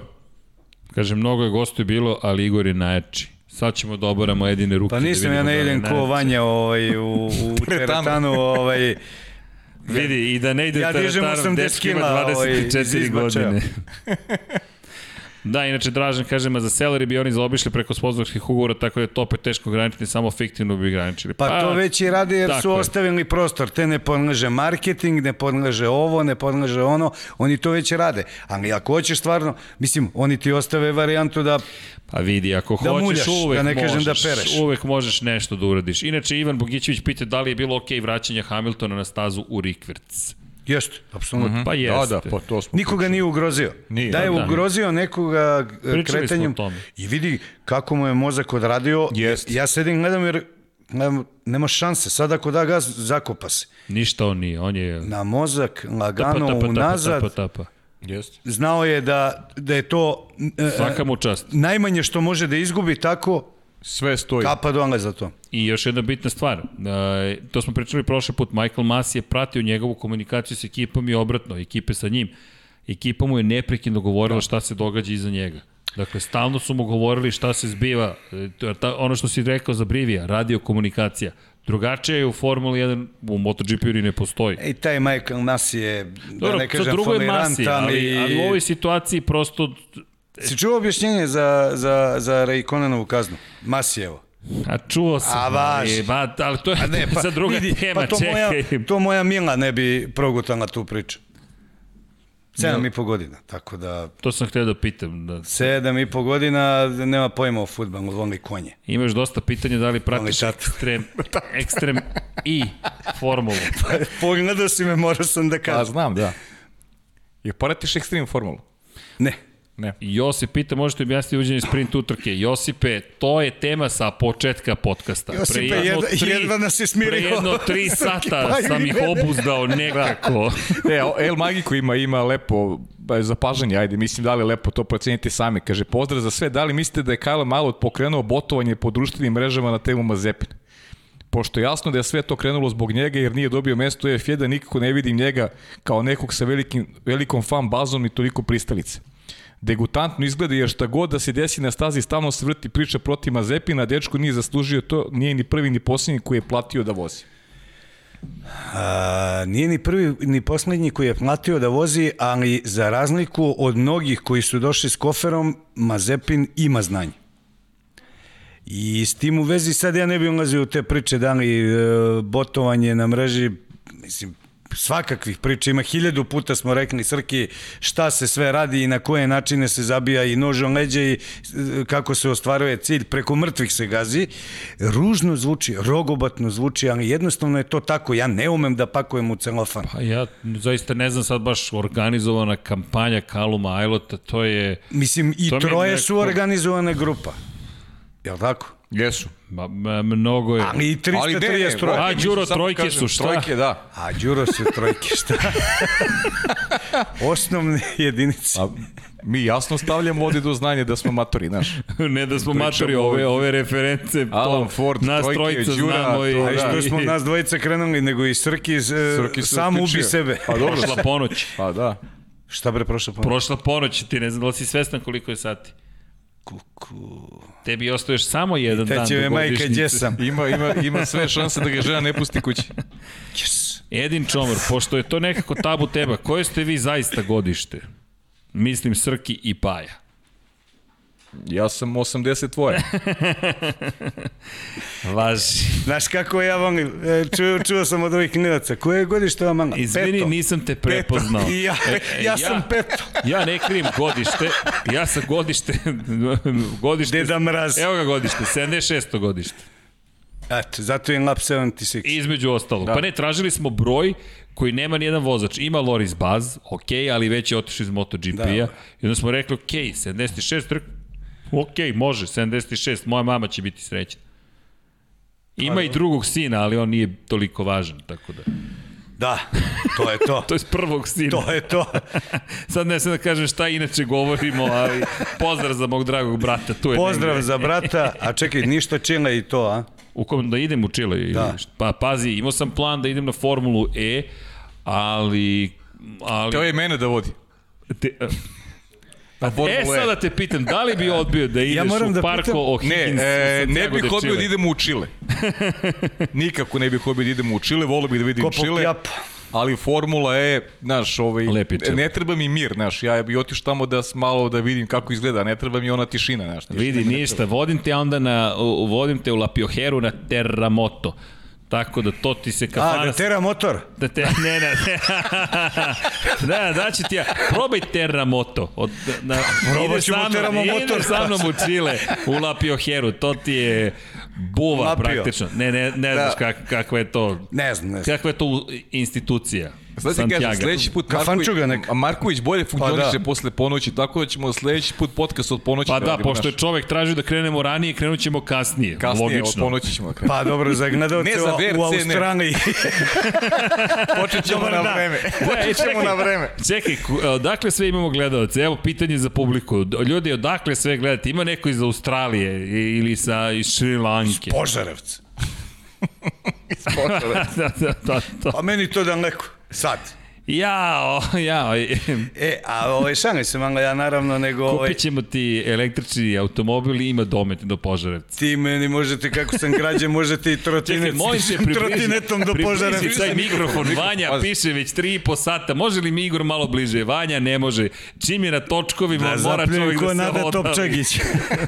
ovaj, e, a ja ću da iskoristim priliku da Ej. ovaj, e, javno mom m, školskom drugaru Mirku Cokoljiću, inače ovaj, pomoćnom treneru košarkaša Monaka, Uh, u ovoj emisiji javno najavim upad u gajbu za veliku na, nagradu Monaka. Nije me čovjek zvao, ali eto, ja ću iskoristiti E, pa priliku da lepo. se samo E, pa pozovem. lepo. Tako da... Ništa, kao predstavnik Lab Ne smeta 76. meni ako je on na putu, ja ću ja budem tu, čuvat ću kuću. I- Ti ćeš da snimaš sa terase, ja bih Pa rekao. sam normalno, pa. Zbog, zbog Lab 76. Ja i zbog visine. Tako ne vidim je. preko bankine. Da, a i da. pogledaj Andrejeve fotografije iz Monaka, nisu loše. E, E, inače, o, vrhunski su. Pozdrav, da, pozdrav. Hamburg, Tuzla, Pariz, Požarevac, iz Sobe, da Zagreb, Požarevac. Novi Sad, Šibenik. Mostar, Bjelovar, Makedonija, Bravo, ljudi. Travnik, Austrija, Ohrid, ljudi, po, magla i uh, Svaka čast. jezero Mars, ha, ha, Nelo, Nele, Don. Ne, Nele, kako je gore, genijalno. leti helikopter. Da možemo mi da dođemo. Evo pravim Kaže. Rijad Mostar, ali imam tetku u Australiji. Ako nije iz Kanade, ne vredi. u svakom slučaju, Devičanska ostrava, Kičevo, Te Viteški, Seljak, Cirih, stan. Orašje. Kao, a, ljudi, svaka vam čast. Sjajno. Nadam se da vas lepo zabavljamo, mi smo se skupili pričamo o Formuli 1 i još uvijek smo nekako u Formuli Ne, 1. ne, pa dobro, jesmo. Jesmo, jesmo. Održali smo se sa malim izletima. Preko i- tetke u Marko Australiji. 96 lepo, šta? pokušava nešto da pita, ali ne ide mu danas. Marko, evo, potražit ću pitanje, samo da vidim gde je Marko 96. Ima dosta pitanja. Ja, stvarno, ljudima svaka čast, ja kad pratim podcast, ovaj, gledam ono samo piče Da. na live chatu pitanja. Ne, sva, pa, ne mogu fenomenalno, povatam šta, šta fenomenalno. pitaju ljudi sve. Kaže, ko umesto Bottasa, Russell, Norris, Stroll ili možda Mick? Ah, Uf. Russell. Toliko zah, zakuvali uh, uh, uh, uh, Norris i, i, i Mick Yes. sa svojim protežiranjem za sada. Ne kažem, tek treba da vidimo kakav je vozač. Da li je vrhunski, ali uh, za sada i dalje da uh, uh, uh, George. Da, George. George. Ej, Tuzlo, Sečan, Oreš je, Kiseljak, Vitez, Niš, Kragujevac, Split, Gradačac, Čurug, Osijek, Aranđelovac, Tešanj, BG, okolina, Rovinj, Vranje, Podgorica, Monako. Ova, pozdrav za Monako, Kragujevac, Gde si bre Mirko? Donje Brijenje, Menja bravu. Svaka čast. Kragujevac, Bar, Požarevac, Firetown, Kraj univerzuma, da reši ničene, Sremska Mitrovica, ih, isa, ima, ima, ima ljudi. pa, čekaj da vidimo šta još ima, Donja Dubrova, Vukovar, Smederevska palanka, pozdrav svima, ljudi, wow, neverovatno. Svaka vam čast. Svaka Šta vi čast. trpite tri sata? Šta vi slušate? Kaže Lazar Slović, ajde da ispoštujem, pošto moli za ludu, ima ludu teoriju. Pazite sad. Kaže, Max gubi titulu usled kvarova, lošeg razvoja Red Bulla za jednocifren broj poena. Ljut na Red Bull potpisuje ga Toto Wolff za Mercedes, Horner mu ne ostaje dužan, potpisuje Rasela, Hamilton se povlači kao vozač osam titula i gomila rekorda, ali ostaje u Mercedesu kao konsultant u časti sećanja na Nike Laudu. Genijalno, a onda je mrmot zamoto čokoladu. Ne, ne, genijalno, dobro, dobro, lepo je rekao, luda teorija. jeste, jeste. Kaže Semin, kaže, zbog vas nisam skonto da je pola prošlo noći, ja moram na posao. E, moj, nismo ni mi Nije skontali, ni on skonto, njega čoveka čeka. ne verujem, koliko je sati. Anga pa ja u rudniku ujutro, bre. Šefe, ja mogu da kastim? Gde on spava, bre, uven, neko čovjek. Okej, Hoćemo da se polako pozdravljamo. Pa možemo, možemo. Va, Vanja ima Vanja, već evo. godinu više. Vanja, klima, Vanja, Vanja klima glavom podcast. o, ovako. Da li to Vanja, znači, Vanja će to da znači nam da, e, verovatno. prezentuje e, snagu karate kide iz teretane, ne budemo završili, će pobaca ovde ko kegne. Da se to ne bi dogodilo, srđene, Čekaj, ima, evo jedno ozbiljno pitanje, Ajde, samo izvini. Edin ajde. Čomor, ima jedno zaista ozbiljno pitanje, pošto me inspirišete, gledam taj put novinarstva, ali mi jezik nije jača strana kolika je to kočnica. Sad kad kažete jezik vam nije jača strana, šta to konkretno znači? Inače, i ovaj posao je u velikoj meri zanat. Da se razumemo, Pa sve, Talent sve je znači, zanat, sve ali zanat. verujte, zanat Bravo, je u velikoj meri. Kako ne? Zaista. I e, znate kako, kad, ja, pa ja smo pokušali da izbrojimo koliko smo ustanovili da smo imali prenosa, ja ne znam, preko hiljadu prenosa, Znate, kad uradite prvi, pa drugi, pa treći, ni ne znate kad je došao taj A hiljaditi. prvo što smo ti i ja onako, bi- ti i ja smo onako uvezani sa, sa nekim početcima, Jeste. jer mi smo više bili pisan, radili pisano novinarstvo, nismo sebe ni zamišljali Jeste, o, To je moj fetiš, pisano novinarstvo. I- i moj fetiš Nikad mi nije privlačilo, jako više imam televizijskog i ovog. Tako je. novina, Samo pisano Pisan, I novinarstvo. mene isto, samo pisano i evo vidiš kako ti, znaš, kako se obrne krug i to je to, stekneš Može. neko iskustvo, pa Govor prvo jezika- slikanje bude onako, znaš, Edine, kaže govor se. jezika je engleski. Edine. da, da. Samo o, upornost pre svega disciplina. A Trening. Čitajte, na, či, čitajte, pišite. Zatim, i bilo koji jezik da je, uzmite, pošto volite Formulu 1, uzmite i čitajte na engleskom što više možete. A onda... Misli na engleskom. To, pišite na engleskom, to su misli pretočene, ne veze koliko je tačno ili netačno, imate toliko na online servisa koji će mi ispraviti i korigovati to što, go, to što imate i dobre kurseve online da pričate sa nekim, a u krajnjem slučaju možemo da izmislimo u, evo, ludilo je krenulo, napravit ćemo emisiju na engleskom i pričamo samo na engleskom. Da, baš smo ovaj, pomogli. Da, to baš da ono... ne, ne, čovjek zaista ima želju i cilj, kaže ko hoće... Nelson Mandela zgrada. da, da. Ko hoće nađe način, ko neće tako nađe izgovor. Ali Uvek podrška. je to tako bilo. Pa jest, ma manje više tako, da. Manje više tako. Da. Ljudi, šta da vam kažem, hvala vam za pažnju koju ste nam ukazali i ne zamerite, ali moramo polako da se odjavljujemo. ja, potonut ćemo u stolnici ispod stola, ostaćemo, zaspaćemo da. dole. Gledajte ne, sutra, gledajte sutra Srđana i Dekija, a od nedelje se družimo, vidjet ćemo sa kakim rasporedom. Da, ali biće raspored, biće specijala i naravno za, za vikend pratiti Formula 1 i MotoGP i NASCAR i sve što ima trkanje i elektromotore. I Moto E ima prvu trku, ali dobro. Ne, ne, ne čuješ, ne, ne, čuje, baba. Nešto uslušam, ne čuje. Ljudi, stvarno, veliki pozdrav i naravno, kao i uvijek što kažemo, vodite računa jednim drugima, mazite se, pazite se, uživajte u trkama i lako je biti, lako je da bude planeta malo bolje, svi se malo potrudimo i bude lepše. E, očisti za sobom. Kažu, kažu ljudi, očisti za sobom, ne baci đubre. I još to je ekologija, hvala, a ne struje. A poseban pozdrav za ekipu iz Kladova. E, ljudi, neverovatni ste. šampioni. Baš osvojili ste nas maksimalno svi zajedno. Ljubimo vas i, naravno, Ćao svima. Ćao, čao, čao sve najbolje.